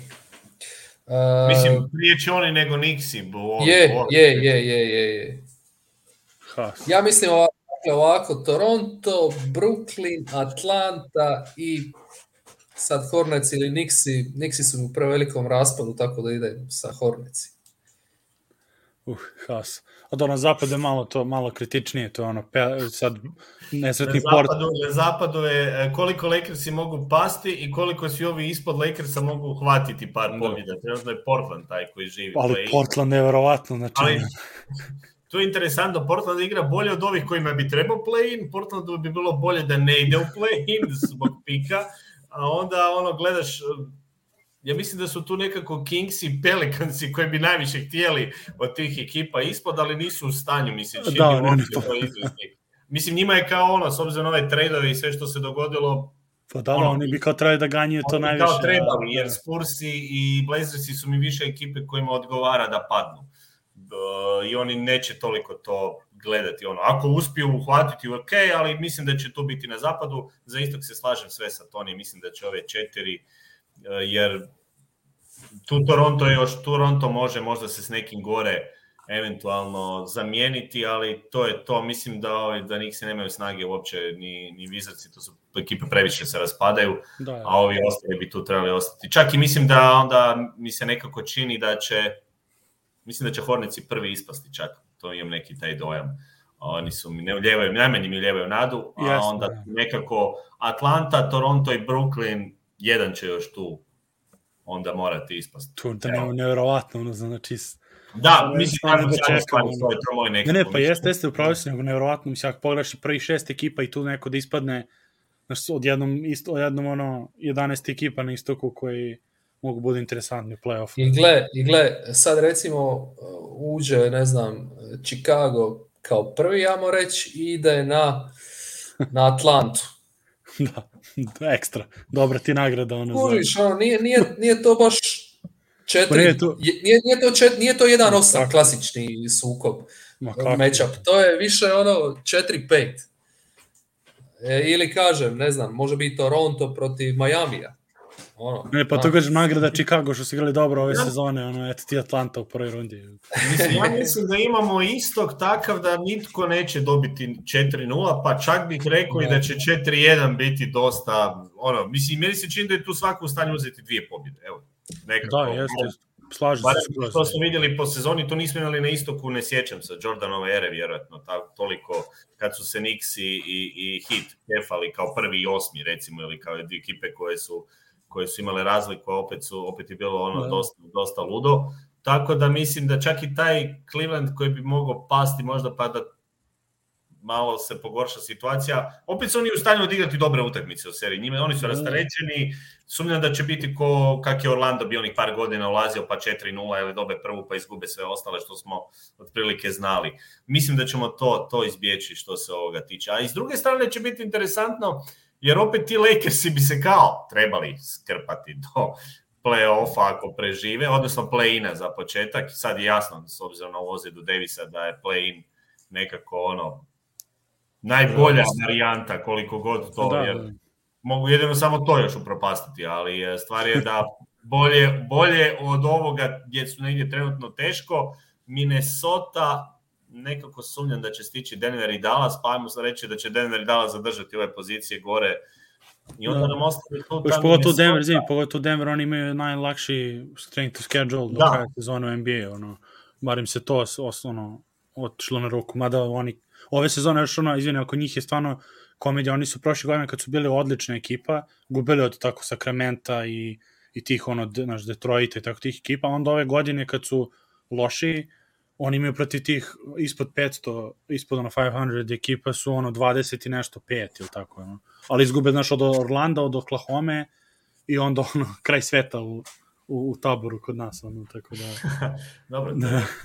mislim da bi moglo, moglo biti interesantno, moglo bi baš biti Lakers i Clippers i za ovaj, uh, direktan ulazak u playoff, a to da. će onda biti ono, uvijek, mislim, jedna utakmica u jedni i drugi u nekom da, više pomoćko da, raspoloženje. Da. da. Ja to, ja to iskreno više, kako, kako god da su Clippersi, ono, taj low stvarno meni, ono, sa, sa, ove, sa zadovoljstvom kažem da nisam bio pravo si onih godina kad sam hejtovao Cleveland i njegov ono, posao, pogotovo pošto otpustili da ono, blata, on, ono, kapa dole za ovu sezonu. Pogotovo sam se ogrešio da sam duše jer ono, sa mog faksa je, pa kako sam to sve mogu da dozvolim ove, ovaj, sa Nebraske, tako da, da ove godine šta ja radi... Ja mislim da da nitko, nitko ne želi igrati protiv Clippersa u play-offu onoliko krila i ono njeg, i njegov taktički ne samo to ja mislim da će se oni najviše prilagođavati a to je onda to je onda baš nezgodno ne? sve i stil igre i obrana i trener i, i imaju te igrače koji su koji su ono ne možeš ih uh, e, poraziti. Ono. Oni se stalno vraćaju. Pa koliko su imali comebackova ove sezone iz deficita. Lani su se vraćali iz mrtvih, iz mrtvih protiv Dalasa, protiv Jute, tako da, da baš da. gadna, gadna ekipa za igru. Još ako se George vrati da. u nekom barem stanju, ok. Da, njima šteta sad što, što im se palo tako povredio on posle trejda, ono. Da, da, da, da, da, da, da, da, da, da, da, da, da, da, da, da, da, da, O, eto, i do, dojedoš i huda i ođela, ono čisto da imaju, skupljuje sve, sve što mogu od, od da. visokih. Moraš skupiti sve. Pa ne, ono što su, ono što su radili Denveru, on, posle onih 25 razlike, gledao sam, sam ono, bio sam tad u Srbiji i gledao sam snimak sutradan, ono, svi su bili kukali, rekao, ja, izgubiše 25, rekao, da da gledam replay, rekao, ajde vidimo. Če znači, ono je bila katastrofa utakmice kada je Denver vodio 25, ono nije lično ni nešta, ali kako su se prilagodili, kako su čuvali Jokića, sa onoliko, ono, mislim, sa zubcem i ostalim, ono, čak i kad nije zubac na terenu bio, ono, ni, ni to, mislim, stvarno zona bila, ali, ono, ko da su igrali zonu neke trenutke, ono, jedan na jedan i ostalo svi na zonu, znači, svaka čast čoveku, i mislim, ono, eto, to, naprijed, to su neke stvari kod tih nagrada, što mi smetaju kada, ono, eto, sad, automatski se daje, ono, ko ima najbolji skor u ligi, on će to biti trenera godine, dobro, ove godine Monty Williams zaslužuje od prošle godine, ono, ko Oscar, ono, da mu se nadoknadi, ali na primjer taj Lu sa najmanjim ono, sa najmanjim stvari ovaj, ono, na rosteru, mislim, toliko povreda, čak više od Denvera povreda i propuštenih utakmica, ono, glavnih igrača, on je visoko, mislim, na tabeli, s obzirom na stanje. A pa tome je zaslužio Spelstar prije više od svih onda, jer nje, on, imao, on je igrao bez, pol sezone bez eh, Butlera i Adebaja a mislim prvi je. da, da, okay, pa da ne, pa to kaže ni on, da, da, da, pa to kaže ti, mislim... Uh, mislim, ima toliko tih primjera gdje onda opet vredno je se nešto što ovisi, evo recimo meni je bilo, mislim sve okay, ali meni uopće nije Tibodo za prošlu sezonu bio Čekaj, on dobio na kraju trenera godine? Je, dobio je on on za, za ovo s Nixima, ali evo, recimo ove sezone će dobiti otkaz moguće. Mislim, je jebate. Gledaj, čim si u Nixima, to ti je beneficirani staž. Da. miran si ovoga. Ne, ne znam, ono, meni je te neke stvari, ono, neki treneri mogu izvući čisto na osnovu, mislim, imamo primjera, evo, koliko je dobar Jason Kidd onda?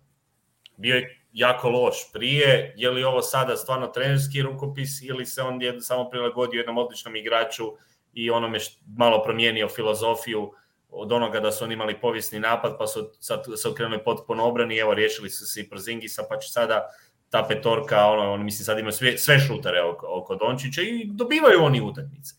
Koliko je to sada, je li Kid toliko dobar? Mislim, taj Dallas ima bolji rezultat nego kod Karla gledajući regularnu sezonu.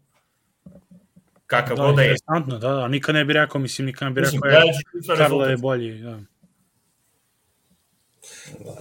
Znaš šta, ono, treneri su koji igrači evoluiraju, napreduju kroz godine. E, I opet skin čak... radi, isto Da, mislim da je Kidov najveći problem u prošlosti bio to što je bio malo arogantan, što nije stvarao neku pozitivnu sliku o sebi u javnosti. Onda su izletile one i priče prljavi veš iz slačionice, kako se ponašao prema pojedinim igračima, kako je nije imao dobar pristup. Međutim, ti kad gledaš da pre njegov stil obrane u Milwaukee, on, to je bio jedan agresivan stil gdje on htio iskoristiti sve te atlete da igraju agresivno na loptu, da se puno udvaja, da se puno rotira, nešto što danas Nick Nurse recimo forsira u Toronto. Ovdje je sad došao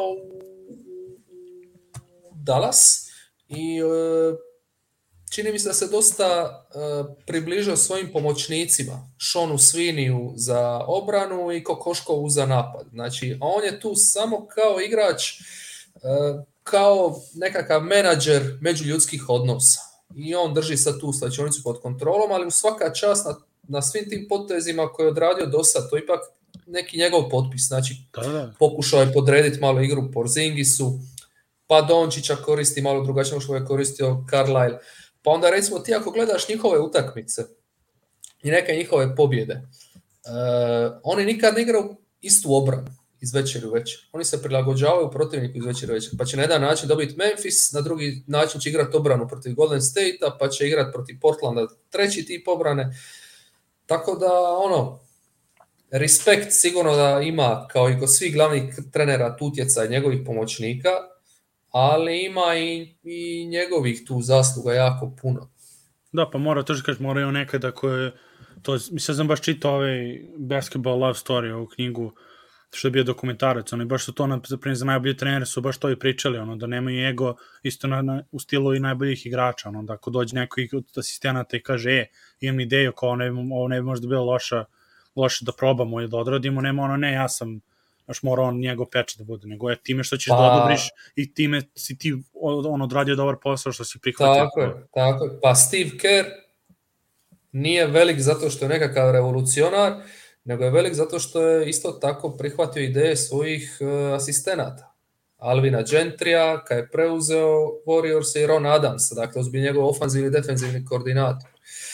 Znači, trener treba imati tu nekakvu crtu, ajmo reći da hoće poslušati savjet onoga s kim je odabrao da će, da će surađivati. Da, to je pa odlika mislim, velikih trenera, baš, mislim i da. igrača. I još okay. jedna bitna stvar, mislim, meni je Kid bio jedan od najdržih igrača na svom vrhuncu i mislim, on je bio, što se tiče glave, vrhunski. Tako da nekako ovo, ovo, ovo što je imao jedan loši period uz taj PR i sve što se dogodilo, mislim da i on shvati, odnosno mijenjaš se. Ti da, isto da, da, jasno. Ono, odnosno nije zahvalna ta uloga iz, pre, preći samo tako iz igrača od trenera. Uh, I mislim, ostalo evo ovo za Kera Kerry kasnije sam izjavio da je puno, za, da je jako zahvalan Marku Jacksonu, što je napravio temelje e, obrambeno ili s tom ekipom napravio neke stvari gdje on samo došao i malo implementirao uz pomoć svojih asistenata i tu ekipu dao da, da maksimizira ono što oni mogu igrati. Da, da. znači, ima tu dijelova čak i koje ostaju od prije. To je, to je nešto, mora se poklopiti više stvari. Zato, zašto je Miami dobar svih ovih godina, jer nekako kad imaš istog trenera sa jednim istim razmišljanjem, a to traje, da to je uvijek, to nekako ispada dobro, evo i, i Budenholzera smo dočekali na koncu. Da, I on je bio taj koji je morao proći jedan dio, prvo je ono s Atlantom, vidjelo se da ima jedan potencijal, onda je došao taj prvi problem da ne zna se prilagoditi, da ne zna reagirati, da, da drži se samo svog sustava. I morao i s Milwaukee dočekati pad, pa onda tek e, da, da. dočekati jedan moment kada će se on prilagoditi i sada je potpuno drugčije i kod njega. Mislim, lakše mu je reagirati, lakše se uh, promijeni. Tako da mislim da tu je nekako se pokazuje ta trenerska veličina jer ono, osim te sredine u kojoj moraš doći da su stvari donekle posložene, imali smo i dobri trenera u lošim sredinama, pa onda to nekako puno toga, može ti se desiti komotna situacija, evo, dođeš, ona ti glavna zvijezda zatraži trade, ne da, možeš utjecati na to, to ne je povezano s tobom. Tako Silas. da, da, evo, Silas, mislim, kako suditi čovjeku koji je naletio na onu najgoru moguću situaciju? Ma da. Uvijek, si samostalni trener i odmah bum. Da, još je dobro je snaš Da, jesno. Znaš, ono, uopće da. opstati da. na klupi, super, to je uspjeh ako preživiš sezonu, nemaš mu šta reći. Mislim, koje su to okolnosti za start. Tako da, ima tu puno stvari. Gde si Mire, mislim on je odgleda pozdrav, celkom dok mijaš na podcastu. Pozdrav ekipa, evo upravo proglašenje pobjednika, Cibona je dobila dva pojena razlike, 67-65, CDVitu u finalu. Hrvatska kupa. Barbiral dobro je. Ja vas jako slabo čujem, tu je buka. Ništa, pozdrav onda. Čujemo se, hajde. Ajde, ajde, čao, čao. Na javljanju. Ćao. O, čekim, pa te je pozvan onda dođe naravno da goste, ono, ko, ko je, ove, ko je vi, nego je to O, Kako će biti dobro završila 67-65? pa ne znam, mislim, za evropsku košaku, šta znam. šalim se, šalim se. Znaš šta sam još htio reći samo za Kida? Uh, mislim, uh. E, ok, može on se pouzdat u svoje pomoćnike da će mu posložiti nekakav napadački obrambeni sistem. Međutim, ta ekipa e, je lani bila jedna od najgorih obrambenih ekipa u ligi. I ne može biti slučajno da ove sezone su pa top 10. Ekipa, znači on je došao, da. ista ekipa. Da. I tu nema nekih defenzivnih asova sad velikih stopera na boku, rim protektora, E, igrača bekova koji mogu čuva dobro pick and roll ili ne znam nija šta.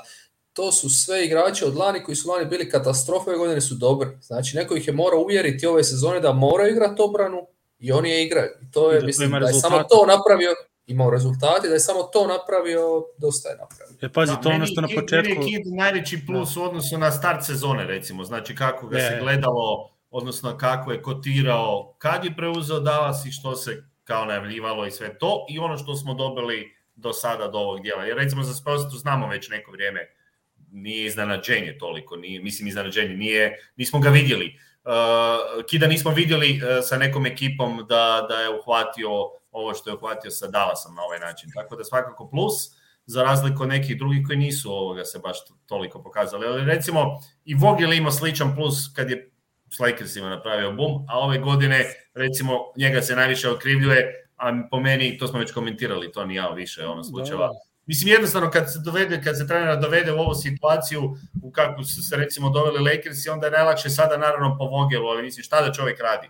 Da izvadi Vesbruka pa da mu ne igra igrač od, koji prima takav ugovor. Mislim, znamo da nećemo vidjeti to u NBA-u. Pa da, on, se da. čak, on je čak i napravio neke poteze koji su inače i, i, i nisu inače ovoga mjerilo. Nećemo vidjeti da baš Zvijezda ostane sjediti u četvrtoj četvrtini ili u, u ovome uh, produžetku.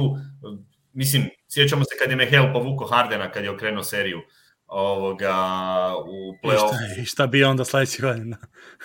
Da, okay, da. desilo Ne, pa to, pa baš to, to kažeš, mislim, šta se desilo i kad, kad su to radili, otišao je, mislim, ono, ostranjen je bio To je, to je zeznuto to NBA-u, jer ono, mislim, znamo da su igrači veće face od trenera i onda sad u to nekoj situaciji, pogotovo kad vodiš tu jednu ekipu koja ima ono, igrače kakvi su Lakersi, odnosno Zvijezde, e, to tu uopće opstati je, je big deal odnosno imati nekakvu do... mislim to je puno više hendlanje ovih ljudskih odnosa. Da. Zato dok Rivers dobro kotira, pa, da. jer da, je on da. odličan upravo u tom dijelu, samo je stvar ovog taktičkog koji... Da, da. I onda dođe da. playoff. I onda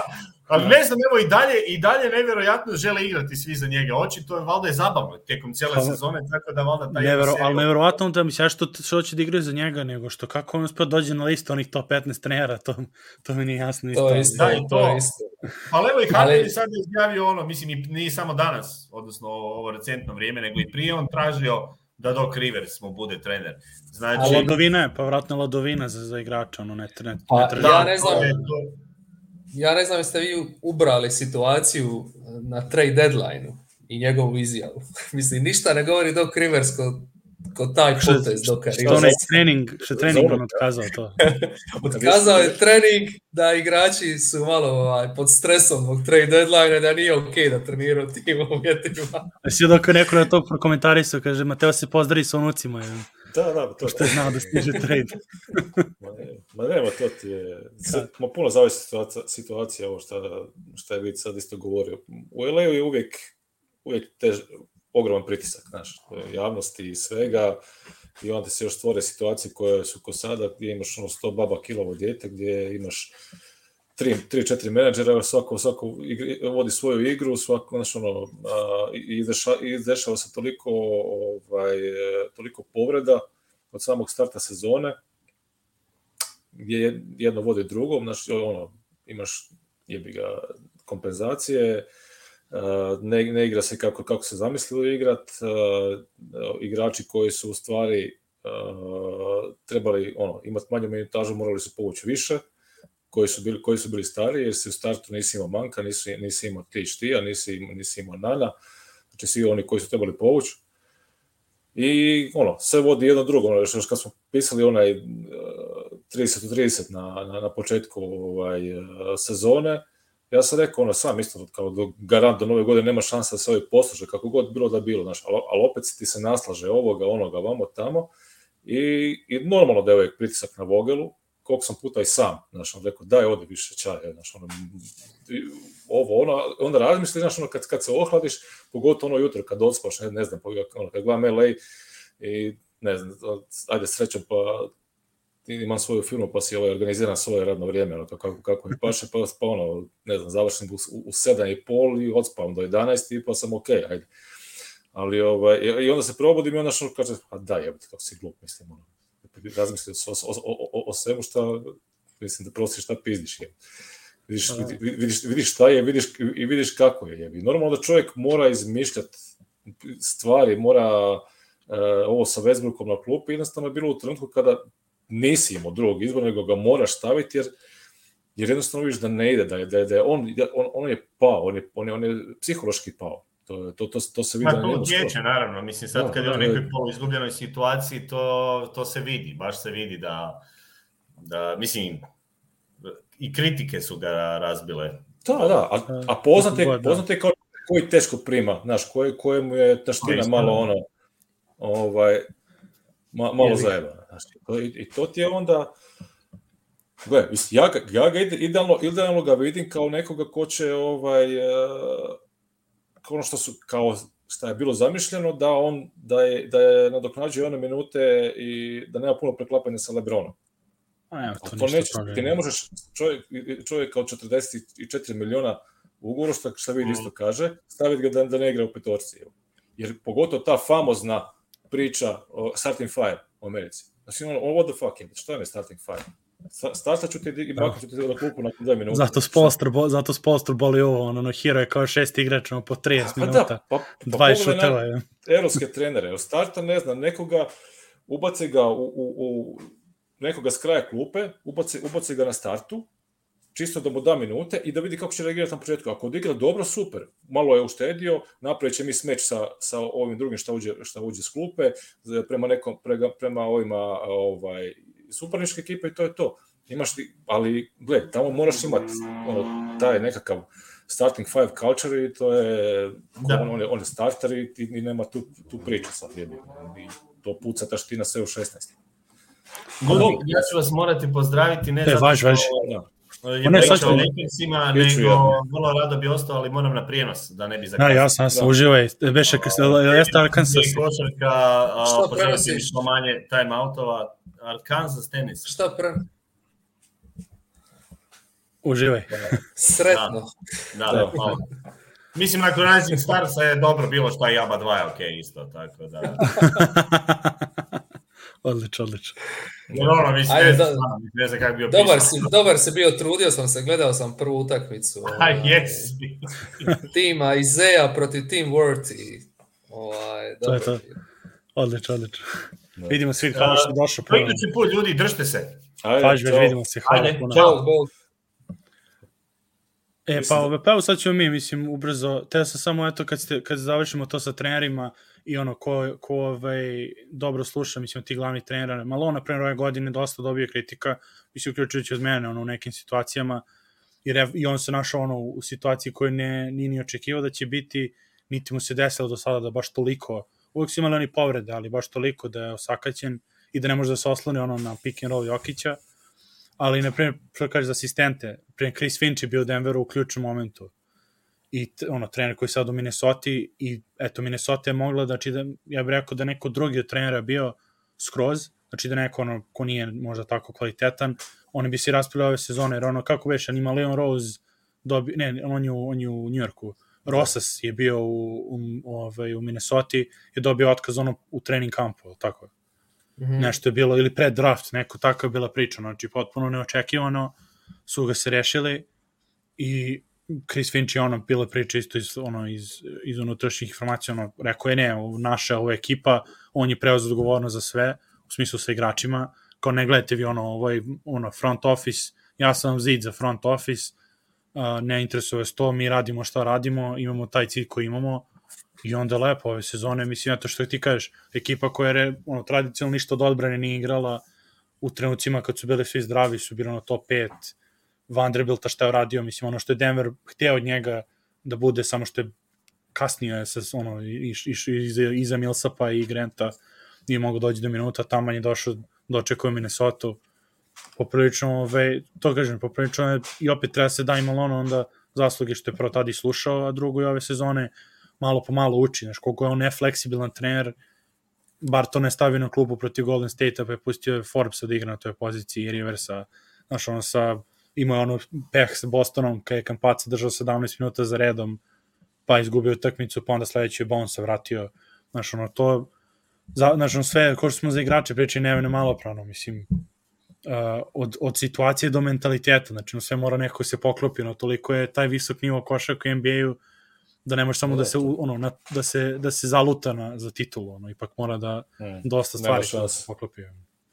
Tako da je to to to isto baš. Ništa ljudi, hoćemo hoćemo privodimo kraj ovo. Ja sam već ja sam ja već gorim. Ne ne verujem da sam ovoliko i bio. Ljudi.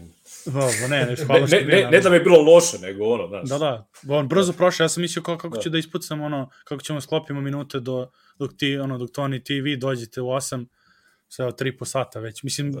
ne, ne, neću više imati stream, ono, gase, ono, po softveru i, ove, i, i limit, tako da, ako imaš jako završnu reč, Toni, za dostate, šta gledaš, ono, za, do kraja sezone, šta te najviše interesuje? I ove, ako imaš neke od tih, ili sve ukupno, ono? CNBA? Pa, zanima me sve, odnosno sad već ima popriličan broj ekipa koje sam eliminirao i koje ne želim gledat. E, sad kreće ovo završno brušanje forme, brušanje rotacija, e, vidjet ćemo ko je u kakvoj formi, malo ćemo, trenutno me možda najviše zanimaju ti match-upovi individualne utakmice, jake utakmice, recimo na koje ću obratiti pozornost, ne znam, koje nas potencijalno čekaju u playoffu, recimo Memphis, Denver, ne znam, više igraju skupa, to bi se isplatilo pogledati. Trebalo bi. pa onda pa onda Utah protiv Dallasa da vidimo kako će braniti tu Utah Dončića, hoće li biti malo fleksibilniji to. Ono, zanima me ti neki detalji koji bi mogli biti presudni u, u play-offu. Da, da. Super, pa to je to, mislim, slažem se imena meni ono za Denver, samo da, iskreno, samo da se doteturaju, da svi budu zdravi koji mogu, ove, ovaj, i ako mogu, eventualno čisto da idu neko više, više seed, eto, da Jokić uzme, kada je već tako blizu, opet MVP-a. Ja sam rekao prošle godine kada je uzao, to je to, ja on, njega nisam očekivao ništa više, ne od njega samog, nego od, od lige da glasaju za njega, ali s obzirom da je tako blizu, sve je bilo grota, da, jer završit će šta je, bit će, bit će stvarno ono komedija ako završi sa najboljom statističkom sezonom ikada i da bude drugi tim MB, All NBA, ono, jer će tako na kraju, ako ne uzme MVP-a, toga čeka. Ono. Tako da, da ove, ovaj, sada to bi volao bar četvrti da bude, ono, da se probio ove, s obzirom tim lakim rasporedom, pa onda da se ćeraju dalje sa ekipama. Da, I sad nije, kako će Phoenix bez, pa, i sad kako će Phoenix bez, bez Chris Paula, to me interesuje, oni su bile najzdravija ekipa poprilično u tom ono, mhm. ključnom mm -hmm. delu. Ajde, Aiton je bio povređen, ali imali su uvek neku dopunu na toj poziciji sad bez Chris Paula me baš interesuje da li može Buker dalje naučio nešto od, od, od point guarda. pa ima Elfrida Payton. Da, odlično. sad će Aaron Holiday. Chris Paul za beskućnike. za da, ne, ne za siromašene ime, da. da. Haos. Ništa, Nevene, Ove, hvala što si bio, Toni, hvala, hvala kao i uvijek što si, što si došao, da se ispričamo, ljudski smo se ispričali. Hvala svima što ste gledali ovako dugo s nama sad ću ovaj, posle se bacim na time kodove, valjda ću da ispucam sve koliko mogu, tri po sata. Da se vidimo sledeći put, ovaj, srećna, srećan All Star break i kraj sezone. Ajde, ćao. ljudi, uživajte. Ćao, ćao. Također, čujemo se, pozdrav. Ćao. E, Nugget Srbija, YouTube, Facebook, Twitter, e, zvonce, stisnite, like, share, komentar, MySpace, e, na blogu, u novinama, u novinama smo sutra, gledajte naš. To je to.